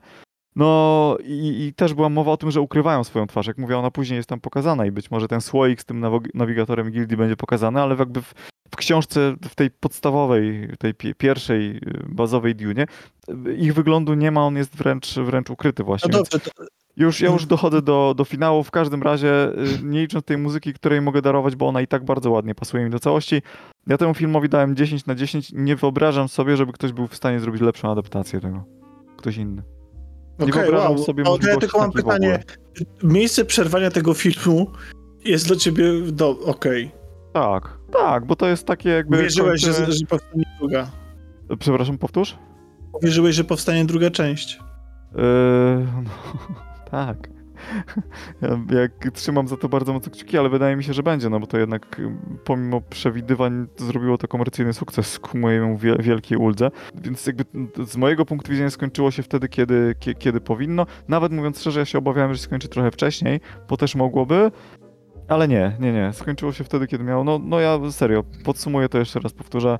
E, nie wyobrażam sobie, żeby dało się, nie mówię, że w ogóle potencjalnie, ale żeby jakby realnie, żeby dało się w ogóle zrobić lepszą adaptację Diony niż, niż to, co widziałem. Nie wierzę do tej pory w to, że to jest aż tak blisko temu, na co miałem nadzieję. Spełniły wszystkie, wszystkie moje nadzieje zostały spełnione. To nie wiem, kiedy wcześniej w moim życiu tak było. To mogłem wcześniej zabrać głos, bo teraz to mi głupio. To ja tutaj nie będę mówił, co ja myślę o tym filmie. Powiem A tylko, mów, że... właśnie jestem bardzo ciekaw. Nie, no to tylko jednym zdaniem, w sensie to ja pana Villeneuve'a uwielbiam, bo oczywiście to, zrobił coś niemożliwego, dał mi mojego ukochanego Blade Runnera raz jeszcze i absolutnie rozumiem e, dlaczego ten film się podobał ludziom i dlaczego ty tak emocjonalnie na niego zareagowałeś, bo ja dokładnie tak samo się czuję oglądając Blade Runnera. Mhm. Że dla mnie bycie w tym świecie wystarcza mi ponad wszystko inne. Tam się tam... że Blade Runner nowy jest bardziej Blade Runnerowy niż ten klasyczny, nie? No ale znaczy, no tak, ale chodzi o to, że, że w ogóle jakby całość po prostu i jest tak skomponowana, że mogłoby się nie dziać nic, a ja i tak bym się cieszył, nie? E, chciałbym pałać taką miłością do Duny. Być może to wynika z tego, że nigdy nie pokochałem oryginału, chociaż Lyncha wersję lubię mam dwie takie, dwie zasadnicze, dwa zasadnicze problemy mhm. z tym filmem, który mi nie pozwala aż takie miło, miłością go darzyć. Pierwszy to jest, nie jestem fanem i to jest dla mnie wielkie zaskoczenie. Nie rozumiem, dlaczego tak jest, być może to winę jest po mojej stronie. Nie jestem fanem niektórych, jakości niektórych kostiumów. To znaczy miałem wrażenie, że często, że one są za lekkie i za tanie Um, to, to jakby strasznie mnie to irytowało. To jest takie moje. Ale to dotyczy też jakości niektórych rekwizytów. To znaczy, chyba najbardziej byłem zniesmaczony mm, tym y, urządzeniem, które mm, uderza rytm i przy. Dudnik. Dudnik. On wyglądał jak dosłownie dla mnie, jak kupiona w Obi taka lampa ogrodowa LEDowa, którą po prostu wbijasz w trawnik, nie? I tylko ktoś ją pomalował na czarno.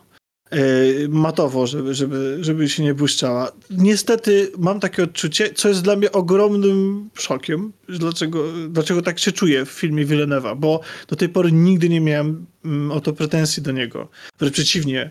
Więc być może to jest po prostu moje. Natomiast yy,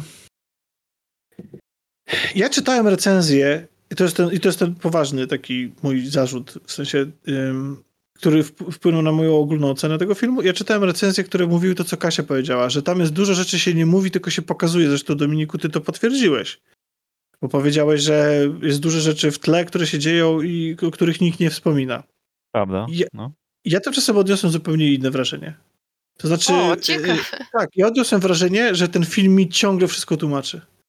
I że, że ja non-stop mam wyjaśniane, jak ten świat działa, yy, i że sceny służą temu, żeby mi pokazywać, że no to jest yy, ten yy, tam ten suit, w sensie ten ich frak. Filtrak. Filtrak. I, on, I szczegółowo. Tu analizuje twoją tam ślinę, mocz i tam to wodę odprowadza. Jest taka to, to scena. Wszystko jest zgodne, to jest wszystko zgodne z narracją ja, w książce. Ja rozumiem, tylko że w książce to musisz opisać, nie? Tak. A y, film jest, zwłaszcza Villeneuve, jest dziełem wizualnym. Villeneuve w poprzednich filmach bardzo dużo rzeczy nie tłumaczył, tylko pokazywał. Jest taka scena i może ona najbardziej zobrazuje, o co mi chodzi. Kiedy ym, nowo y, po, po, objęciu władzy nad y, Arrakis y, rodzina nie wiem jak ich nazwać, nie królewska, tylko książęca, tak? Jedzie mhm. y, oglądać y, stan maszyn, tak, które, które tam zostały. I oni jadą i po dotarciu y, na pole, y, gdzie się zbiera tą przyprawę, jest normalnie, że w ogóle cały, cały ten, cała, ta, cała ta sekwencja wygląda jak wycieczka lotu helikopterem nad Nowym Jorkiem, gdzie ci ten przewodnik mówi, no a tu jest taki budynek, a tu jest taki, tu jest Central Park i tak dalej, a tu jest taki pomnik, nie? To tak to wyglądało. Mówię, okej, okay, może to się dało jakoś fajnie pokazać. I oni dolatują na miejsce, po czym właśnie ta przewodniczka, nazwijmy, chociaż wiadomo, że ona pełni w, filmie inną rolę, mówi a to są takie czujniki, które ostrzegają yy, te żniwiarki przed tym, że zbliża się czerw. Ja się zastanawiam, po co mi ta informacja. Bo dosłownie za 3 sekundy później, spoiler, no ale taki malutki, pojawia się czerw i te czujniki zostaną, zostają wysłane po to, żeby zbadać, yy, czy to jest czerw nie? Nie, nie, nie do końca, bo ona zauważa, że podejrzenie jest i one jadą, lecą się upewnić. Dokładnie, ale po co mi mhm. wcześniejsza informacja, normalnie w formie tekstu, że to są czujniki wykrywające czerwie, mhm. skoro wystarczyło pokazać mi tą późniejszą scenę, w której po prostu ktoś je wysyła i my od razu instynktownie czujemy, albo nawet wtedy można było powiedzieć, wysłać czujniki i pokazać lecący czujnik, nie? Rozumiesz, jakby i to jest... Roz, i to rozumiem często, ten zarzut. To się często, to się często hmm. powtarza. Na przykład jest, jest taka y, sekwencja, w której e, pierwszy raz ubiera Paul, ubiera y, ten... Mm, Filtrak. Filtrak. I ona, y, ta sama zresztą osoba, mówi do niego o, czemu zawiązałeś coś tam na, na krzyż? Nieważne, nie? On mówi, no bo tak sobie zawiązałem. I, I zamiast zostawić to w tym miejscu i zbudować jakby to...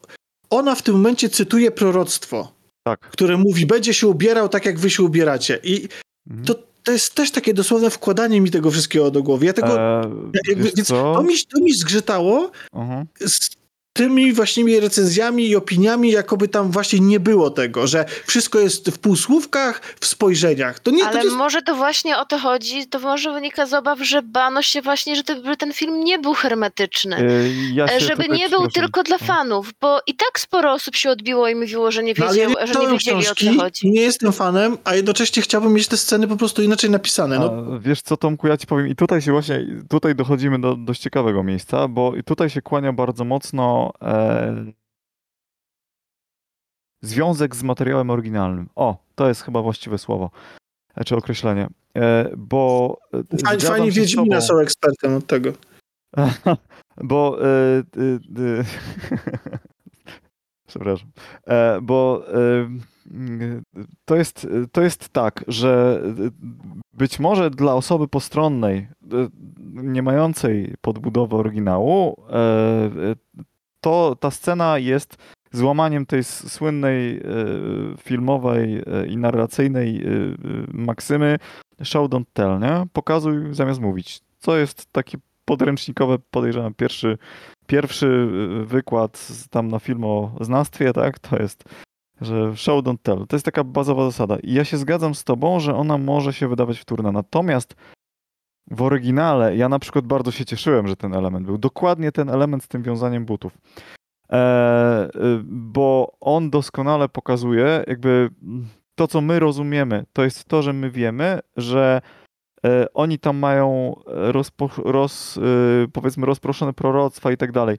I ja bardzo się cieszyłem, że to zostało wtedy pokazane, bo jakby widziałem, że podkreślone jest dla widzów to, że on rzeczywiście jakby pewne oznaki ma takie, które są związane z proroctwem. Jakby E, I, i, i rozumiem, rozumiem jasne, rozumiem. no spojrzenie, natomiast jakby z punktu widzenia sceny tej, którą ja mam w głowie, która zresztą bardzo jasne. podobnie wyglądała w moich wyobrażeniach, to tak to się właśnie powinno odbyć, że oni będą to mówili, a to, potem jeszcze zacytują jasne, proroctwo. No, więc... że, bo jest, mi się, mi się film jako taki podobał. Ja jakby mhm. Nie, ja, no rozumiem, tam się, rozmawiamy tam sobie o pewnych jego cechach, tak? Tak, i ja mogę, ja mogę go oglądać godzinami, bo ten mhm. klimat, mhm. dla mnie tam na przykład, y, ale rozumiem, że to już jest kwestia książki po prostu. Dla mnie tam jest nawet za mało wszystkiego. To znaczy, ja bym chciał, żeby ten film trwał 6 godzin, bo ja bym chciał y, więcej tych relacji z ludźmi, którzy później y, przeżywają jakieś przygody, w sensie więcej tej, tej rodziny, więcej tych zakulisowych rozgrywek. No bo tego więcej oczywiście, znacznie więcej w tym, w tym świecie To właśnie, to właśnie Piotrek miał taki zarzut, tak. że tam było za mało tych rozgrywek politycznych w stosunku do książki. Ja A wiecie cieszę, co, ja idąc do kina bałam się, że jeju, mhm. dwie i pół godziny, ja nie wytrzymam. Ale mhm. pamiętam, że kiedy skończył się film, to ja sobie myślałam, już? Ja chciałam jeszcze zostać w tym świecie, więc w tym świecie, nie? tak miałam tak jak piasku, Tomek, że tak, po prostu tak. jeszcze bym to oglądała. Mogła mogłaby sobie Zendaya tak patrzeć i nawet mogliby nic nie mówić, a ja bym tak patrzyła na to. No wszyscy narzekali, że ona ma ciągle ujęcia jak z reklamy perfum, to tam były może ze dwa te, te ujęcia. Ale ona po pierwsze, znaczy, bo ona przez jakiś czas jest narratorem w ogóle tam, ale ona, znaczy to co, to, co wy wiecie, bo ja o tym pisałem ze sześć razy, a to, co mogą słuchacze nie wiedzieć, to to, że Zendaya po prostu wygląda, ona nawet w innych filmach wygląda jak Fremenka. Bo ona wygląda jak człowiek pustyni. Ona ma taką urodę, że po prostu jakby to, to o czym ty kiedyś mówiłeś, Tomek, że to jest y, casting z Excela. E, zgadzam się w tym sensie, że to są po prostu sami znani ludzie, ale wierz mi, naprawdę y, i matka przełożona i Paul Atryda w ogóle, ja się cieszę bardzo, że to Szalamet, bo on ma taką kurde dziecięcą urodę, ten bohater tam ma chyba Ale z drugiej strony nie? on właściwie po raz pierwszy grał nie Szalameta, w sensie był wreszcie trochę inny. Mhm. E, no, czy nadal był delikatnym chłopcem, ale... Um, ale takim, wiesz, który się przełamuje na to, żeby być mężczyzną. E, w innych filmach on zawsze miał taką blazę i to mnie zaczęło denerwować tego przełamania. To znaczy, w sensie, ja, ja, widziałem w nim człowieka, który właściwie z miejsca jest już tym bohaterem. Mam, ale widzisz, fa fajną charyzmę pokazowali. Mi się tak, strasznie też ta scena tak, tak, tam z testem Bene Gesserit.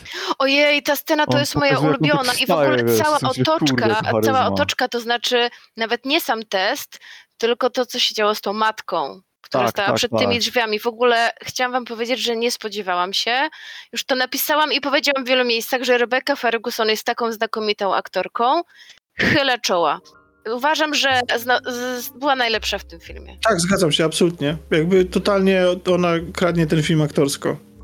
I, i y, Szalamet, w sensie pan młody aktor, y, też, też mi się bardzo podobał, tylko ja po prostu y, Wydaje mi się, że on startuje już z miejsca takiego, że on wie, kim jest i, i że ma jakieś konkretne zasady i zobaczymy, czy może później coś z tym zrobią. Wow, ale się rozgadaliśmy o tej... O tej Boże, ja się wygadałem, ale po prostu, bo mówiąc szczerze, ja byłem przygotowany na to, że będziemy o Dune rozmawiać, nagle okazało, że mam całe podsumowanie roku, więc ja zaraz też tak. będę musiał śmigać. Więc już kończymy, została nam jedna kategoria i no, może... Ja czy przed tą kategorią mógłbym przejąć pasmo? Tak, absolutnie. Tak, bo, bo to też już jest ostatnia minuta, e, którą mogę tutaj e, poświęcić na, na to super e, spotkanie z wami. Ale chciałbym jeszcze przed odłączeniem się zahaczyć o taką kategorię, która jest wyjątkowo ogólna i wyjątkowo jakby indywidualnie dowolne dzieło, wydarzenie, które zrobiło na tobie największe wrażenie w 2021 roku. I mam tutaj coś, co e, muszę bezwzględnie wspomnieć, e, ponieważ jestem bardzo kulturalnym człowiekiem, to każde wydarzenie, w którym biorę udział, jest kulturalne. W związku z tym głosuję tutaj ewidentnie na naszą sesję papierowego cyberpunka, do której zbieraliśmy się przez pięć lat, ale w końcu się udało i e, chciałbym bardzo podziękować wszystkim, dzięki którym to było możliwe tak. bo, bo było to coś naprawdę e, super, super przeżycie i e, będziemy do niego, czy na to jeszcze wracać. Tak, sesja Także to, to, to było, było, było coś super e, wyjątkowego, jeżeli chodzi o pierwsze akurat dla mnie indywidualnie. To jeszcze musi, jak już zacząłeś o tej, to jest tej kategorii, to przeczytaj proszę inne pozycje, które się pojawiły w rozpisce. Podcast Wszystko gra o cyberpunku. to już jest tematycznie. E, ale ta rozpiska e, jest bardzo e, długa, jeżeli chodzi o, o tą kategorię, ponieważ no właściwie dla każdego mm, coś innego tym naj-naj wydarzeniem w 21 No ja myślę, że warto przeczytać to, co ludzie pisali. I, i co, na, na zmianę będziemy czytać? Bo tego jest bardzo długo. Zaczyna się od koncertu Tedego z okazji dwudziestolecia płyty Sport. E, płyta Gojira, Fortitude, e, Nasza część nocy Mariana Enriquez, Sylwester Marzeń z dwójką, zdecydowanie. Pixel Heaven 2021, Festiwal Transatlantyk. Pojawia się wiele tytułów, o których już e, tutaj wspominaliśmy, czy to filmów, czy to seriali. Nawet Neo Genesis Evangelion.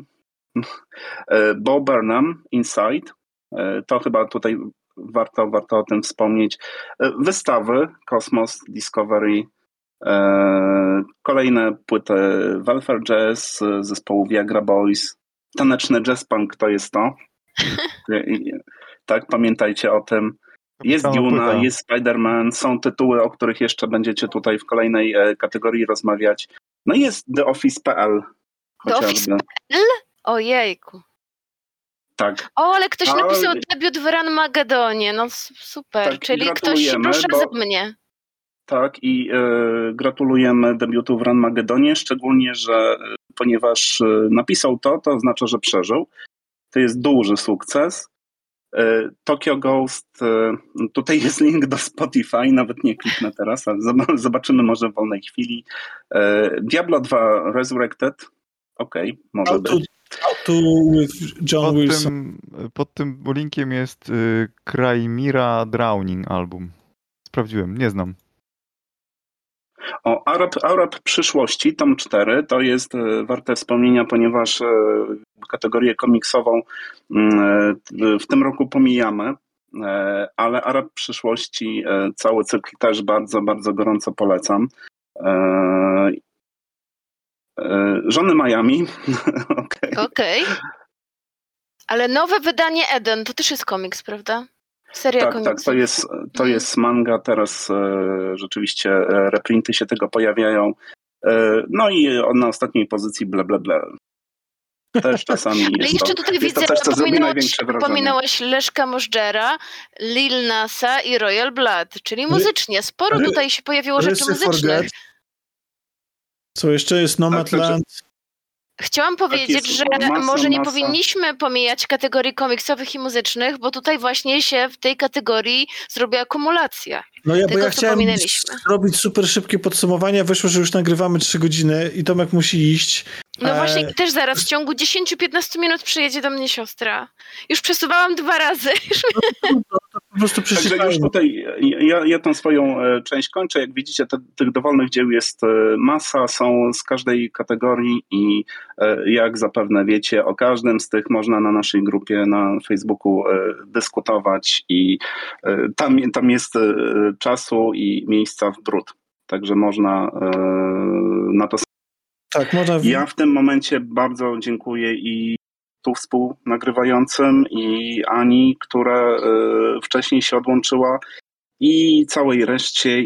No i przede wszystkim do zobaczenia w takim razie na grupie, do przeczytania i do usłyszenia. I do usłyszenia. No, do usłyszenia. Także pa. Pa, pa. Pa, cześć. Dobra, to przejdźmy do, do ostatniej kategorii. Jedźmy z tym artyzmem. Tak, najlepszy film artystyczny. Na miejscu trzecim Nomadland. Widziałaś, Kasia? A, trzecie miejsce, tak. Bardzo podobał mi się ten A nie, to czwarte miejsce jest. Nie, to jest trzecie, bo tak. Egzekwo jest pierwsze. O, tak. wow. Nomadland to jest trzecie, dobrze przeczytałeś. Dobrze, no A więc... Czy to jest reżyserka Eternals? Tak. Dobrze mi się wydaje. Tak, no właśnie, tak. niesamowite, że po prostu ma taki rozstrzał stylistyczny, bo to jest taki bardzo, bardzo artystyczny film, prawie jak dokument. Znaczy, to jest bardzo, bardzo dokumentalny film, ponieważ wiele osób, które tam grają, to są autentyczni ludzie, którzy żyją, więc to jest film, powiedziałbym, paradokument. Tak? Paradokument, no tak, jest to film o ludziach, którzy, których życie polega na... E, są takimi współczesnymi nomadami, których no, życie polega na przemieszczaniu się z miejsca na miejsce. No, Mieszkają w samochodach, vanach. Tak. Van, w wannach. Ale mówiąc szczerze, mnie strasznie wynudził ten film. Mnie ten film tak wynudził, myślałem, że umrę był piękny, ale, ale gdybym nie był na tym w kinie, bym na pewno go nie dooglądał, nie ma No szans. właśnie to jest film, który trzeba oglądać w kinie, bo wtedy jakoś tak ten klimat pochłania, a myślę, że to prawda, w domu chyba bym nie dała rady. No, no dobrze. Okropnie. Na miejscu drugim, film, którego bardzo żałuję, że jeszcze nie widziałem. Ja też nie. Ja również. Strasznie też żałuję. No to, jest, to też, też bym chciał. Na temat wiele nie wypowiemy, to jest... Bo to chyba e, Wrighta film, prawda? Tak. Ostatniej no nocy w Soho. Także jesteśmy y, ignorantami, albo też po prostu nie chodzimy do kina. Bijemy się do... w pierś. Znaczy ja nie zdążyłam, ten film był grany dosłownie przez dwa tygodnie i jakoś wybierałam się za długo i niestety... Ale jeszcze mam nadzieję, że wkrótce pojawi się na jakimś VOD i mam nadzieję jak najszybciej, jak najszybciej go obejrzeć. I Exequo, słuchajcie, pierwsze miejsce w kategorii najlepszy film artystyczny według grupowiczów grupy Wszystko Gra czyli społeczności inicjatywy Wszystko Gra, do której należy podcast Kolaudacja, którego słuchacie. Jest Egzekwo. Duna, o której już bardzo szeroko opowiedzieliśmy przed chwilą, oraz Zielony Rycerz. I muszę przyznać, że z tego Zielonego Rycerza niesamowicie się cieszę. Widzieliście? No ja właśnie też jeszcze nie zdążyłam. Że ja się przyznam, że y, widziałem fragment tylko. Bo to był taki moment jakoś, jak trochę się obawiałam chodzić do kina i, Mm. i stwierdziłam, że obejrzę później i teraz też żałuję. No, No właśnie, ja, to- ja muszę dooglądać, więc Tomku, mów. Tak, y, więc ty, ja się cieszę z tego miejsca. I prawdę mówiąc, to jest mój też film tego roku. I wyjątkowe dzieło. Wyjątkowe dzieło pod względem rzemieślniczym, sztuki filmowej po prostu. Mm, Nie zawsze wszystkie eksperymenty są udane i tutaj też można temu filmowi kilka rzeczy zarzucić, ale sięgnięcie w 2021 roku po etos rycerza, po te takie mm, właściwości rycerskie, y, szukam teraz słowa w głowie, y, y, cnoty rycerskie, o, po, po cnoty rycerskie klasyczne, po klasyczną opowieść y, i trochę zabawienie się nią, y, próbowanie być może dostosowanie jej wymowy do dzisiejszych czasów, mimo tego, że jest to film kostiumowy jak najbardziej, i ubranie tego w formę, moim zdaniem, bardzo lekko oglądającego się filmu e, kostiumowego właśnie. Takiego wręcz fantazy, tak naprawdę. To jest film e, fantazy. I to jest bardzo odważny krok, znaczy bardzo ciekawy krok przede wszystkim. Jest to film, który jest w stanie bawić, w sensie takim, że po prostu jesteśmy zainteresowani tą historią i przeżywamy e, to, co się dzieje z bohaterami, ale też ma w sobie spore pokłady rzeczy, które y, można poddać po prostu analizie, których po prostu po wyjściu z kina zastanawiasz się, e, sięgasz po źródło być może, sięgasz do jakichś źródeł opracowań i tak dalej, bo tak jak mówię, on korzysta z, y, prawdzi- czy, y, z, prawdziwie istniejących historii, tak? W sensie takim, że to też były oczywiście historie zmyślone, ale, em, ale wiele wieków temu. I jednocześnie forma tego jest y, całkowicie oczarowująca z mał- z małymi y, potknięciami, bo film jest momentami, ponieważ tam postawiono na takie świecenie, które ma udawać światło zastane, to znaczy, że tak jakby nie było żadnego świecenia. Jakby wszystko się działo w pomieszczeniach, y, które są naturalnie oświetlone przez źródła światła, które są naturalne, co powoduje, że często na ekranie jest dosyć ciemno, co niektórym może przeszkadzać. E, Ale to skutkuje z kolei w niektórych momentach e, naprawdę przepięknymi kadrami. Zresztą niesamowita jest atmosfera tej opowieści. E, Jest w tym trochę nawet duch książkowego Wiedźmina, bym powiedział, prawdę mówiąc. Jest nawet je- jedna z przygód, która spotyka, nawet nie jedna, głównego bohatera i ma w sobie taką pewną wiedźmińskość, tą taką książkową. Więc moim zdaniem jest to, mimo tego, że ten film mimo tego, że ten rok y, nie był skąpy, jeśli chodzi o dobre kino, to Zielony Rycerz zasługuje na uznanie i cieszę się, że y, razem z Duną, czy tak jak mówię, no ja do, do Duny tak nabożnie nie podchodzę, więc no ale to są wasze wybory i, i, i hej, cieszę się, że wam się ten film też podobał na tyle, że go umieściliście tak wysoko. Cieszę się, że znalazło się miejsce dla Zielonego Rycerza na podium. I A ja jest- się smucę, że mm, e, mój film roku wyszedł dopiero 31, 31 grudnia, więc jakby miałam małą szansę znaleźć się na tym zestawieniu. Oczywiście mówię o Licorice Pizza, który dopiero widziałam w kinie. Ale Więc- znalazł się w dodanych. Ktoś go dodał. Ktoś dodał, tak, i właśnie to nie byłam ja, tak jak wspomniałam, ale właśnie przeglądam top e, redakcji Filmwebu i widzę, że pierwsza trójka i w ogóle się zgadzają bardzo z naszymi wyborami. Pierwsze Wow. miejsce Licorice Pizza, drugie Duna, trzecie Obiecująca Młoda Kobieta. E, Dalej są też Psie Pazury, no i ogólnie po, na Rauszu pojawiają się też e, e, filmy z naszego głosowania, więc e, Ja mam do Tomka pytanie na Jeszcze, jeszcze tylko, jeszcze, jeszcze, jeszcze, jeszcze zanim pytanie, jeszcze tylko jedna rzecz, bo chciałem przeczytać y, to, co ludzie dodawali, bo też A. pojawiły się na przykład w dodanych Córka, The Last Daughter e, oraz e, Wszystkie nasze strachy. Polski film, który, na który też na pewno warto zwrócić uwagę, bo zdaje się, że został nagrodzony w Gdyni, o ile do, mnie pamięć nie myli. Więc, yy, więc tak, to, to tyle chciałem po prostu jakby... A, bo jeszcze nie przeczytaliśmy w kategorii rozrywkowego filmu. To jest, to jest ważne, bo chciałbym też przeczytać. Pojawiło się um, czerwona nota, Red Notice, yy, przez kilku, kil, kilka osób yy, dodana. Pojawił się też polski film Najbro w kategorii najlepszego rozrywkowego. Pojawiło się Last Night in Soho, ok, bo może, filmy mogą być w różnych kategoriach. Oraz na przykład, i tutaj pozdrawiamy Piotra bardzo serdecznie, pozdrawił się, pojawił się film Halloween Kills. I przepraszam, że się śmieję, to nie śmienie się ani z Piotra, ani z jego wyboru, ale muszę przyznać, że jest to dla mnie zaskakujące, że się znalazł, ale jeśli Piotr, to jest film, na którym się Piotrek najbardziej bawił, to czemu nie? To czemu nie? Oczywiście. A ja wszystkich, wszystkich zachęcam, żeby obejrzeli nowy film Paula Thomasa Andersona, jeśli lubią lata 70. i są fanami kina, bo to jest film, który mógłby się toczyć e, na równi, e, w tym samym uniwersum, co e, pewnego razu w Hollywood. Już, już więcej nie ma czasu, żebym o tym filmie mówiła, ale bardzo, bardzo, bardzo zachęcam. Czytamy, czy czytamy uwagi, pozdrowienia, bo ja naprawdę muszę już bardzo lecieć. Kasiu, ale zanim się zajmiemy życzeniami i uwagami i listami mi miłosnymi do nas, książką z, z Karki Zażaleń, to przypomniało mi się, że ominęliśmy zupełnie jedną bardzo ważną kategorię, która była też wypełniana przez naszych słuchaczy i członków Wszystko Gra Mm, naszej społeczności, mogli oni w tej kategorii wpisać e, serial, w którym najlepiej się bawili lub zrobił na nich największe wrażenie w 2021 roku i nie musiał to być serial ani z 2021 roku. I pozwoliliśmy tutaj również wpisywać seriale, które są dostępne na platformach, które nie są dostępne w Polsce. I zgodnie z przewidywaniami na tej liście pojawiają się produkcje Mm, streamingu, który jest u nas nadal niedostępny, chociaż w 2022 ma się już pojawić.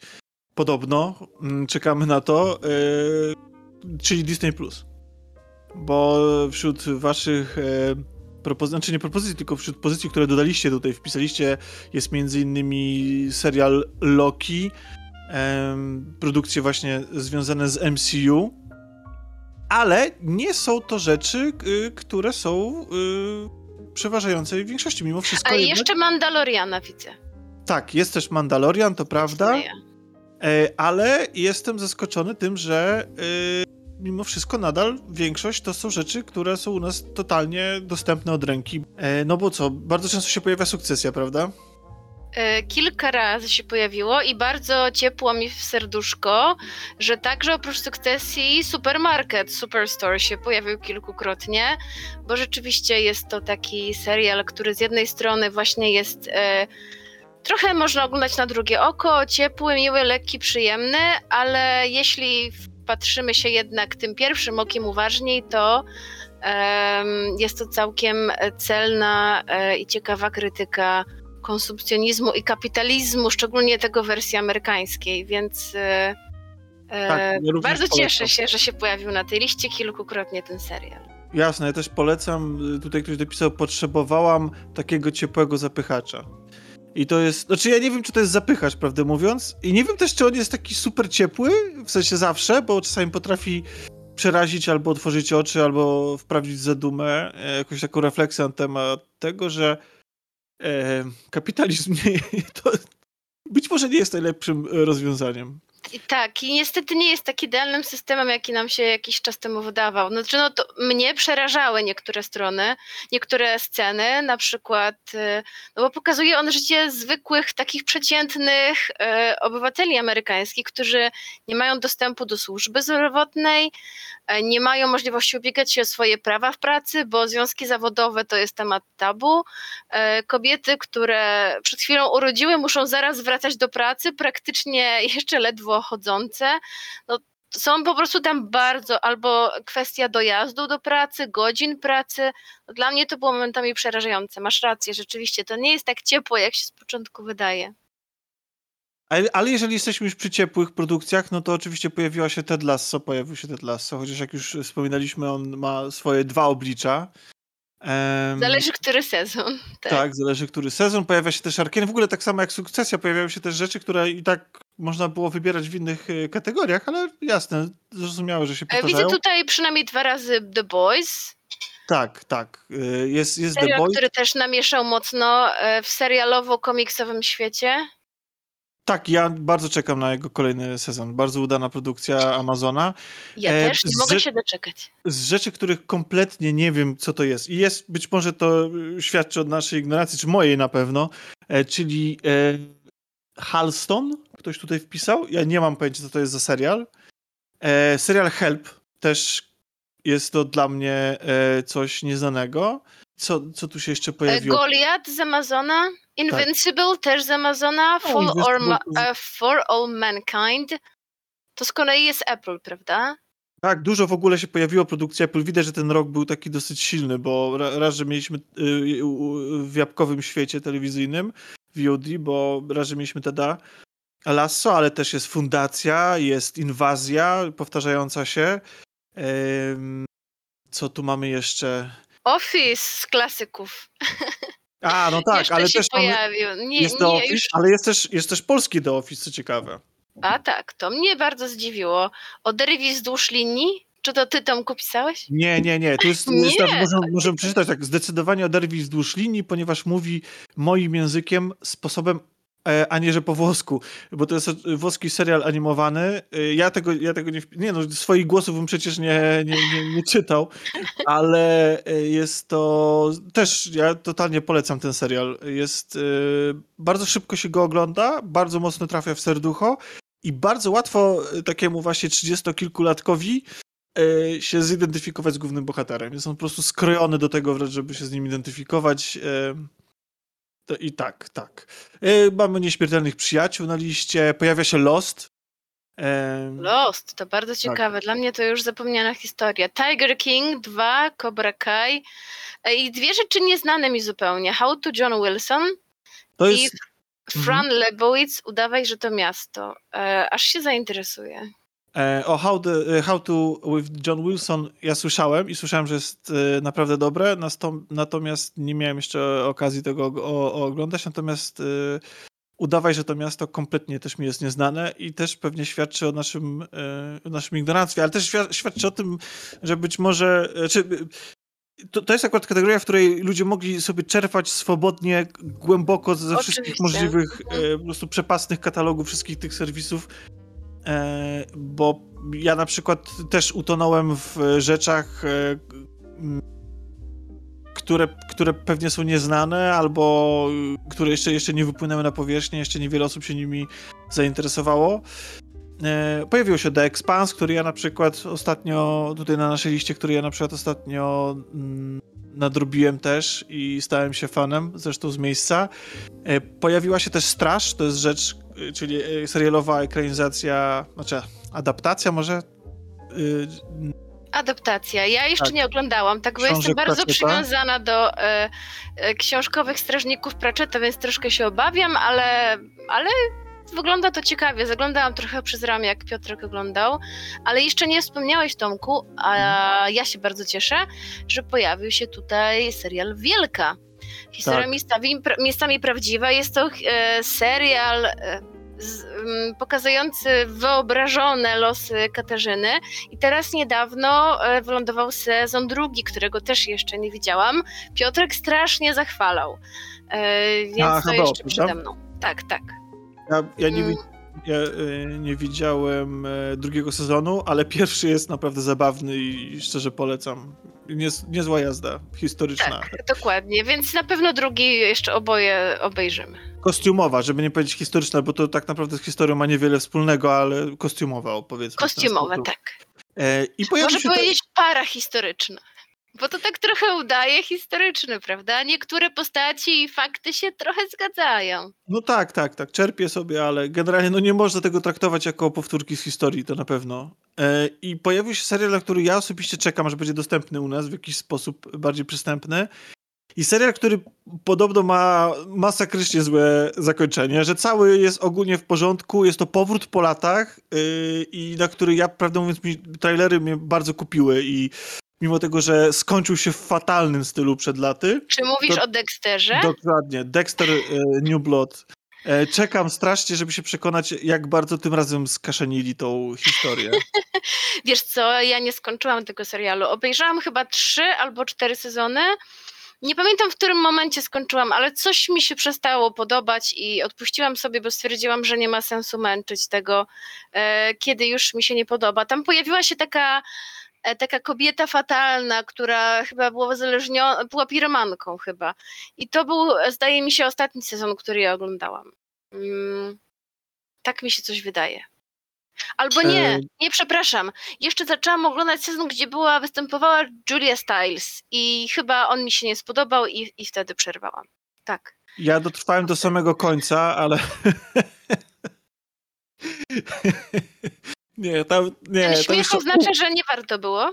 Nie, nie, to jest, to, to, czy ten, ten sezon się, czy ten serial się powinien zakończyć na końcu czwartego sezonu. Było to fantastyczne, znaczy oczywiście bardzo e, zaskakujące i może niektórych dołujące zakończenia, ale jakby te, te postacie, to jakby ta historia zasługiwała na taki, na tego typu koniec, a nie na to, co się później e, z tą historią stało, z tą opowieścią.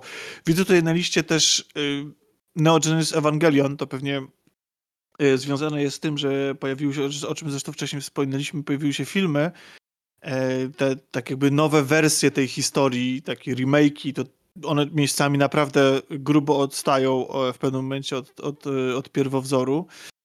E, I, I, nie wiem, czy tutaj chodzi o filmy, czy chodzi o sam serial, ale jest to na czas y, pandemii y, to nie jest dobry wybór. Znaczy w sensie jak najbardziej, oczywiście mam ogromną nostalgię do tego anime, ale e, no to jest dosyć depresyjne i smutne doświadczenie. Trzeba być na to przygotowanym. Jest na przykład taki, e, znaczy taki, no jest to bardzo dobry serial, zresztą ja widziałem, e, zdaje się, że wszystkie sezony pojawia się Fargo. Tutaj akurat wyszczególniony czwarty sezon. Czwórka, nie wiem, czy, tak. tak. Nie wiem, czy ty oglądałaś ten serial. E, Oglądałam pierwszy sezon i drugi. E, I chyba trzeci zaczęłam tam e, i już, już jakoś nie miałam do tego serca. Jakoś już, już przestał mi się podobać.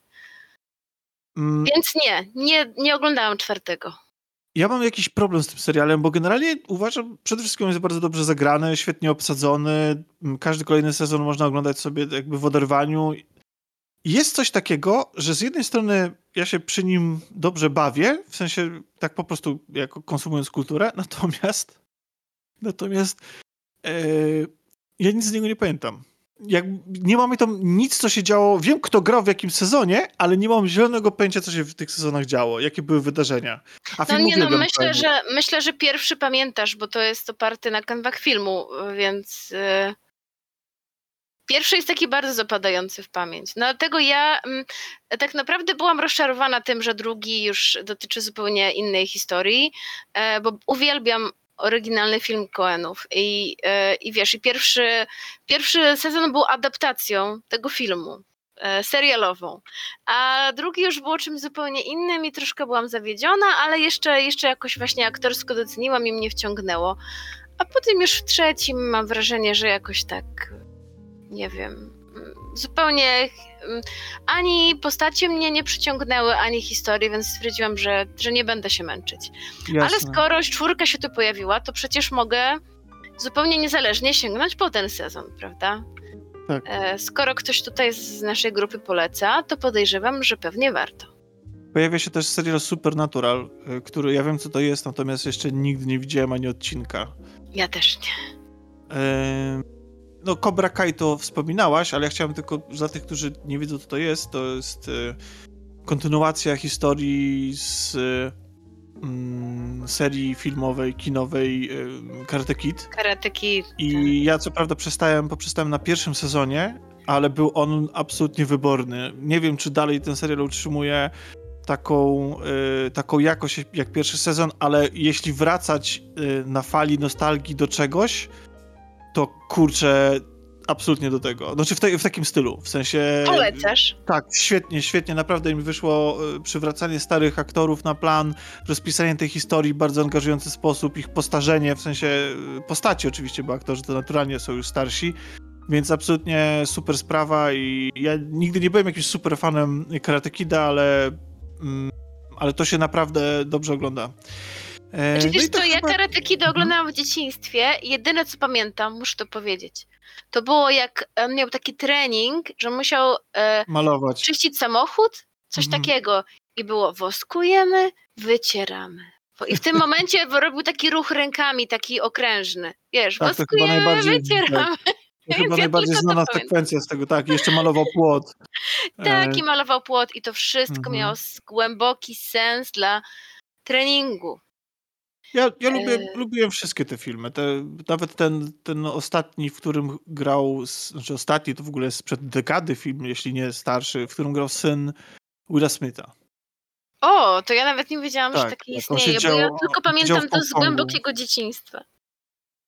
No tak, tak. No to tamte to mają te- ten posmak taki. Jest Tiger King 2, yy, ale ja chyba po pierwszym sezonie to muszę przyznać, że nie, nie mam już ochoty yy, jakby obcować z tym człowiekiem. Już chyba wszystko, wszystko co, co o tym chciałem, o tej, o tej przykrej sprawie i tym przykrym człowieku się dowiedziałem i... Znaczy ja pamiętam zachwyty, ale ja w ogóle nie chcę się dowiadywać o tym człowieku, bo jak wiesz, jestem orędowniczką praw zwierząt i w ogóle kocham zwierzęta, więc jakby, no wiesz, nie chciałabym patrzeć na ich jakąkolwiek krzywdę, trzymanie jakichś dzikich zwierząt w zamknięciu. Nie, no, no ten wątek zupełnie mnie odpycha, więc... y, więc Ominęłam go szerokim łukiem, mimo że pamiętam też w naszej ekipie ogromne zachwyty. No i tak, o, o Lostach powiedziałaś, że to jest dla ciebie pieśń przeszłości. yy, Tak, i- no bo przecież kto pamięta jeszcze Losty? A właśnie ja pamiętam, wiesz, bo ja, bo dla mnie to przede wszystkim to był y, pierwszy sezon, był niesamowicie wow, to było coś.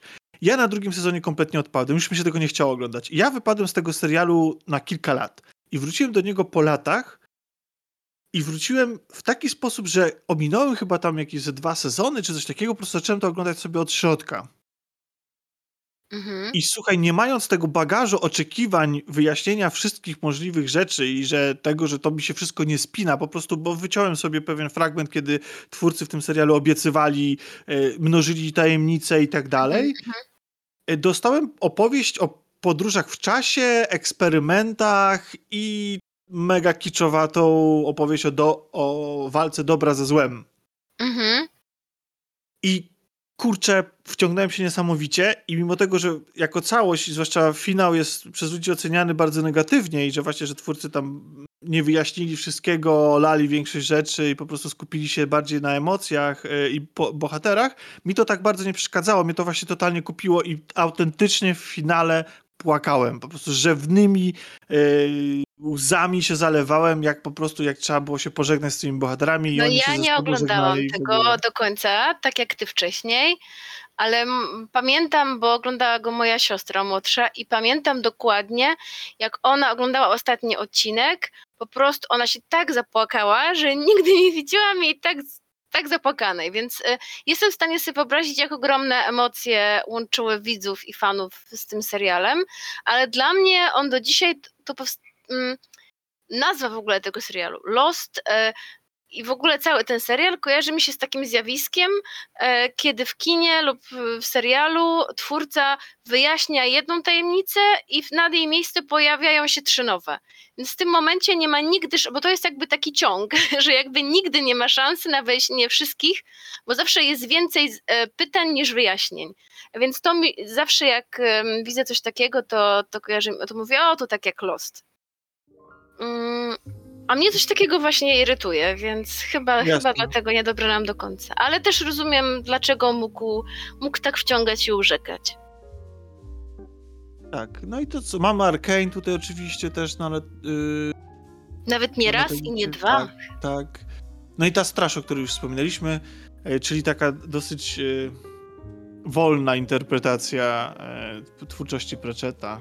A ty oglądałeś już? Mm, Ja widziałem, ja- mi, mi się wydaje, że ja, nie wiem, ja widziałem jakieś sceny z jakiegoś powodu, ja tylko nie wiem, czy ja to widziałem gdzieś w jakiejś recenzji, czy w jakimś opracowaniu, czy na trailerach, czy były udostępnione jakieś fragmenty, bo teraz to można obejrzeć tą straż na HBO i chętnie po nią sięgnę, żeby się przekonać, e, czy w całości e, smakuje znaczy jak w całości smakuje. I na pewno zaintrygowany jestem formą tego świata. W sensie... Wygląda tak, dość mrocznie, mrocznie i tak gotycko. Tak... tak, pankowo nawet, ja tak, powiedziałam gotycko, nawet pankowo. Tak. I mroczniej niż ja sobie wyobrażam świat strażników z książek Pratchetta, więc...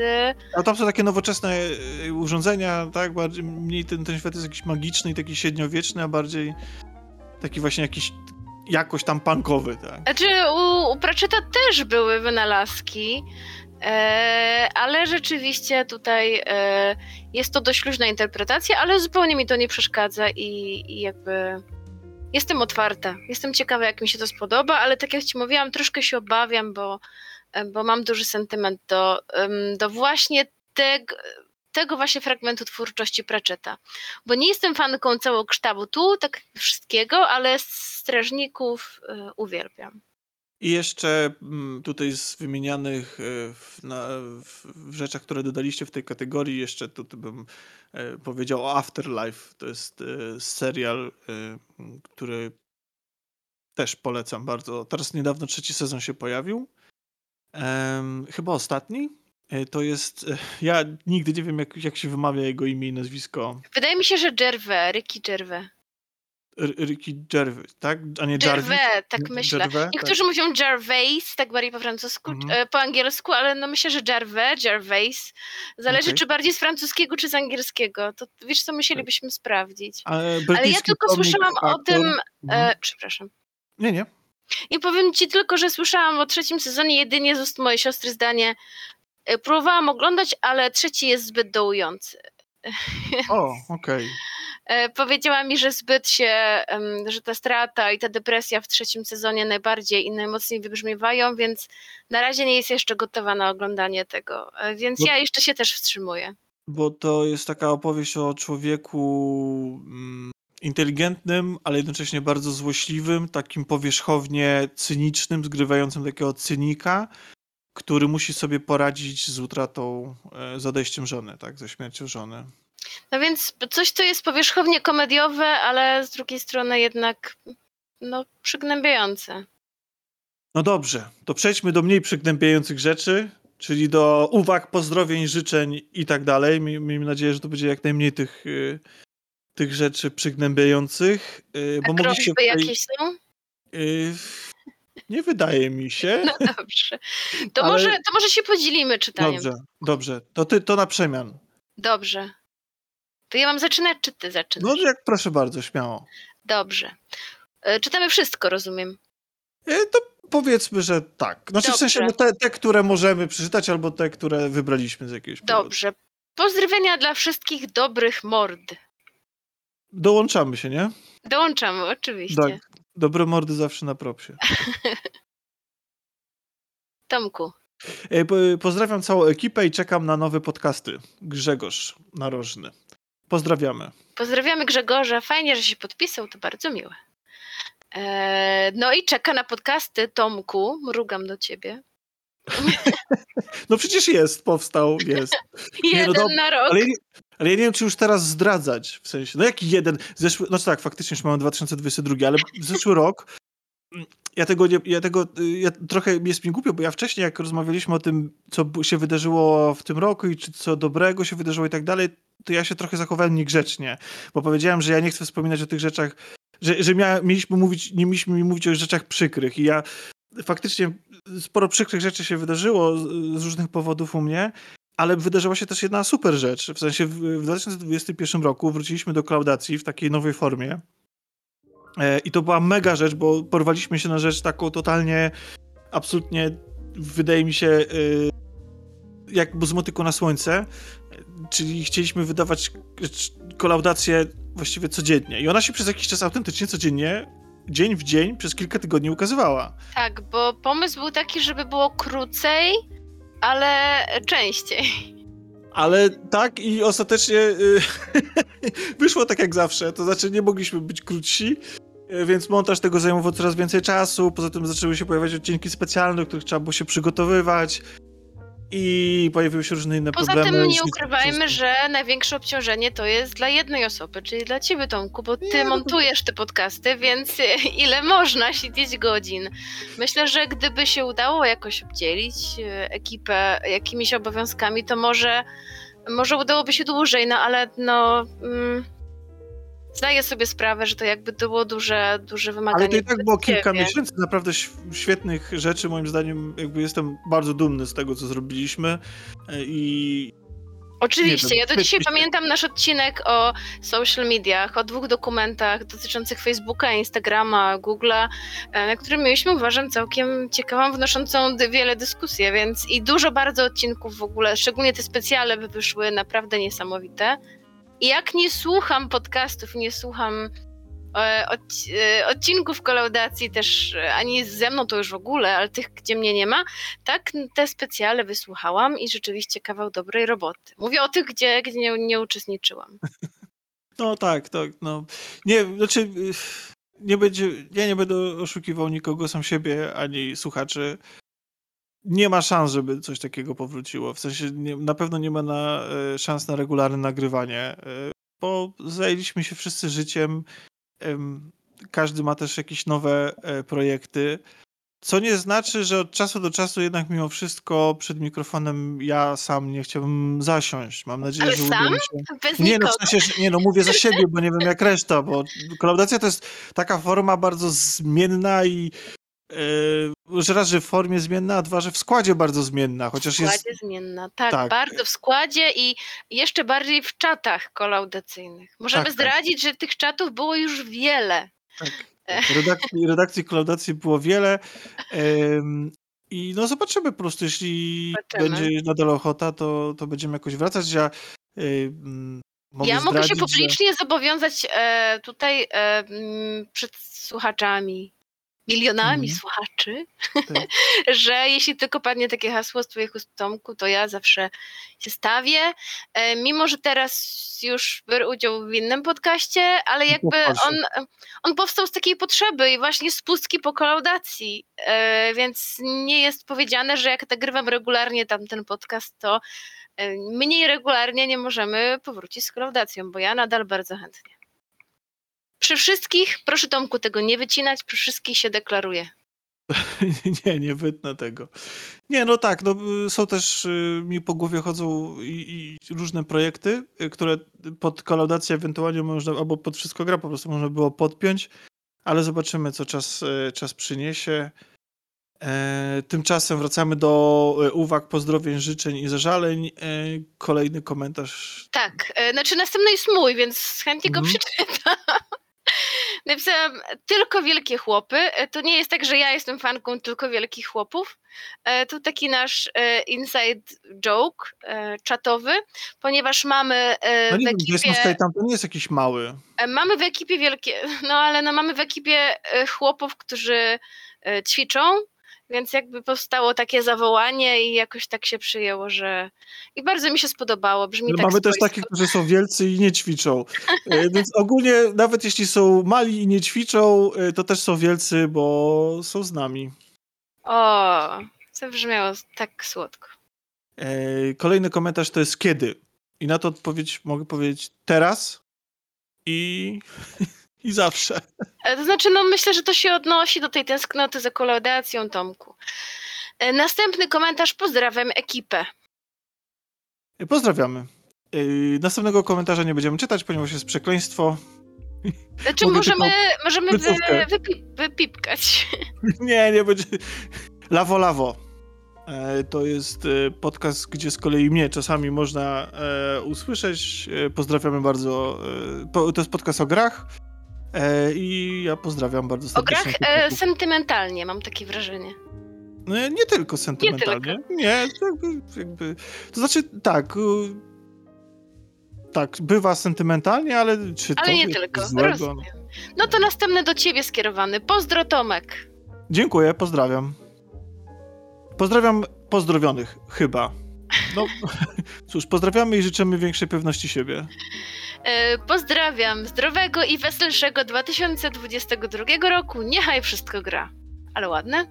Dziękujemy, Hej! pozdrawiamy. Hej! po góralsku zakończyłeś. Tak. Trzymaj To się tam. Ania, szkoda, że Ani już, już, e, wiesz, dobra, już nie miała tyle czasu, bo mogłaby zrobić góralskie takie. Tak, tak. Ja tak nie umiem, bo nie jestem góralką. E, trzymaj się tam, Tomku, dziękuję bardzo, trzymam się ramy. E, następny to zdrowia. Dziękujemy. Bardzo ważne, przyda się nam wszystkim. Tak. E, tutaj kolejne pozdrowienia dla mnie, dzięki. E, chciałbym pozdrowić e, pana Ankieta i pana Jakuba. To chyba wiem od kogo. E, wiem, kto to pan Adkieta, to ty, a kim jest pan Jakub? No nie wiem, czy RODO nam pozwoli to zdradzać, więc po prostu zostawmy ten tajemniczy Zostawmy. komentarz e, Dobrze. tak w sferze domyśleń. Okej. Em, następnie mamy, to może dwa takie krótkie, to przeczytam oba. Pozdrawiam Tomka. Jestem w ogóle strasznie zazdrosna. Wszyscy pozdrawiają Tomka, no, no ale no trudno, no. Takie życie. Ale nie mówią którego. A Tomków nas rzeczywiście. dostatek. E, A następny to Piona. Piąteczka. Przybijamy. Tak jest. E, tutaj jest znowu e, przekleństwo. To mijamy, tak? Tak. Od siwego bajeranta. Tak, powodzenia w 2022, odporności, zdrowia i może coś nagracie. No popatrz. Akurat nagrywamy. No, to Pozdrawiam reszta niech się wszy- też spędzi. spełni. E, tak, dokładamy się. Pozdrawiam wszystkich grających. Również pozdrawiamy. Pozdrawiamy. Muzycznych, gierkowych, wszystkich. Pozdrowienia i serdeczniejsze życzenia dla całej ekipy. Dzięki. Dziękujemy. E, No i wreszcie coś dla mnie. Kocham Katkę, buziaczek. Pozdrawiam mamę, tatę i Tomka Pieniaka. Bardzo dziękuję e, mojemu e, tajnemu fanowi. Tajemniczemu. Tak. I tutaj pozdrowienia y, z rubieży galaktyki, life long and prosper. E, następnie mamy Inscription. Ograć, nie czekać, potem dziękować. Pozdrawiam całą grupę. Ojej, to taki telegram. Tak, inskrypcja się pojawiło w, wcześniej chyba, Chyba tak. w zestawieniu. Pozdro dla ekipy WG. Dzięki. Pozdrawiamy. Dzięki za zabawę, pozdrowień moc. Wzajemnie. Nie ma największych zawodów roku. No oczywiście, że nie ma, bo cały rok jest zawodem, więc chcieliśmy tą zabawą, w sensie tym, tymi wyborami i pod tym podsumowaniem raczej zwrócić uwagę na te rzeczy, które były pozytywne, żeby wyłuskać, e, zapamiętać te rzeczy, które, do których będziemy chcieli wracać w 2021. Oczywiście. A poza tym, co do zawodów, to tak mam pewne podejrzenia, który i tak by wygrał, więc już obgadane, nie warto, myślę. Nie warto Tak. się z- zajmować zwa- sobie głowy. Zwłaszcza, że ostatnie newsy dowodzą tego, że jest szansa na e, Na poprawę. zmianę. Tak. Tak. No, E, no dobrze, życzę Wam i sobie, żeby 2022 był lepszy. Również życzymy sobie Tak. i Tobie. Oby 2022 był tak samo urodzajny w dobra popkultury, albo i bardziej. No jasne. Ojej, bardziej to nie wytrzymamy, ja już nie nadążałam w tym roku. E, Nintendo Switch najlepszy jest. To prawda. Tomek się zgodzisz, tak myślałam. prawda. Ja trochę nie do końca się zgodzę, bo dla mnie coś jest nie tak z rozmiarem tej konsoli, że drętwiły mi ręce, kiedy gram, ale podejrzewam, że ona jest e, wymyślona na krótsze posiedzenia, a ja tak nie potrafię i jak siedzę 3 albo 4 godziny, to Ojeju. To, to mi to nawet drętwieje przy normalnym padzie, no. no nie, no to mi właśnie nie, po prostu zaczyna mi boleć palce, być może mam za małe też dłonie, no nie wiem, ale to nie jest konsola na długie posiedzenie, ale no dokładamy się. Pozdrawiam, wszystko gra. Pozdrawiamy. Adonis, Kornaś, pozdro... pozdrawiam, czekaj, pozdrowienia Nie, do więzienia. pozdrowienia do więzienia. Tak, tak. Tutaj Nie jakiś wiem. slang się pojawił raperski, nie wiem, nie Tak, wiem. ja, ja nie wiem, czy się dokładamy do, do, do, takich pozdrowień. Tak, ale E, właśnie chciałam powiedzieć, że Adrian. Korna, Kornaś występuje jako Adonis, więc hmm, to musi być Tak, osoba, więc- która wie, że Adrian to Adonis. Kto to mógł napisać? Kto to mógł napisać? I tym y, segmentem, znaczy tym, y, tymi, tym komentarzem, tymi życzeniami y, kończymy tą sekcję. Dziękujemy bardzo serdecznie za wszystko, co napisaliście od siebie i w ogóle za wszystkie wasze głosy raz jeszcze i za to, że wzięliście udział w zabawie. To było super móc ją przeprowadzić. Ja zresztą uwielbiam takie rzeczy. Mam nadzieję, że to jakoś wróci może w ciągu roku również. E, Mam nadzieję, Tomku, że w 2022 e, wrócimy do obszerniejszej formy, e, kiedy, bo zabrakło rzeczywiście komiksów, ludzie wpisywali wpisywali je w tym dowolnym pytaniu, zabrakło książek, zabrakło muzyki, więc może uda nam się tak szerzej, mm, jako jak poprzednim razem. Może, może. Zobaczymy, jak to będzie. Wszystkiego dobrego, e, Kasiu, tobie w tym roku i wszystkiego dobrego naszym, naszym słuchaczom. Dzięki, oczywiście się dokładam. Mam nadzieję, że ten rok będzie zdecydowanie lepszy niż 2020. Niestety pozostaje pandemiczny, więc pewnie z koncertami słabo, z kinem też różnie pewnie będzie bywać, czy teatrem, ale no słuchajcie, musimy spróbować spróbować żyć. Powiem ci, że bardzo brakuje mi takich roz, rozrywek i jak rzadko wychodzę do kina czy teatru, to jak już raz na jakiś czas wreszcie pójdę, to jest to dla mnie niesamowite przeżycie. I jak jakiś czas temu byłam na teatrze w kinie, National Leaf Theatre, e, to po prostu Londynu, to po prostu byłam tak zachwycona, że jeszcze przez tydzień to przeżywałam. Jak poszłam na Licorice Pizza do kina, to nie mogłam się znowu otrząsnąć przez kilka kolejnych dni. Więc no może warto sobie tak dozować czasami, e, że po prostu to, co kiedyś było moją codziennością, teraz staje się takim świętem, przeżyciem. Więc może wiesz, może nie ma tego dobrego i może jakoś um, ta pandemia sprawi, że bardziej, um, wiesz, tak docenimy te wszystkie rozrywki pozadomowe. Próbuję znaleźć jakieś pozytywy. Nie, no jasne, jasne. Więc Tymczasem... no, pewnie się pandemia nie wycofa, ale trzymamy kciuki, żeby kulturowo i, i w ogóle życiowo powodzenie nas otaczało i tak dalej.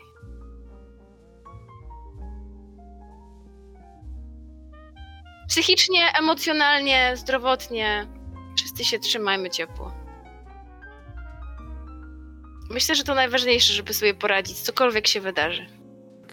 Dziękuję Ci, Kasiu, w takim razie. Dziękuję bardzo. Dobrze, to Miku chciałeś o coś zapytać mnie, zanim tak, zakończymy. Przepraszam, ja bardzo się muszę rozłączać, już siostra do mnie wyzwania. Dobrze, ja chciałem tylko zapytać Tomku na samym końcu, jakim cudem y, umieściłeś y, y, Don't Look Up jako film artystyczny? nie potrafię tego zrozumieć. No nie wiem, bo uznałem, że to jest film, który porusza istotną kwestię społeczną i tak, no, że jest artystyczny, tak, Aha, że... w tym sensie, że porusza istotną, no, bardzo. No, znaczy, znaczy, w sensie, no, uważam, że zupełnie na serio, uważam, że to jest film, który jest potrzebny, tylko Niestety ja to jest zwołanie w sensie, na puszczę, tak? Jak to się ja mówi. Go, ja go bardzo lubię i ja się w ogóle, mi się podoba jego dosłowność wbrew różnym opiniom tak? i jakby bardzo fajnie, że on powstał i tak dalej. Ja po prostu jakby nie, śmiałem się, ale nie śmiałem. W sensie śmieję się trochę, mówię, mówię to śmiechem, ale po prostu jakby dla mnie to nie było oczywiste, że to jest film artystyczny, ale nie zrozumiesz. A ja was przepraszam, lecę, pozdrawiam wszystkich. Dobra, ale to chyba już mamy, wszystko pa. wiemy, nie? Jest, wszystko wiemy. No, dobra Tomku, dziękuję ci bardzo w takim razie to my tutaj gasimy światła. Trzymaj się w takim razie. Cześć. No, jesteśmy w kontakcie, pa. Połączenie zakończone. Głos centrali Alex. Dziękujemy za telefon i zapraszamy ponownie.